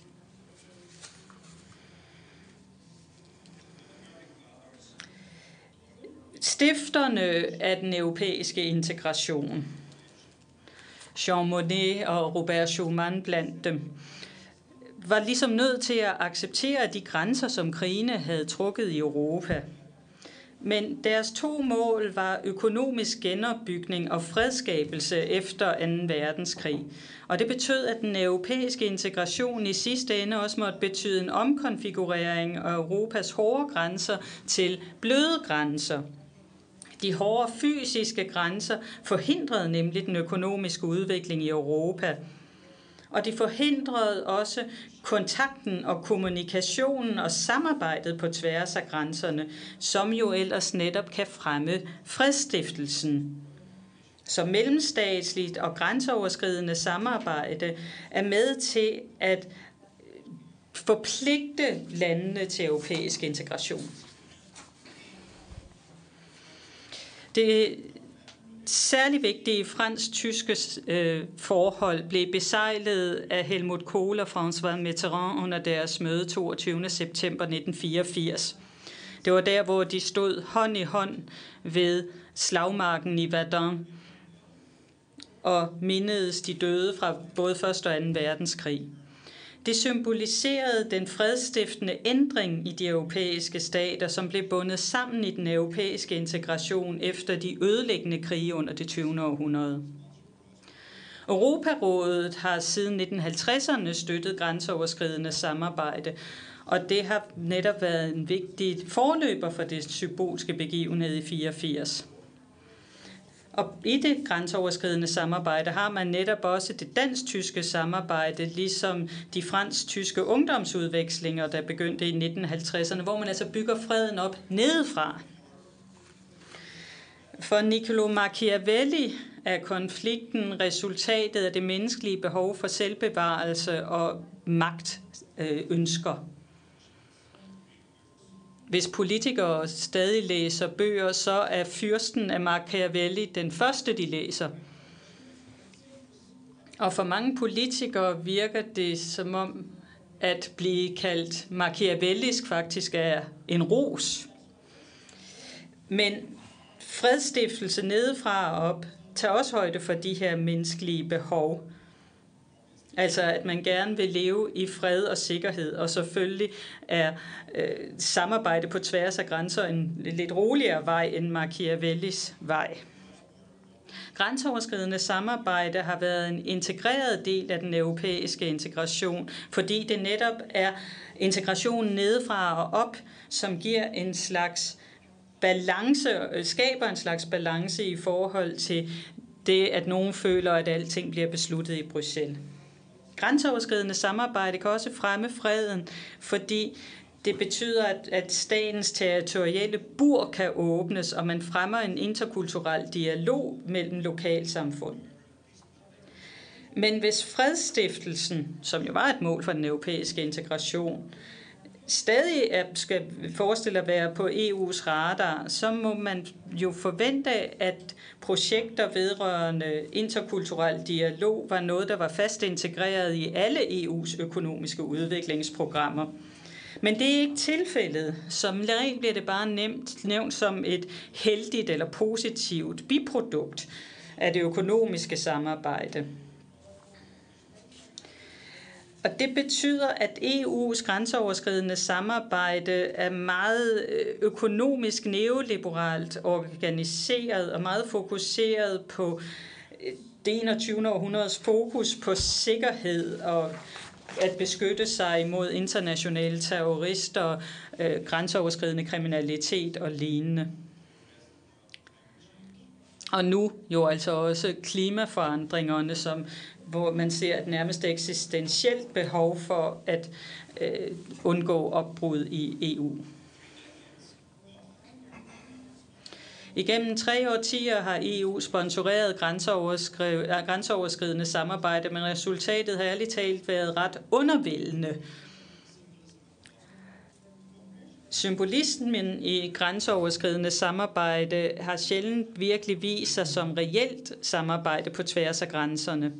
Det har dels at gøre med, at der ikke er virkelig dyb støtte til øh, interkulturelt samarbejde på tværs af grænserne overalt i Europa. Det er kun nogle steder, det er tilfældet. Grænseoverskridende projekter har det med at fokusere på økonomi eller sikkerhed, og den interkulturelle dialog kommer ligesom først på anden eller tredje pladsen. Der er få af de her projekter, der rent faktisk fokuserer på årsagen til, at der overhovedet har været grænsekonflikter. Og det er jo netop årsager, der bygger på mistro, angst, modvilje, vrede osv.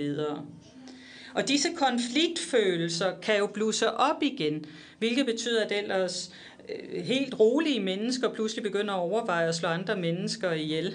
Og det kan udnyttes af populistiske politikere, som kan begynde at rode op i konfliktfølelserne for at mobilisere folk politisk i politikernes jagt på magt. Og de her følelser kan altså også dukke op af sig selv, hvis der sker et, et skred i magtbalancen, eller hvis man pludselig føler, at modparten er blevet lidt for stærk. Og så er det, at hadet begynder at vise sig igen, og folk begynder i stedet at udtrykke stor kærlighed til kammerater og landet. Alle disse følelser findes stadig i visse grænseegne i Europa, og det kan blive motivation for at undgå samarbejde på tværs af grænsen. For eksempel ved den tysk-polske grænse – Dem, der bor ved den tysk-polske grænse, øh, er mere tilbøjelige til at holde sig hver for sig end at samarbejde. Og i grænseområdet mellem Østrig, Italien og Slovenien er der stadig nogle meget klare grænser i folks bevidsthed, og hver region er meget fokuseret på sin egen stat, og øh, vi kigger ikke over grænsen, men holder sig tværtimod inden for grænserne. Og i Øvre-regionen i Karpaterne er der faktisk sket en forværing af situationen, og man er blevet meget anti-ukrainsk, på trods af at regionen tidligere var et blomstrende handelssted og som jo egentlig viser, at grænsregioner kan være meget værdifulde steder, også økonomisk. I den ungarsk-rumænske grænseregion øh, er der også en fortsat fjendtlighed mellem øh, myndighederne på de to sider af grænsen. Men her som andre steder Øh, er der jo mange, der netop ikke er opmærksomme på grænseregionerne andre steder end der, hvor man lige tilfældigvis selv opholder sig. I det tilfælde, hvor EU forsøger at fremme grænseoverskridende samarbejde, kan det indimellem virke som et ret arrogant forsøg. Fordi hvis man ikke forstår kompleksiteten, kan man meget nemt komme til at gå fejl af tingene. Og man må altså også forstå, at man ikke bare kan tage Øh, skabelonen fra en grænseegn og overføre til en anden grænseegn. Men hvis der er et ønske lokalt om samarbejde, så er der en mulighed for fredsopbygning gennem en reevaluering af den nationale historie og de nationale identiteter. For grænseegne kan være kulturelle områder, der kan vise europæisk integration. Og det kan også være noget, der skaber kontakt, kommunikation og samarbejde, der kan nedtone konflikter. Men det kræver, at man forstår modpartens kultur og er villig til at gå i dialog med modparten og forstå hinanden kulturelt. Der kan komme meget vigtige øh, symbolske gestusser ud af det her, som for eksempel to- og flersprogethed eller øh, vejskilte gadenavne, som står på flere sprog. Men det kræver den folkelige opbakning, hvis man skal have noget værdifuldt fredskabende ud af det. Inden det kan ske, så skal man have fokuseret på den interkulturelle kontakt. Og det kræver også finansiering fra EU's forskellige fonde. Nu kan man så spørge, hvorfor skal øh, EU overhovedet tilbyder at finansiere fredsbevarende programmer, når nu der har været fred i Europa i mange år. Men det er fordi, at konfliktfølelserne stadig findes mange steder i Europas grænseegne, især i Central- og Østeuropa. Og det blev tydeligt efter udvidelsen i 2004. Og det bliver ikke løst bare af Schengen-området. Det går uden for øh, e- Europas naboskabspolitik også. Så derfor er fredsgrebende programmer på tværs af grænserne også noget, der rent faktisk kan, kan have en positiv konsekvens. Det er bare lidt for sjældent, det sker. Men et eksempel på, at det virkelig er gået godt, det er de europæiske fredsprogrammer for Nordirland og grænseområdet øh, til republikken Irland fra 1995 til 2027. Og der har forskningen vist, at det virkelig har skabt fredskabende resultater i grænseområderne i Irland. Den øgede kontakt, kommunikation og samarbejde på tværs af den irske grænse, hvor der både er irske og britiske nationale grupper, øh, har ført til, at man nu forsøger at se lighederne i stedet for at fokusere på de mindre kulturelle forskelle mellem deltagerne. Deltagelsesgraden er også meget høj, og det betyder, at projekterne går langt ud over de så at sige, professionelle fredskaber og når ud til de enkelte lokalsamfund. Så der er selvfølgelig de europæiske projekter for fredskabelse, men der er en del faldgrupper, som man i den, øh, i den forbindelse skal omgå. Man må huske både det økonomiske, politiske, og sociale og kulturelle aspekt. I grænseegne, hvor der har været konflikter, der er der altså også følelser, som kan være en barriere for fredskabelsen. Og risikoen er, at hvis man forsøger at tvinge grænseoverskridende samarbejde igennem, så kan det snarere vække konfliktfølelser, end at bilægge dem. Så man dermed kommer til at fokusere mere på de små forskelle, i stedet for at fokusere på de store ting, man har til fælles. Og grænseoverskridende samarbejde kan også føles som et overgreb, øh, når grænsen også afgrænser ens hjemstavn. Og hvis folk begynder at føle sig truet i den forbindelse, så begynder de også at føle angst. Og angst er altså en vigtig konfliktfølelse. Anton Blok sagde, at møder mellem etniske grupper medfører risikoen for narcissisme og fokus på mindre kulturelle forskelle. Især for dem, der netop gerne vil fokusere på, hvordan de adskiller sig fra andre. Anerkendelse og respekt for forskellene er meget, meget vigtige, hvis interkulturel dialog på tværs af grænserne skal undgå konflikt. Der hvor en konflikt er sket for relativt nylig, kan grænseoverskridende dialog ofte være noget, der faktisk ikke bidrager til fredskabelsen, men tværtimod forværrer konflikten. EU's grænseoverskridende programmer for Vestbalkan har øh, godt nok henvist til interkulturel dialog, men ikke direkte som fredsopbygning. Diskussionen af kultur er blevet begrænset til generaliteter, og der er kun meget lille finansiering, fordi man har forstået, at der er meget lidt mulighed for grænseoverskridende samarbejde som fredsopbygning i Vestbalkan, fordi der er så mange etniske og nationale fjendskaber, der stadig i høj grad er i live. Der, hvor den grænseoverskridende kontakt finder sted mellem lokale øh, øh, samfund, så er det meget tit inden for den samme etniske gruppe, i stedet for på tværs af etniske grupper. I grænseområdet ved Ungarn og Slovakiet er det for eksempel etniske ungarer i Slovakiet, som indgår i samarbejde med øh, deres familie, så at sige, i Ungarn. Og den slags kan så vække frugt blandt, frygt blandt slovakkerne, og de føler mistro til ungarerne, selvom begge stater altså blev medlem af EU i 2004. Fredskabelse i europæiske grænseegne lægger vægt på kontaktkommunikation og samarbejde på tværs af grænser og på tværs af etniske og nationale grænser. Respekt for kulturelle forskelle er hovedprincippet i indsatsen, hvor målet er at takle frygt og mistro og gøre op med stereotyper. For at konkludere, EU's grænseoverskridende samarbejde kan gøre grænser til et fredsprojekt. Det kan udfordre den her skældning mellem os og dem her og der, ind og ude, indrigs og udenrigs, som alt sammen stammer fra historien. Men her i det 21. århundrede har vi så meget fokus på sikkerheden ved grænserne, og det truer den her europæiske integration, hvor man gerne vil gå fra øh, søde, øh, bløde grænser, øh, så det bliver mere mellemstatsligt og grænseoverskridende samarbejde. Vi risikerer at gå tilbage til de hårde grænser og tvang.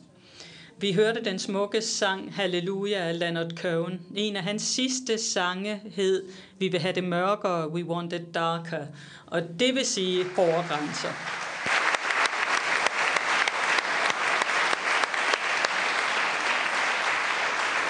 Thank you so much, Nicole. Uh... Mange tak for det. Vi er meget tæt ved kaffepausen, men jeg er sikker på, at der er tid til et spørgsmål. Et spørgsmål. Så øh, værsgo. Ja, Uffe Østergaard. Der kommer en mikrofon. Thank you very much for the interesting mange tak for den interessante analyse af den rolle, som grænser spiller i EU. Jeg kan se en stigning i noget det, man kalder venlige eller fredelige grænser inden for EU. Det lyder sådan lidt modstridende i sig selv, synes jeg. Synes du også det? Hvad er fremtiden for grænser? Kommer de til at forsvinde? Den øh, grænseløse verden, som man talte om i 90'erne, det er dødt. Helt dødt. Men øh, mit argument og min idé er, at øh, inden for EU, der er der en række bløde grænser, de her venlige grænser, som du taler om. Det vil sige, grænsen som en fysisk manifestering opdager man næsten ikke. Og der er øget kontakt på tværs af disse grænser, der er mere kontakt, mere samarbejde på tværs af bløde grænser. Ikke kun blandt folk med samme etnicitet, men også forskellige etniske baggrunde, forskellige nationaliteter. Og øh, ser man for eksempel på det, vi har talt om i dag med den tysk-danske grænse, så kan man sige, at der er jo også en regional og en lokal identitet. Nogen har sagt, det er uhyre vigtigt, at det ikke bliver gjort politisk. Jeg ved ikke helt. Jeg tror nu alligevel, det skal have en vis form for political, politisk identitet, men regional identitet på tværs af en grænse kan have en politisk identitet, synes jeg. Det skal bare ikke blive nationalistisk, således at man vil lave et mikro hjemland for sig selv. Det skal det ikke blive til. Men øh, kender du til øh, den dansk-tyske grænse og, og det med, at der nu gøres mere ved grænsen mellem Danmark og Tyskland? Ja, ja, ja, det sker ikke kun der, men også andre steder. Og det var det, jeg var inde på. Øh, det er den sti, jeg ikke synes, at europæisk integration skal gå på. Det med, at man øh, ligesom genopretter grænserne. Der er jo også øh, brugerne, ikke sandt? Øh, også fra København til Malmø, for eksempel. Øh, og det er også noget, der har ændret sig. Det er vanskeligere. Det er problematisk, synes jeg, når man ændrer på, på disse ting.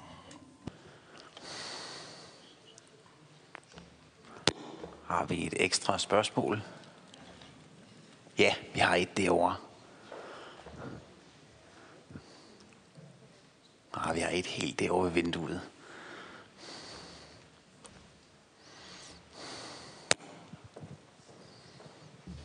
Hej, mit navn er Ditte. I'm going to ask the question. Jeg vil stille mit spørgsmål her. Hvordan ser du på de her fredsopbyggende processer og initiativer, der, der foregår. Der, hvor der ikke er nogen borgerinteresse eller politisk interesse i sådan nogle projekter. Øhm, hvis det var noget, der kommer ovenfra og ned fra EU's side, for eksempel.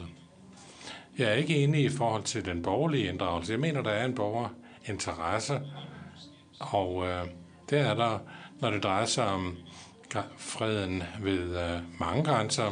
Spørgsmålet er også spørgsmål om finansiering for projekter. Vi har vi hørt om kunst her for eksempel i dag, men der er også øh, sport og musik osv. Og, og der er det jo sådan, at EU har været den største, kan man sige, bidragyder til den slags projekter, økonomisk, men også kulturelt i nogle øh, i nogle situationer. Der er nogle stater, der også er begyndt at bidrage til noget sådan, der har fundet ud af, at det er en god ting. Især der, hvor der måske har været konflikter for en 20 år siden.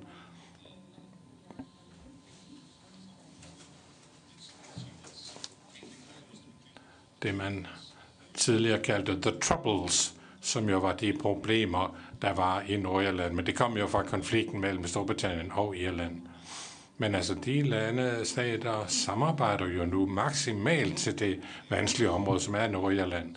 Og den irske republik giver også finansiering til fredsprojekter i Nordirland. Øh, ikke kun til dem, som er fra det irske samfund, kan man sige, men også fra det britiske. Så altså, vi vil have en holistisk tilgang, vil vi. Kan du se det ske på Vestbalkan, eller mellem Ungarn og Rumænien. Nej, der er... Jeg ser man på Serbien, så er det et etnokrati. De er ikke øh, så interesseret i etnisk kommunikation med andre, kan man sige. Vi har den der forstyrrende indvirkning i Bosnien, ikke sandt? Der er virkelig et, et problem. Der må vi have samarbejde mellem regeringerne, vi må også have EU-niveauet ind, og så skal det ligesom filtreres ned til bunden, regionalt, lokalt osv. Men der er nødt til at være en holistisk øh, tilgang til de steder og til den slags ting. Tak. Mange tak til McCall.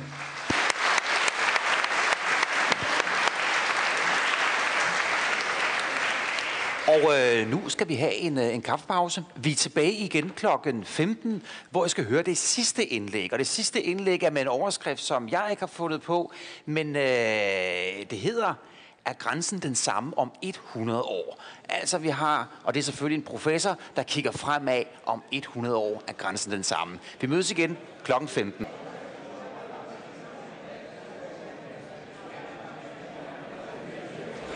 Klokken er 15, og vi er tilbage igen, og vi er tilbage med øh, det sidste indlæg. Og det sidste indlæg, det er dig, Stenbo Fransen. Velkommen til dig. Du er øh, professor ved øh, Syddansk Universitet, og øh, du er øh, en professor, der har beskæftiget mig det, med det her område i rigtig mange år. Og det er også derfor, du har fået det måske aller sværeste spørgsmål. Sådan står det i hvert fald i programmet. Altså, hvad er det for en grænse, vi har om 100 år? Men du er jo professor, så go ahead. Værsgo. No problems.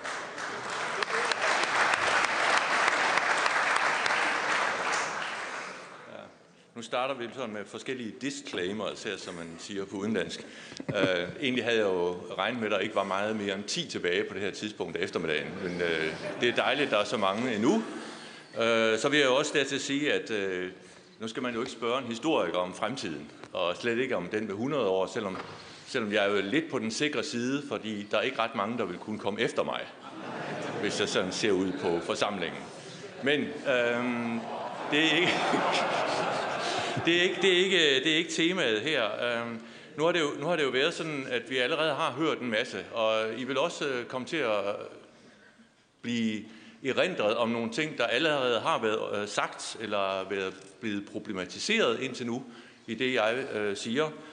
Øh, I får noget at høre om grænsen øh, om 100 år, men der er historiker, vil jeg, historiker vil jeg sige mere om, hvad vi kan lære ud af den grænse, vi har, øh, for, hvad der gerne skulle ske om 100 år. Så det er også lidt en ønskeseddel, øh, og det er lidt en, en opsamling. I dag har vi hørt om den dansk-tyske øh, grænses tilblivelse for 100 år siden. Grænsedragningen blev begyndelsen til en normalisering af forholdet, som var blevet bragt ud af balance af 1800-tallets nationale ideologier, men det varede længe før der faldt ro over grænsen. Faktisk taler vi om så langt et tidsrum, at det må undre, at løsningen ofte præsenteres som en model for andre omstridte regioner. Efter devisen, hvis I gør, øh, som vi gjorde, bliver alting godt om 100 år. Noget af det, der gjorde denne proces så langvarig, var den stærke fokusering på grænse og national antagonisme. Men det havde også omkostninger at etablere et nationalt skæld tværs over halvøen. Gamle forbindelser linjer blev revet over, og grænseregionen blev med tiden en dobbelt periferi. Den misforståelse, at nationer lod sig dele ved klare linjer og havde følger for nationalstatsgrænser, skabte mindretal, som ikke havde eksisteret før. Mindretallene var, som i andre grænseregioner, længe en kilde til usikkerhed. De bidrog i perioder selv til at provokere uro, men de indtager i dag en vigtig rolle i det grænseoverskridende samarbejde. Og netop det grænseoverskridende samarbejde øh, og arbejde med at udvikle kontakter, pleje forbindelser og erkende, at der faktisk er noget på den anden side af grænsen, som man må forholde sig til og har brug for, er også kommet til udtryk i flere af de tidligere indslag. Grænsen som mulighed, grænsen som udfordring, grænsen som spore til samarbejde er rykket mere i forgrunden. Og det fortæller os, at vi i dag øh, har at gøre med en fundamentalt anderledes grænse. Der er en vis forventning til historikerne om, at de skal være med til at fejre bestemte begivenheder i fortiden, når de følger rundt. Det er ikke uforskyldt, for historikerne har flittigt konstrueret den kanon af erindringssteder, der danner kernen i den nationale kulturs jubilæer og festligheder. Samtidig beskæftiger historikerne sig mere end mange andre med at stille spørgsmål til fortiden og tenderer måske netop derfor mod at opfatte jubilæer som en anledning til at gentænke begivenheden i dens kontekst og dermed i dens betydning for eftertiden. Det rummer også en slags jobgaranti, for enhver tid stiller øh, sine egne spørgsmål til historien, og derfor har øh, enhver tid sin egen historie. Historien er under stadig forandring.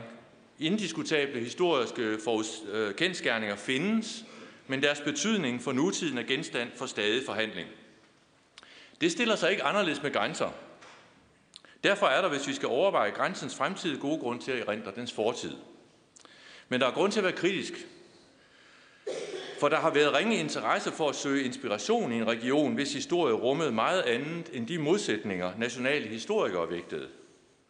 Fremtidens grænse må betragtes som en mulighedsgrænse.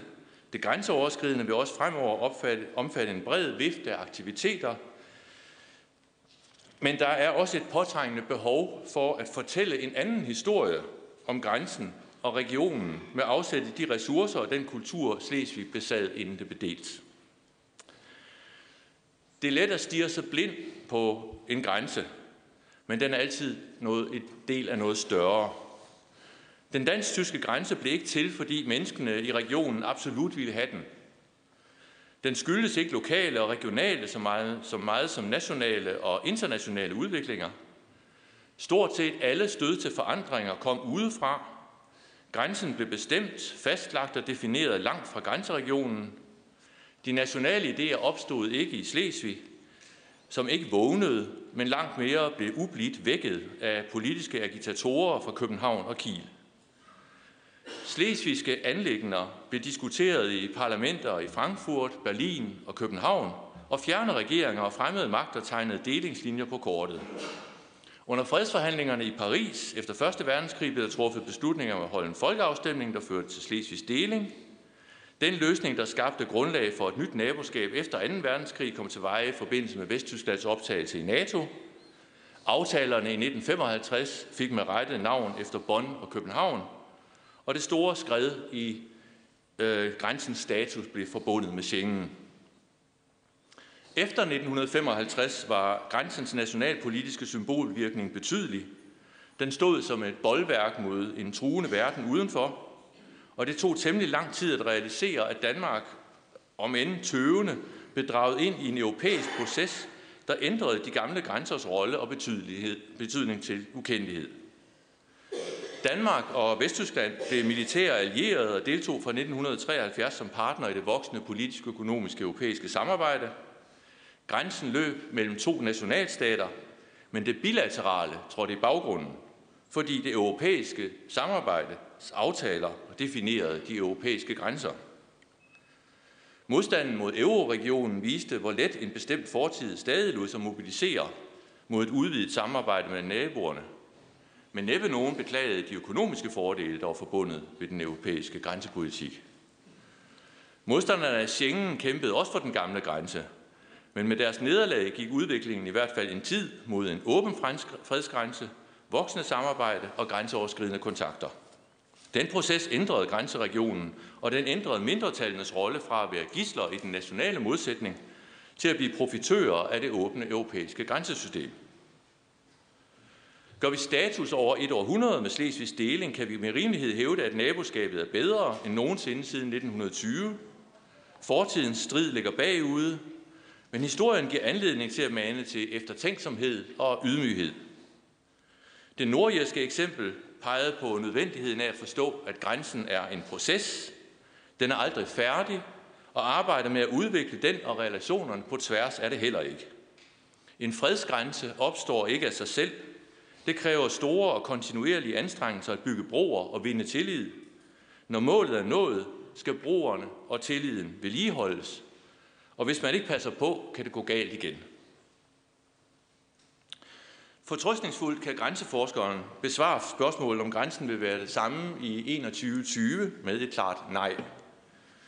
Grænsen, der for 100 år siden delte de historiske hertugdømme i to, ligger præcis på samme sted, og alligevel er det ikke den samme som i 1920, og den skiller ikke engang de samme to stater.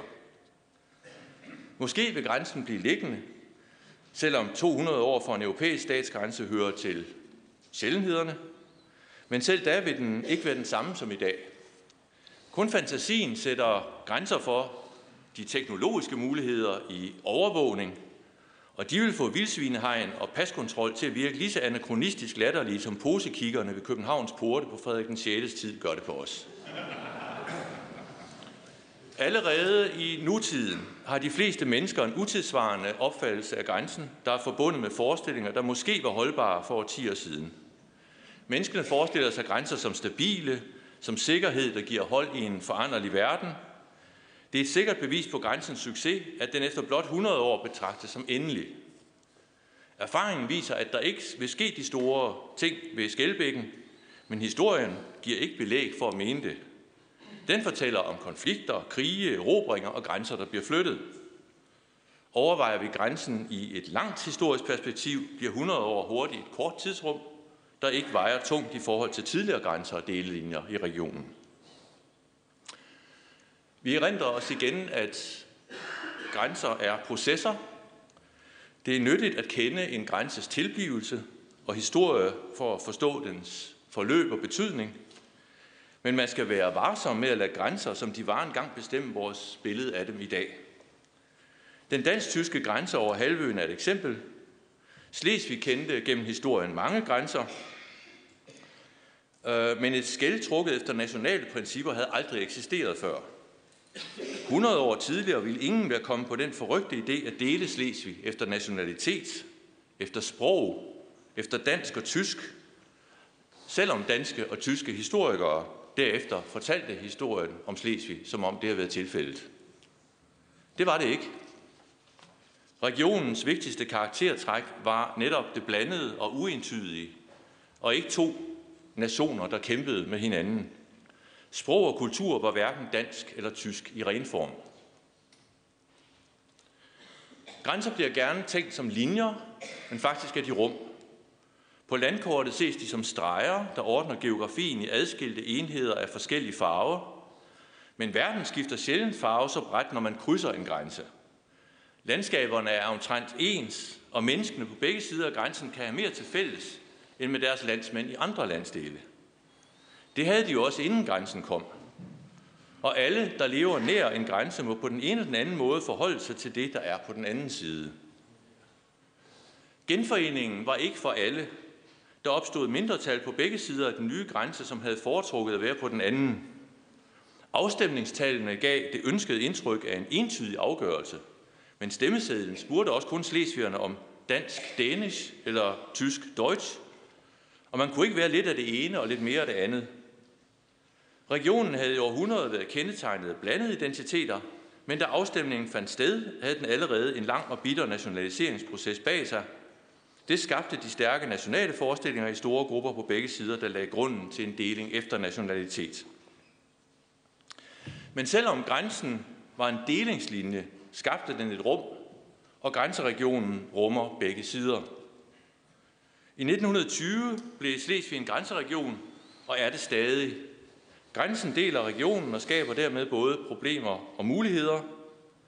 Initiativtageren til grænseregionsforskningen, historikeren Troels Fink, kaldte sit trebindsværk om begivenhederne for 100 år siden, da Slesvig blev delt. Og selvom deling, eller den i datidens officielle sprogbrugs almindelige indlemmelse, lyder mindre festligt til et jubilæum, end det ideologiske begreb genforening, træder delingsperspektivet forhåbentlig langt stærkere frem i jubilæumsåret, året, end der på forhånd er lagt op til. Fordi det mere præcist og neutralt beskriver, hvad der skete i 1920, og dermed åbner en nuanceret diskussion af konsekvenserne og den historiske dimension. Den nationale historiefortælling var alt for længe behersket af det 19. århundredes perspektiv med kamp og ufred og gensidigt had. Det mundede ud i fortællingen om grænsen som et lykkeligt opnået mål, Begrebet genforening lyder, som om alting er løst og lykkeligt overstået. Fortællingen egnede sig til at kultivere fjendebilleder og opbygge nationalstat, men den er kontraproduktiv ved fremtidsmålet af samarbejde og at overvinde barriere. Slesvigs deling rummer andre undertoner, og der er i fortællingen om grænsen ikke grund til at undertrykke dem. Grænsedragningen 1920 skaffede mange vanskeligheder af vejen, men ikke alle, og den skabte nye.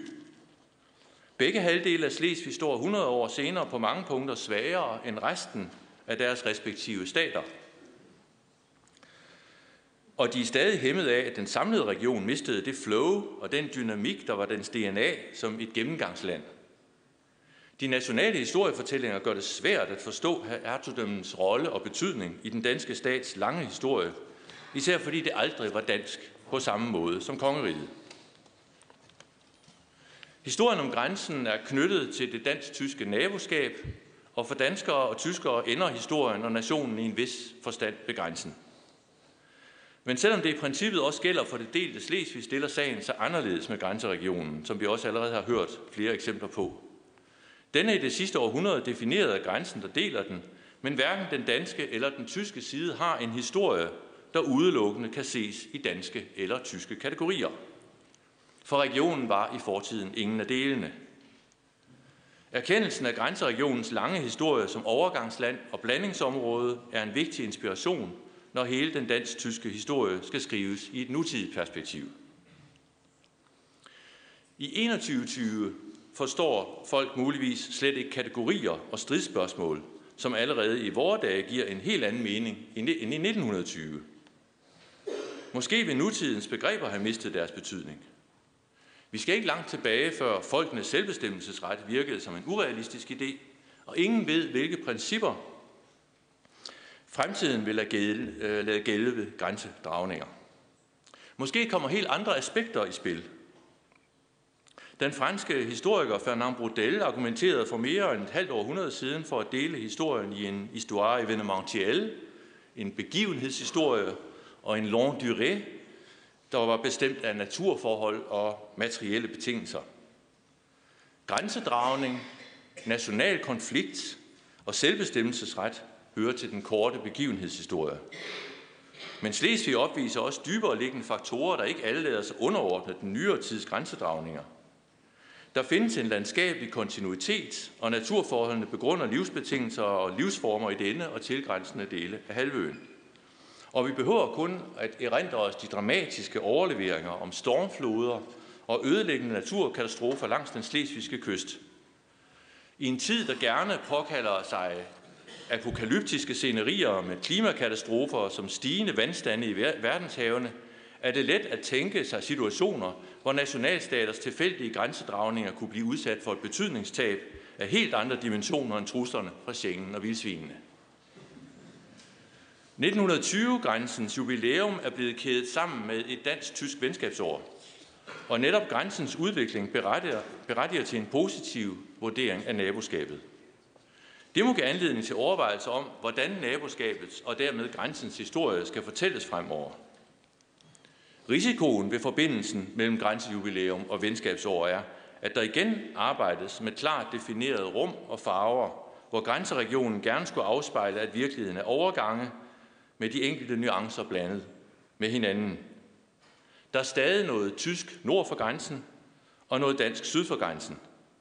Det skal bruges konstruktivt til at modvirke fortællingen om den brætte overgang og modsat kan venskabsordet måske modvirke den tendens, som med begrebet genforening endnu en gang truer med at vende ryggen til grænsen og overse, at det ikke kun er Danmarks, men også Tysklands grænse. Og at det ikke kun er danskerne, men i høj grad også tyskerne, der har et ansvar for den positive udvikling, grænsen har gennemgået. Det er derfor vigtigt at opmuntre til at genopdage de sider af Slesvig, der ikke er knyttet til nationale fortællinger om konflikt, men som vender opmærksomheden mod forbindelser mod overganger og mod det blandede. De nationale ideologier frygtede disse, liv, disse øh, aspekter som livstruende for det rene og entydige nationale, men de havde i historien haft en gensidig inspirerende og æggende karakter. Der er ikke behov for længere at skrive historien om den skarpe grænse som det store mål. Der er ikke brug for linjen, men for rum for at slippe ud af en fortid med hegn og mure. Det er vigtigt at kunne se over grænsen, uden at mene, at man ser på noget, man skulle have, eller skulle have haft, eller måske en dag får tilbage. Efter det første århundrede må målet være at komme nærmere på en grænse, naboerne er fælles om, som forbinder mere end den adskiller. Men det vil svare bedre til grænseregionens historie, til den lange dansk-tyske historie, og det vil gøre det lettere at tage afsked med den tanke, at grænsen er noget, der ikke må forandres, og i stedet acceptere dens proceskarakter, og at kun det, der forandrer sig, går med tiden og har bestand. Fredsgrænsen, som vi kender den øh, i dag, er ingen selvfølge, og den forlanger en fortsat utrættelig indsats. Hertil hører der også en ny tidsvarende fortælling, hvor uovervindelige forskelle bliver afløst af fortællinger om en fortid, der ikke kun var strid, og peger mod en fremtid med mål og muligheder. Historien viser vigtigheden af at forstå grænsen rummeligt frem for som en skarp linje. Hvis grænseregionen og de mennesker og flertal som mindretal, der lever i den, skal trives, peger alt i retning af en så rummelig forestilling og så lidt grænse som muligt. Det går hånd i hånd med at arbejde for en konstruktiv forskellighed. Tak.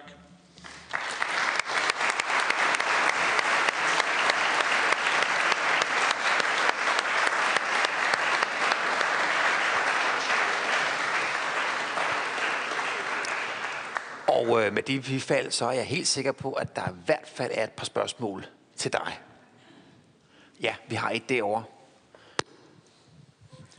Jeg hedder Henrik Hagemann og passede på Nordisk Råd i 25 år i gamle dage. Og jeg synes, vi skal have med, at øh, de nordiske pasaftaler har været meget væsentlige for grænselandsudviklingen i Europa. Og øh, de nordiske passaftaler, øh, pasaftaler, var, som kom sidst i 50'erne, de betød jo også en slags model for Schengen-aftalerne. Det var vigtigt at få med i det. Og netop de nordiske grænser har jo vist, hvor levende forståelsen af grænse er. Altså sidst i, 50, sidst i 40'erne, der tog vi jo fra København til Malmø for at købe kaffe og sukker. Og øh, det havde intet med nationalgrænser at gøre andet end, at der var nogle posegikker, der gik rundt og så, hvad vi havde. Og jeg synes, det er vigtigt at fastholde, at grænser er levende, som du peger på, og de forandrer sig. Øh, da jeg første gang kom til Haderslev for 60 år siden, der fik jeg forbud mod at drikke fuglsangøl, fordi det var jo hjemmetysk produktion. I dag drikker vi det alle sammen med stor glæde. Så lad os lige få det der levende aspekt med ind i det. Tak for det. Og skal vi ikke sige, at det var en, en, en bemærkning, ikke et spørgsmål? Spørgsmål, det ved jeg, du har. Christian Juhl fra Enhedslisten. Du er formand for Sydslesvig-udvalget. Værsgo. Tak for den pæne præstation. Øh, vi hørte før, at der også i Europa i øjeblikket, eller i øvrigt tak for din meget optimistiske analyse af, hvor det vil gå hen. Det synes jeg øh, relativt så.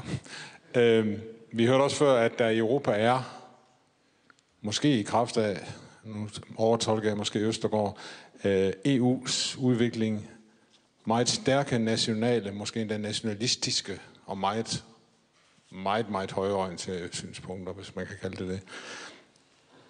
Dem ser du som en overgangsperiode, eller misforstår jeg dig?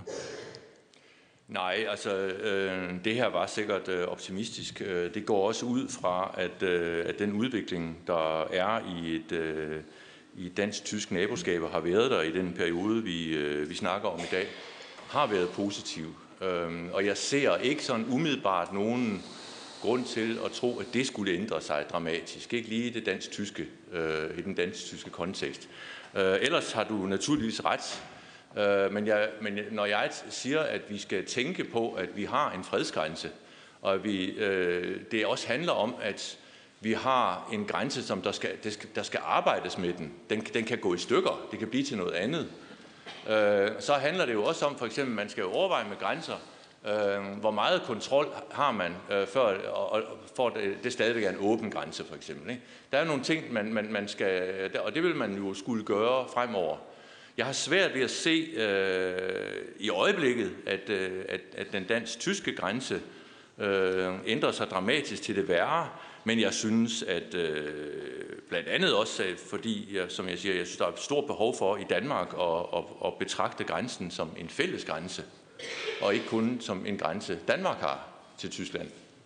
Øh, tyskerne er også på den anden side, og de har også nogle interesser for grænsen. Vi, vi hørte jo også tidligere i dag, øh, hvad jeg synes, altså, som er en meget understregelsesværdig øh, pointe, at øh, Oliver Auge øh, fortalte om øh, bestræbelserne øh, fra tysk side om en grænseordning i slutningen af 1. verdenskrig.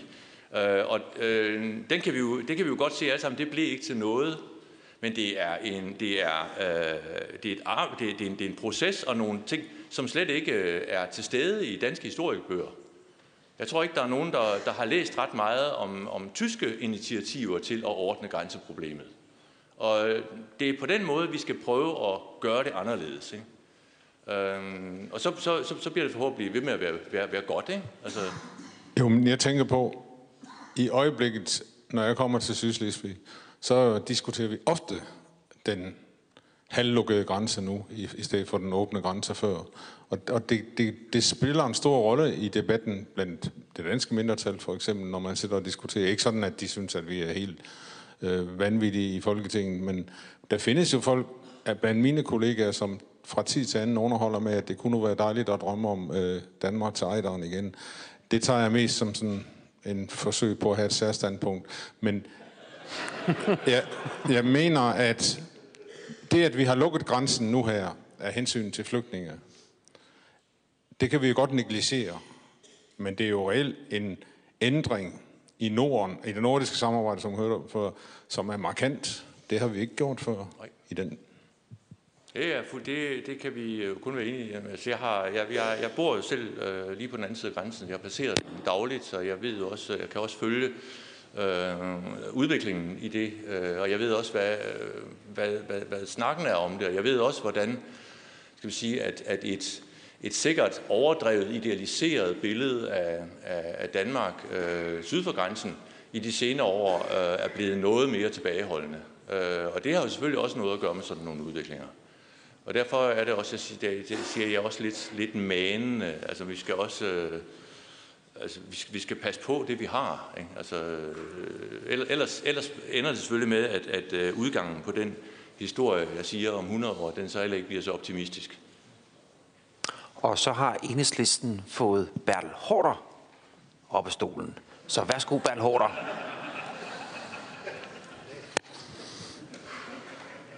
Nej, det vil jeg benægte. øhm, Flensborg var jo Danmarks næststørste by indtil 1864. Og overalt på de vestindiske øer kan man se Flensborg sten, og så kan man jo gætte sig til, hvor sukkeret blandt andet blev sejlet hen derfra. Så blev Flensborg jo virkelig ramt af grænsen og delingen af Slesvig. Og mit spørgsmål går på, øh, vil der om 100 år være en stærkere slesvigsk identitet på den måde, at Flensborg vil være en dansk-tysk hovedstad i et genoplivet øh, Nordslesvig og Sydslesvig. Og hvad mener du i øvrigt om betegnelsen Slesvig? Jeg er en stor tilhænger af betegnelsen Slesvig. Ja, det tættere på mikrofonen. Øh, kan den genopleves? tilhænger af betegnelsen Slesvig, og jeg, jeg, øh, det, du, det du skitserer, øh, vil jo være øh, meget i tråd med, hvad jeg synes er, er en positiv udvikling i en grænseregion. Øh, for der er jo ikke nogen tvivl om, at, at når vi snakker om det her med, at eller når vi, når vi reelt ser, at, øh, at, at det der er Slesvig, øh, historien har jo fået en god udgang, ikke? vi har fået en genforening og alle de her ting, men for regionen øh, var det ikke godt, alt i alt. Vel? Og det har ikke været godt for Flensborg, og det har ikke været godt for, øh, for en hel masse kontakter og en hel masse forbindelser, og, og, og det, det flow, der var. Og det ville selvfølgelig være meget, meget heldigere, hvis sådan noget kunne udvikle sig. Det, vil jeg, det er jeg umiddelbart meget mere optimistisk øh, med i retning af, fordi Flensborg ligger på den tyske side. Hvis Flensborg ligger på den danske side, så har jeg været pessimistisk. Men øh, jeg tror, at, at, at der i Flensborg er mere, øh, der kunne øh, gå i den retning. Øh, og det, det, synes jeg også er en, det, det synes jeg også er en atmosfære, der, der findes i Flensborg stadigvæk. Og du har fuldstændig ret i det der med, med, med, med Flensborgs betydning.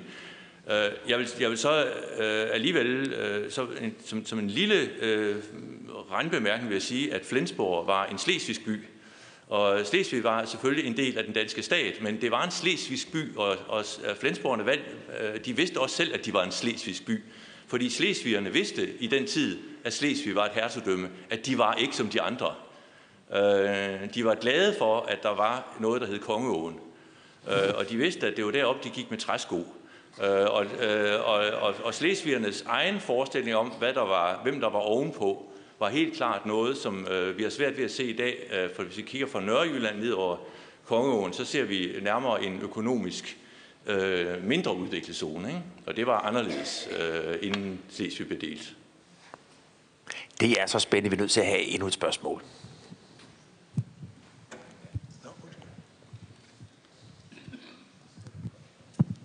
Ja, jeg hedder Carsten Fledilius, og jeg vil spørge, ser du i dette langtidsperspektiv det som en svaghed, at kendskabet til tysk er gået tilbage generelt i den danske befolkning?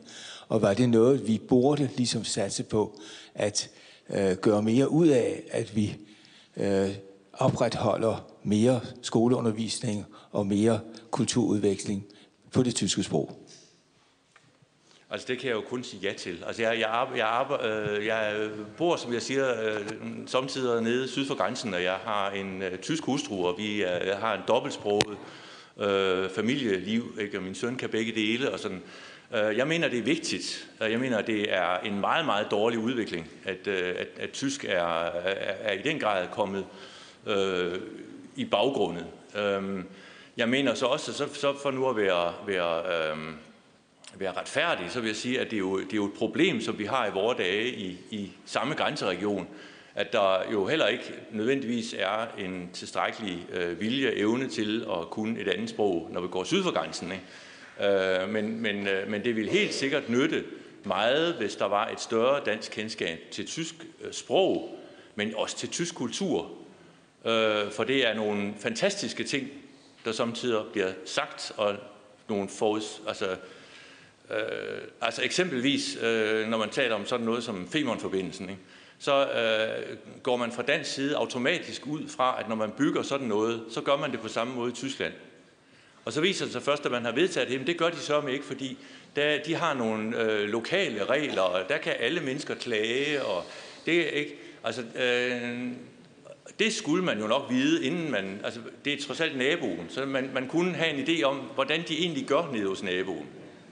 Og der er mange ting, som er, er, er, glædet ud af vores øh, perspektiv, og som vi ikke rigtig øh, sådan tager, ikke? fordi hvis ikke vi kan læse noget om det på engelsk, og hvis ikke der står noget, hvis ikke snakker om det på CNN, så er det der ikke vel. Øh, så, så, så, så det synes jeg, det synes jeg er meget, meget vigtigt. Det er en meget vigtig pointe. Tak for den. Vi er tæt på at skulle øh, runde af. Men øh, ja, der er åbenbart et, øh, endnu et fra Frode Sørensen. Ja, Sten, jeg er enig med dig i, at øh, om 100 år, der ser det anderledes ud. Vi er i hvert fald nogen i det sønderjyske, der håber, at både grænsekontrol og grisehegn er borte. Jeg er også enig med dig i, at det var virkelig godt, at 18 år og H.C. Hansen i 55 gennemførte øh, Bonn-København erklæringen. Det har haft stor betydning. Fra midt i 70'erne kan vi sige, der er alt gået godt. Og omkring Sønderjylland Flensborg er det jo i særdeleshed gået godt, efter at vi indtil for et par år siden stort set har haft hele det danske landshold i håndbold til at spille i Flensborg. Det er i hvert fald med til at gøre tingene. Men en ting vil jeg gerne bede dig om at bekræfte. Er, var det ikke rimeligt, at nordslesvigerne fik deres selvbestemmelsesret i 1920? Som historiker kendte du også Køller. Han var en bad guy for nu at blive i Belfast sproget som sådan. Du kender sikkert også de forbudte sange. Adskillige folk blev spærret inde for at synge ganske almindelige sange som sådan. Er det ikke forståeligt, at der i 1918 og også før var et forventet håb om, at nu skulle de 75 procent have lov til at stemme sig tilbage til Danmark? Selvfølgelig var det, og det, øh, det er da også fuldstændig ubestrideligt. Altså, øh, men men vi, bliver, vi bliver bare så nødt til, også sådan for, for en ordens skyld, så at, og alligevel at snakke om, at øh, historien jo også er, historien er også et spørgsmål om, hvordan den bliver tilrettelagt, og hvordan den bliver fortalt. Og øh, inden, altså, øh, det, det er jo også... Altså, øh, der er jo også nogle, man er jo samtidig heldig, og man er i nogle situationer, hvor, man, øh, hvor der er medvind, der gør, at man, øh, man får lettere ved at, at, at komme igennem med det, man vil. Den danske side var øh, helt klart undertrykt øh, i, den, i den preussiske periode. Det er der jo heller ikke nogen, der, der, der bestrider. Der er heller ikke nogen, der bestrider, at, at, at det, var, det var helt fint, at der, var en, øh, at, at, der, at der var den løsning, for på det tidspunkt var der lagt op til den løsning. Øh, som historiker vil jeg bare også godt pege på, at den, den løsning er også noget, der blev konstrueret. Øh, også nationaliseringen af øh, både på dansk og på tysk side er jo også noget, der skete. Det var jo også noget, der gik forud. Og øh, danskerne blev blandt andet øh, undertrykt i Nordslesvig øh, som følge af de her nationaliseringer. Danskerne var også så heldige, at alle havde glemt, hvad de selv gjorde i, øh, i Slesvig i 1850'erne. Øh, fordi, øh, fordi det var så lang tid tilbage, det kunne man ikke huske. Øh, og tyskerne var sikkert værre, men når vi begynder at snakke historie om, hvem der var værre, hvem der var bedre, hvem der var mere ret og mindre ret, så bliver det vanskeligt. Øh, så jeg synes ikke, altså jeg, jeg, det, der er ingen nogen tvivl om overhovedet, at, at, at, at det, var en, en, det var også en fornuftig løsning. Det kan vi heller ikke øh, på, på de betingelser. Men vi er nødt til at diskutere de betingelser. Og vi er også nødt til at diskutere konsekvenserne af det, der skete. Og de var, de var ikke kun gode. De havde også nogle, øh, de havde også nogle, nogle, nogle, nogle bagdele med sig. Det ved jeg ikke. Jeg tror, vi er fremme i, uh, mod en, en afrunding. Vi har allerede skrevet tiden med, med, med syv minutter. Så tusind tak til dig, Sten Bo Fransen.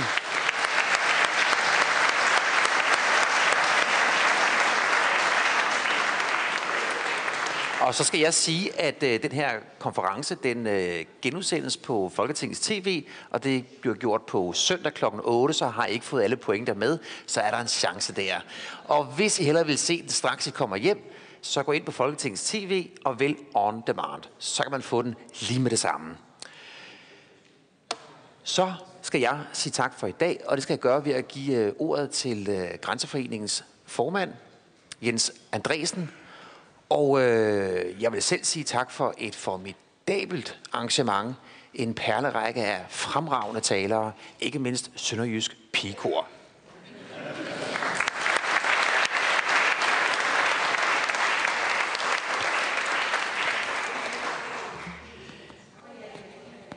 En øh, landegrænse som den dansk-tyske er menneskeskabt.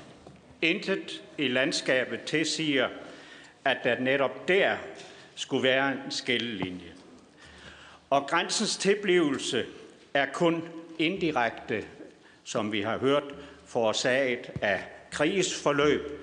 Allerede herved, der adskiller den dansk-tyske grænse øh, sig fra de fleste landegrænser, i hvert fald i Europa. Det, at landegrænsen mellem Danmark og Tyskland beror på resultatet af en folkeafstemning, øh, det er altså noget særligt. Øh, om ikke det er helt enestående, så er det alligevel øh, noget særligt. Og det er sikkert baggrunden for, at denne landegrænses holdbarhed har vist sig at være ganske stor, og derfor en væsentlig forklaring på, at vi nu også kan fejre netop 100 års jubilæet. Formålet med denne konference har det været, udover at markere starten på genforeningsjubilæet og belyse, at det, der skete ved Sønderjylland, eller med Sønderjyllands genforening med Danmark i 1920, ikke kun har historisk betydning, men klart har gode virkninger på den nutidige udvikling i såvel grænselandet som forholdet mellem Danmark og Tyskland. Med folkeafstemningen som grundlag og kraftigt, som nævnt, hjulpet af københavn bonnerklæringerne fra 1955, der er holdningerne i, græns, i grænselandet ændret. Så valget af national ståsted er omgivet af respekt og medfører ikke længere afstandtagen mellem landsdelens beboere. Mødet mellem kulturerne i grænselandet bliver i dag omfattet som en rigdom og en styrke for regionen, som man på begge sider af landegrænsen er indstillet på at drage fordel af. Forløbet af udviklingen i det dansk-tyske grænseland og de erfaringer, der er høstet på vejen til den fredelige sameksistens, der nu præger livet i grænselandet, er interessant for andre europæiske nationale mindretal, ligesom disse erfaringer også kan give etniske mindretalsmedlemmer her i landet en forståelse af, at man som lojal samfundsborger godt kan opretholde sin egen identitet og samtidig være i god overensstemmelse med den omgivende flertalsbefolkning. Erfaringerne fra grænselandet gennem de forgangne 100 år viser, at det er altid krævende at være en del af et mindretal, i hvert fald mentalt, men også økonomisk. Opbakningen og støtte til mindretallene fra hver sit moderland er en forudsætning for, at de nationale mindretal med hver deres kulturtilbud på hver sin side af grænsen består. Hvorfor der også fortsat er behov for, at der findes foreninger og, og organisationer, der varetager opgaver som dem, vi er sat til at bestride i Grænsefri. Markeringen af 100-års jubilæet for genforeningen af Sønderjylland med Danmark er nu gået i gang, og vi vil i Danmark finde sted ved talrige arrangementer øh, det næste halvårs tid. Tak til alle jer, der her i dag har vil være med til at sætte fokus på jubilæet med jeres deltagelse her i denne konference. Tak til Folketingets formand og præsidium for værtskabet og samarbejdet om denne konferences tilblivelse. Tak til alle jer øh, indlægsholdere for jeres interessante bidrag, som hver især har været med til at sætte genforening i relief, både historisk set, men også med blik på nutiden og fremtiden. Særligt tak til professor Bo, øh, Sten Bo Fransen, som må siges og har været arkitekten for konferencen. Og som det er nævnt, jeg vil godt gentage det, stor tak til det sønderjyske pigekor for deres smukke sang. Og endelig stor tak til Bjarne Stensbæk for at lede os igennem dagens program. Tak for i dag.